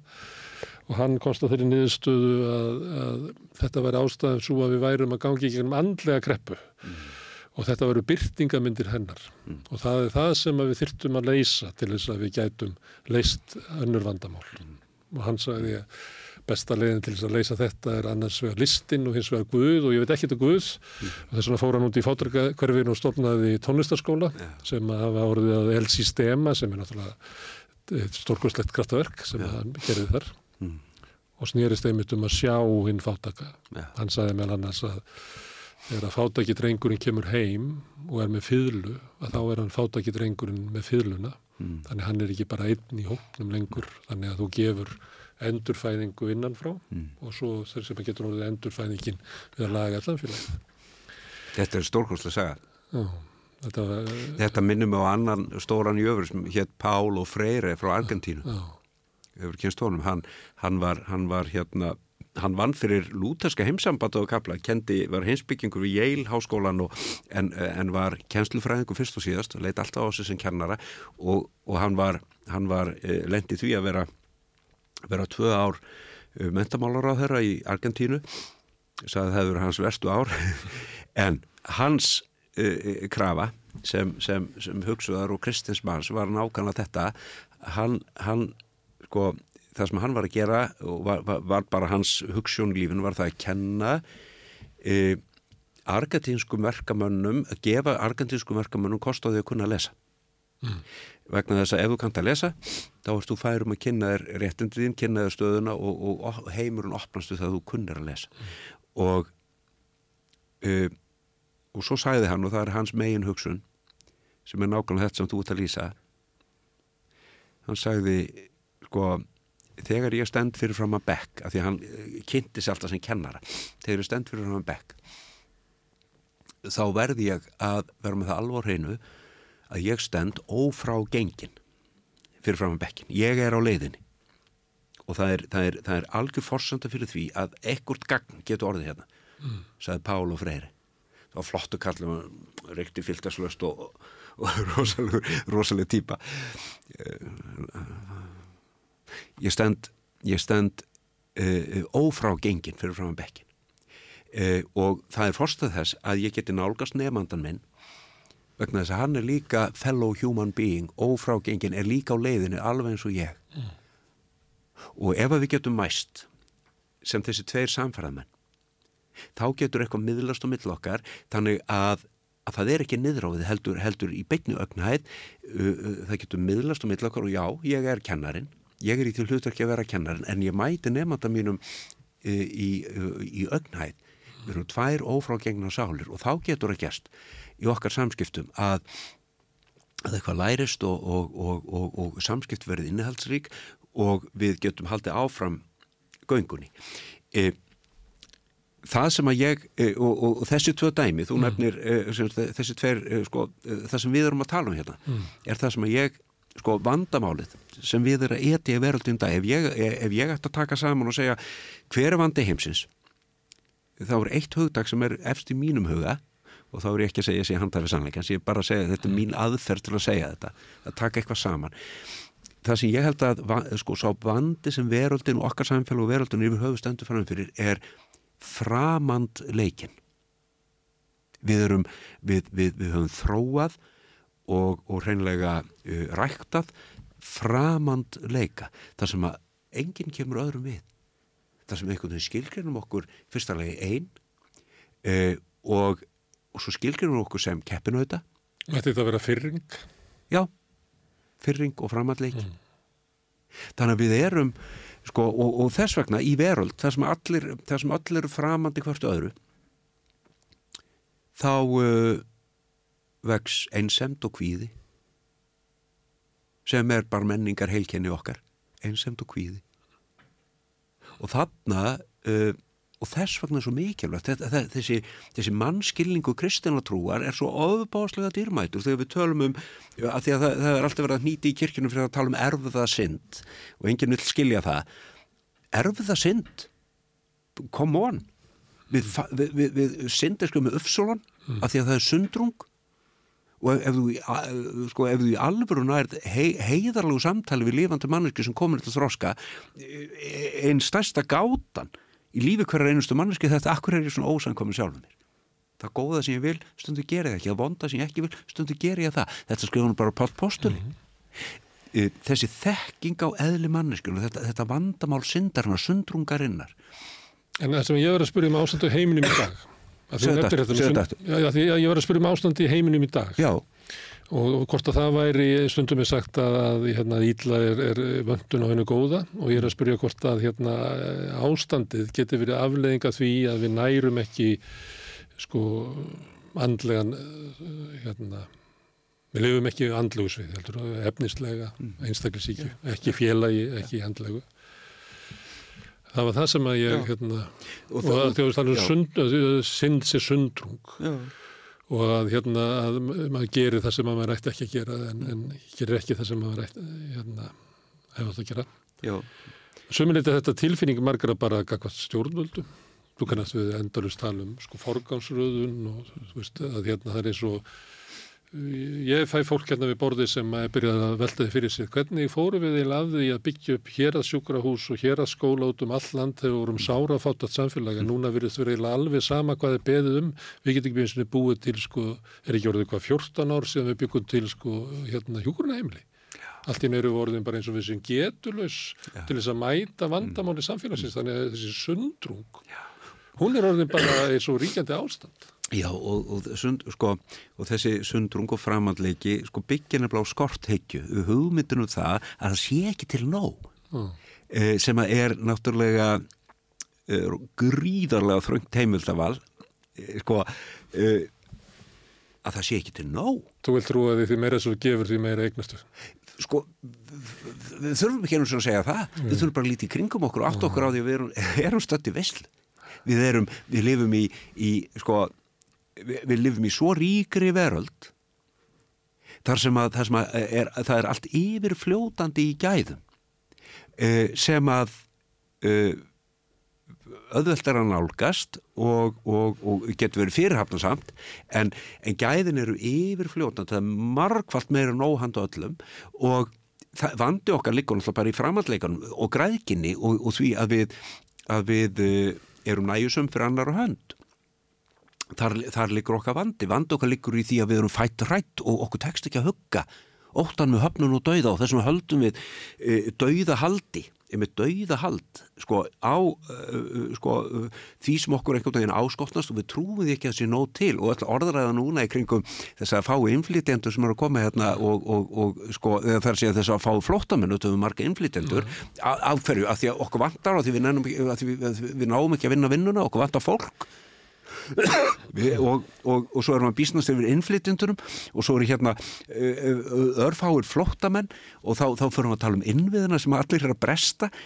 Sko þetta er þröngt heimildaval þetta, þetta er þetta er sko skínvilla sko heimurinn er ekki svona.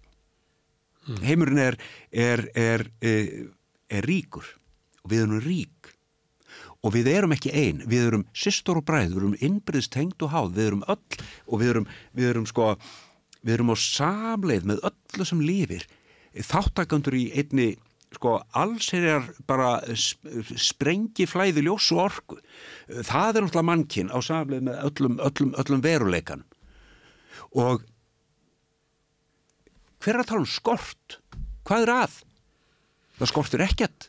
En í þessari rútu alveg til þess að fagnaðar sem þú ert að lýsa. Ja. þar er fólk einmanna og kvíðið. Hmm. það líður fólk ítla og það er sundrung og það er deilt og það er slegist og drepið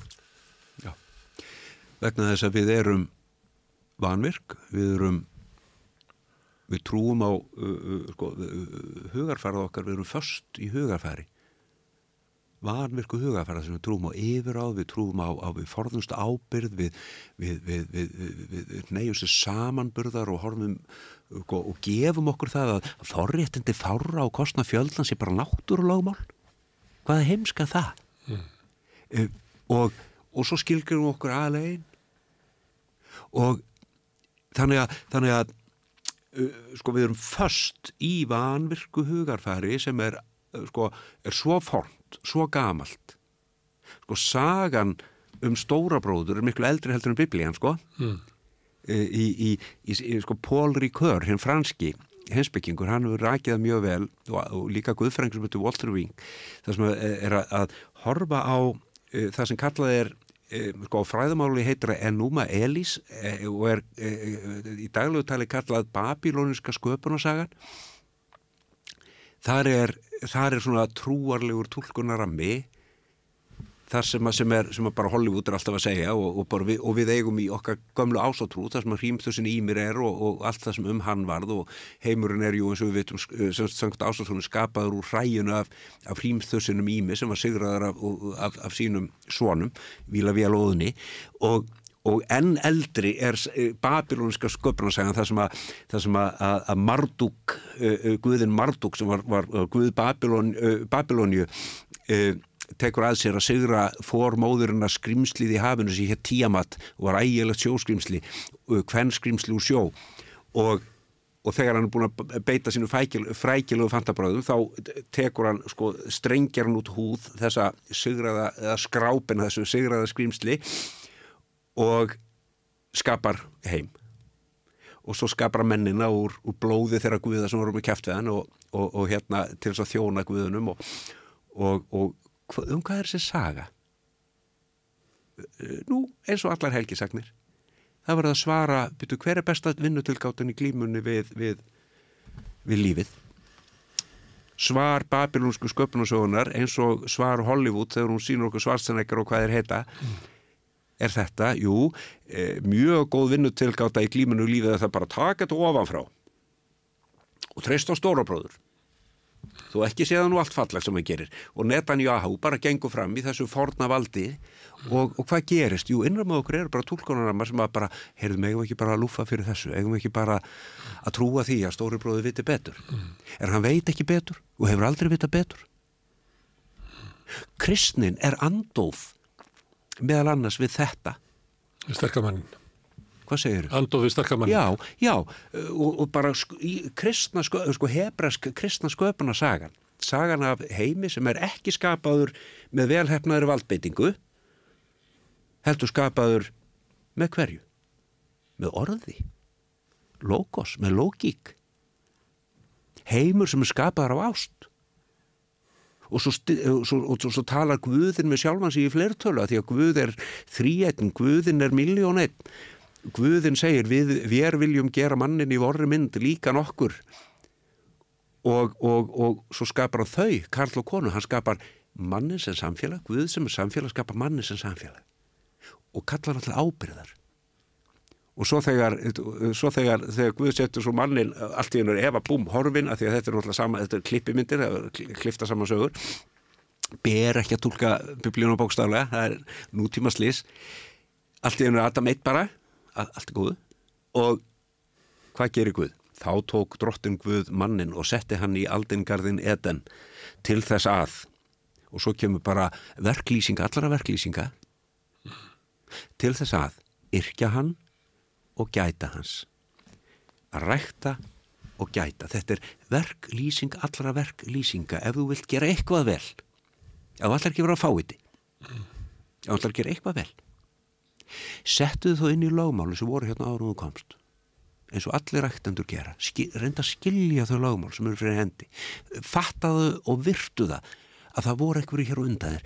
Aðrir hafa erfið á undan einhver þið eru gengnir inn í erfið þeirra, sagði Kristur. Sko ræktaðu og hlúðu svo að. Allt gott verk alveg saman hvort þú ert að sko, byggja hús eða, eða alveg börn eða, eða eh, kenna náttúruvísindi. Allt gott verk. Grafa skurð allt gott verk er um það að rækta og gæta. Og ef að við sko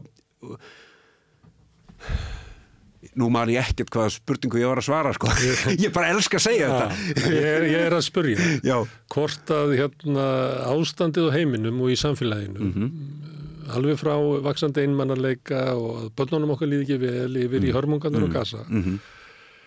er þetta ástand á mannskeppnunni mm. vegna þess að henni skorti trú eða að erindi kristninnar og krist hefur ekki náð til okkar mm. þetta sé merki um guðlusan heim eða afvega leita andlega þörf mm. er að veltaði fyrir mér Já, og þannig að þú ert að spyrja mig Bjarni Ég er að spyrja þess að setja sölum já, það er já. sama hvaða vanda ég ber á borði hérna og þú segir alltaf lausnin er kristur er það svo? Sko, það er það, það værir, sko fyrir mér fyrir mér er lausnin Jésús Kristur. Ég veit ekkert annan nafn mér og veröldinu til hjálpræðis bara ekki. Og ég væri óhegluður ef ég segði nokkuð annað. Og ef ég gerði eitthvað annað en að bóða Jésú Krist uh, sko mörnu til hjálpræðis þá væri bara ekkert markað með takandi. Uh, og ég meina það. En ég ætla ekki að standa í, í fjöl menningar samfélag segja, heyrðu, það verða allir að verða eins og ég, það verða allir að, að taka við trúnum með nákvæmlega sem hætti og ég vegna þess að annars fariði til helvítis eða allur heimurinn fyrir forgórðum sko. Og þú kæmist ekki að sömu niðurstöður ef að Bjarni væri í Teheran í Íran? Eða í í Índlandi eða? Þá kæmist Bjarni að einhver annar niðurstöð vegna þess að þú ert einu sinni, sko, akkurat, sko, við erum að tala, við erum að tala alltaf um svo mikil aðalatri hérna. Ég, ég, hérna, ég hef leifið til að segja þessa sögu. Þegar ég var ungu prestur, þá stóði ég, fyrsta skipt sem stóði við látnu barni. Sko, ég hef leifið viðkomandi til að segja þessu. Ég stóði við líki, uh, yfir, yfir lemstruðu bars líki. Og ég var 28 ára, ég var skjelmingu lostinn og uh,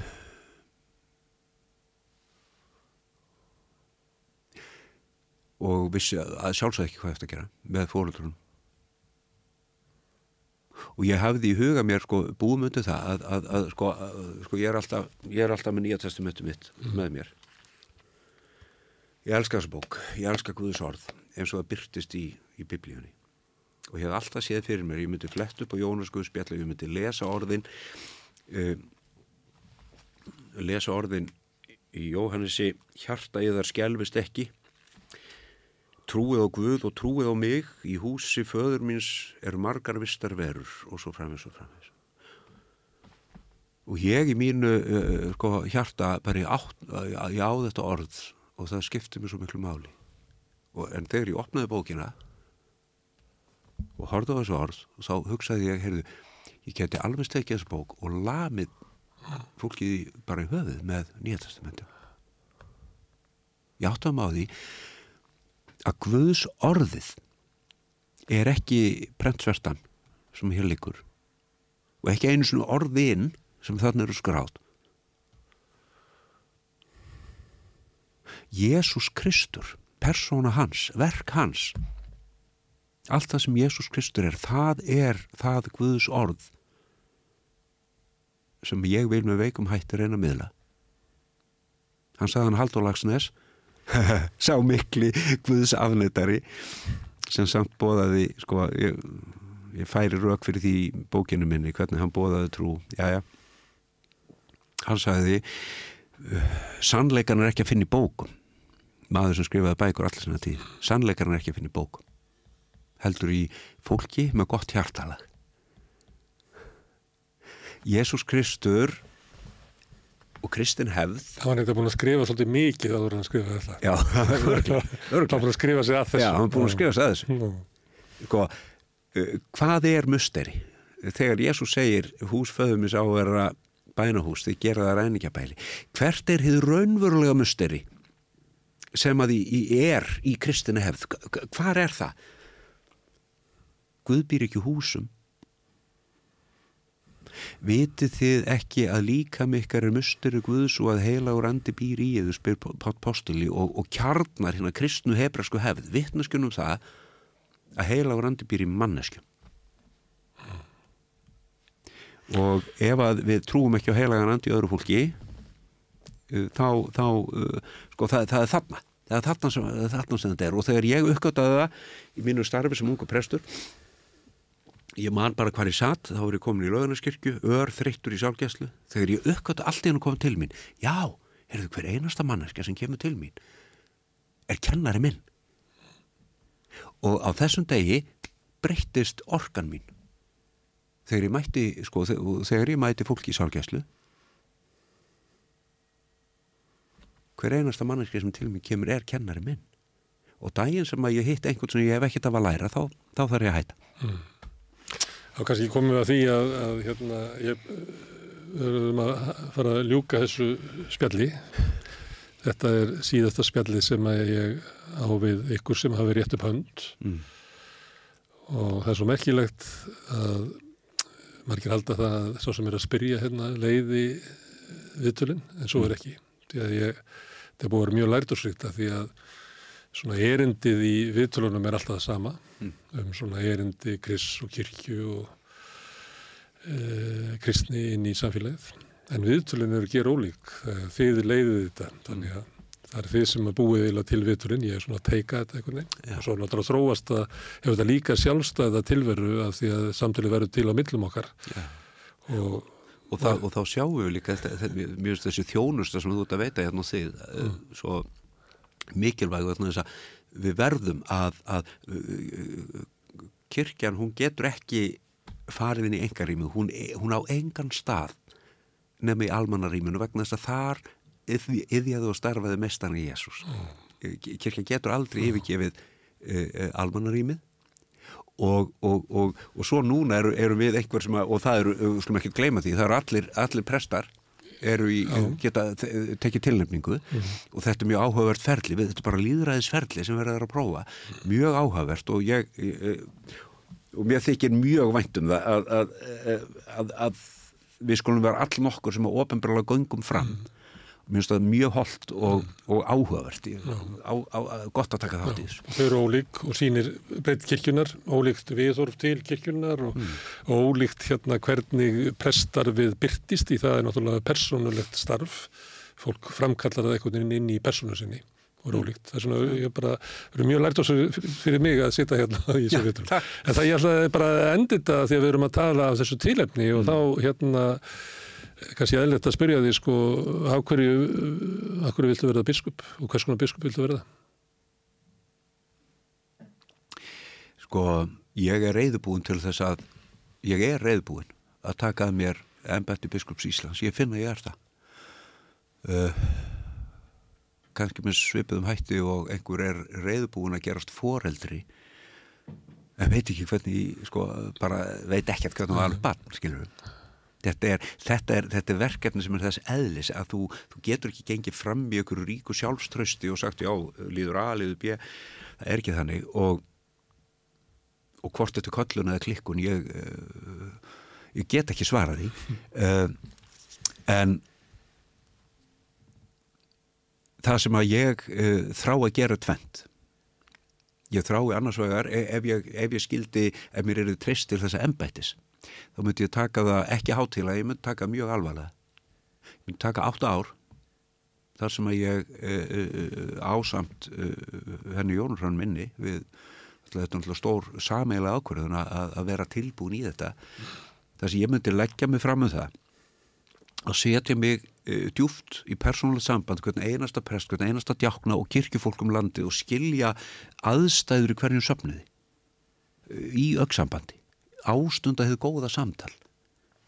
Uh, þannig að þegar teknur ákvarðanur um breytingar og annað að þá sé alltaf gert í ögnhæð og í ögn sambandi við þau sem málu varðar á hverjum stað. Grunn eining Kristjana kirkju að lútaskum sið er nefnilega ekki biskupin eða e, e, silkjuhúfu valdið sko heldur er grunn eining kirkjunar söpniður og presturinn kemur sem þjótt safnaðaris e, sendur af biskupi en kemur sem þjótt og til að þjóna sakramentunum og, og, og þjóna orðinu og, og e, þannig að e, ef, ég, ef mér er þið treyst fyrir þessu embætti þá er þið um áherslu á dreifræði að ræða og e, og hitt sem að ég myndi vilja gera er það að ég myndi vilja vinna markvist að því í samvinnu við kennumenn í kirkjunni að, að taka skilgreiningavaldi á því hvað er kristn og kirkju út úr höndum og fólki sem vill lenga kristn og vill lenga kirkju.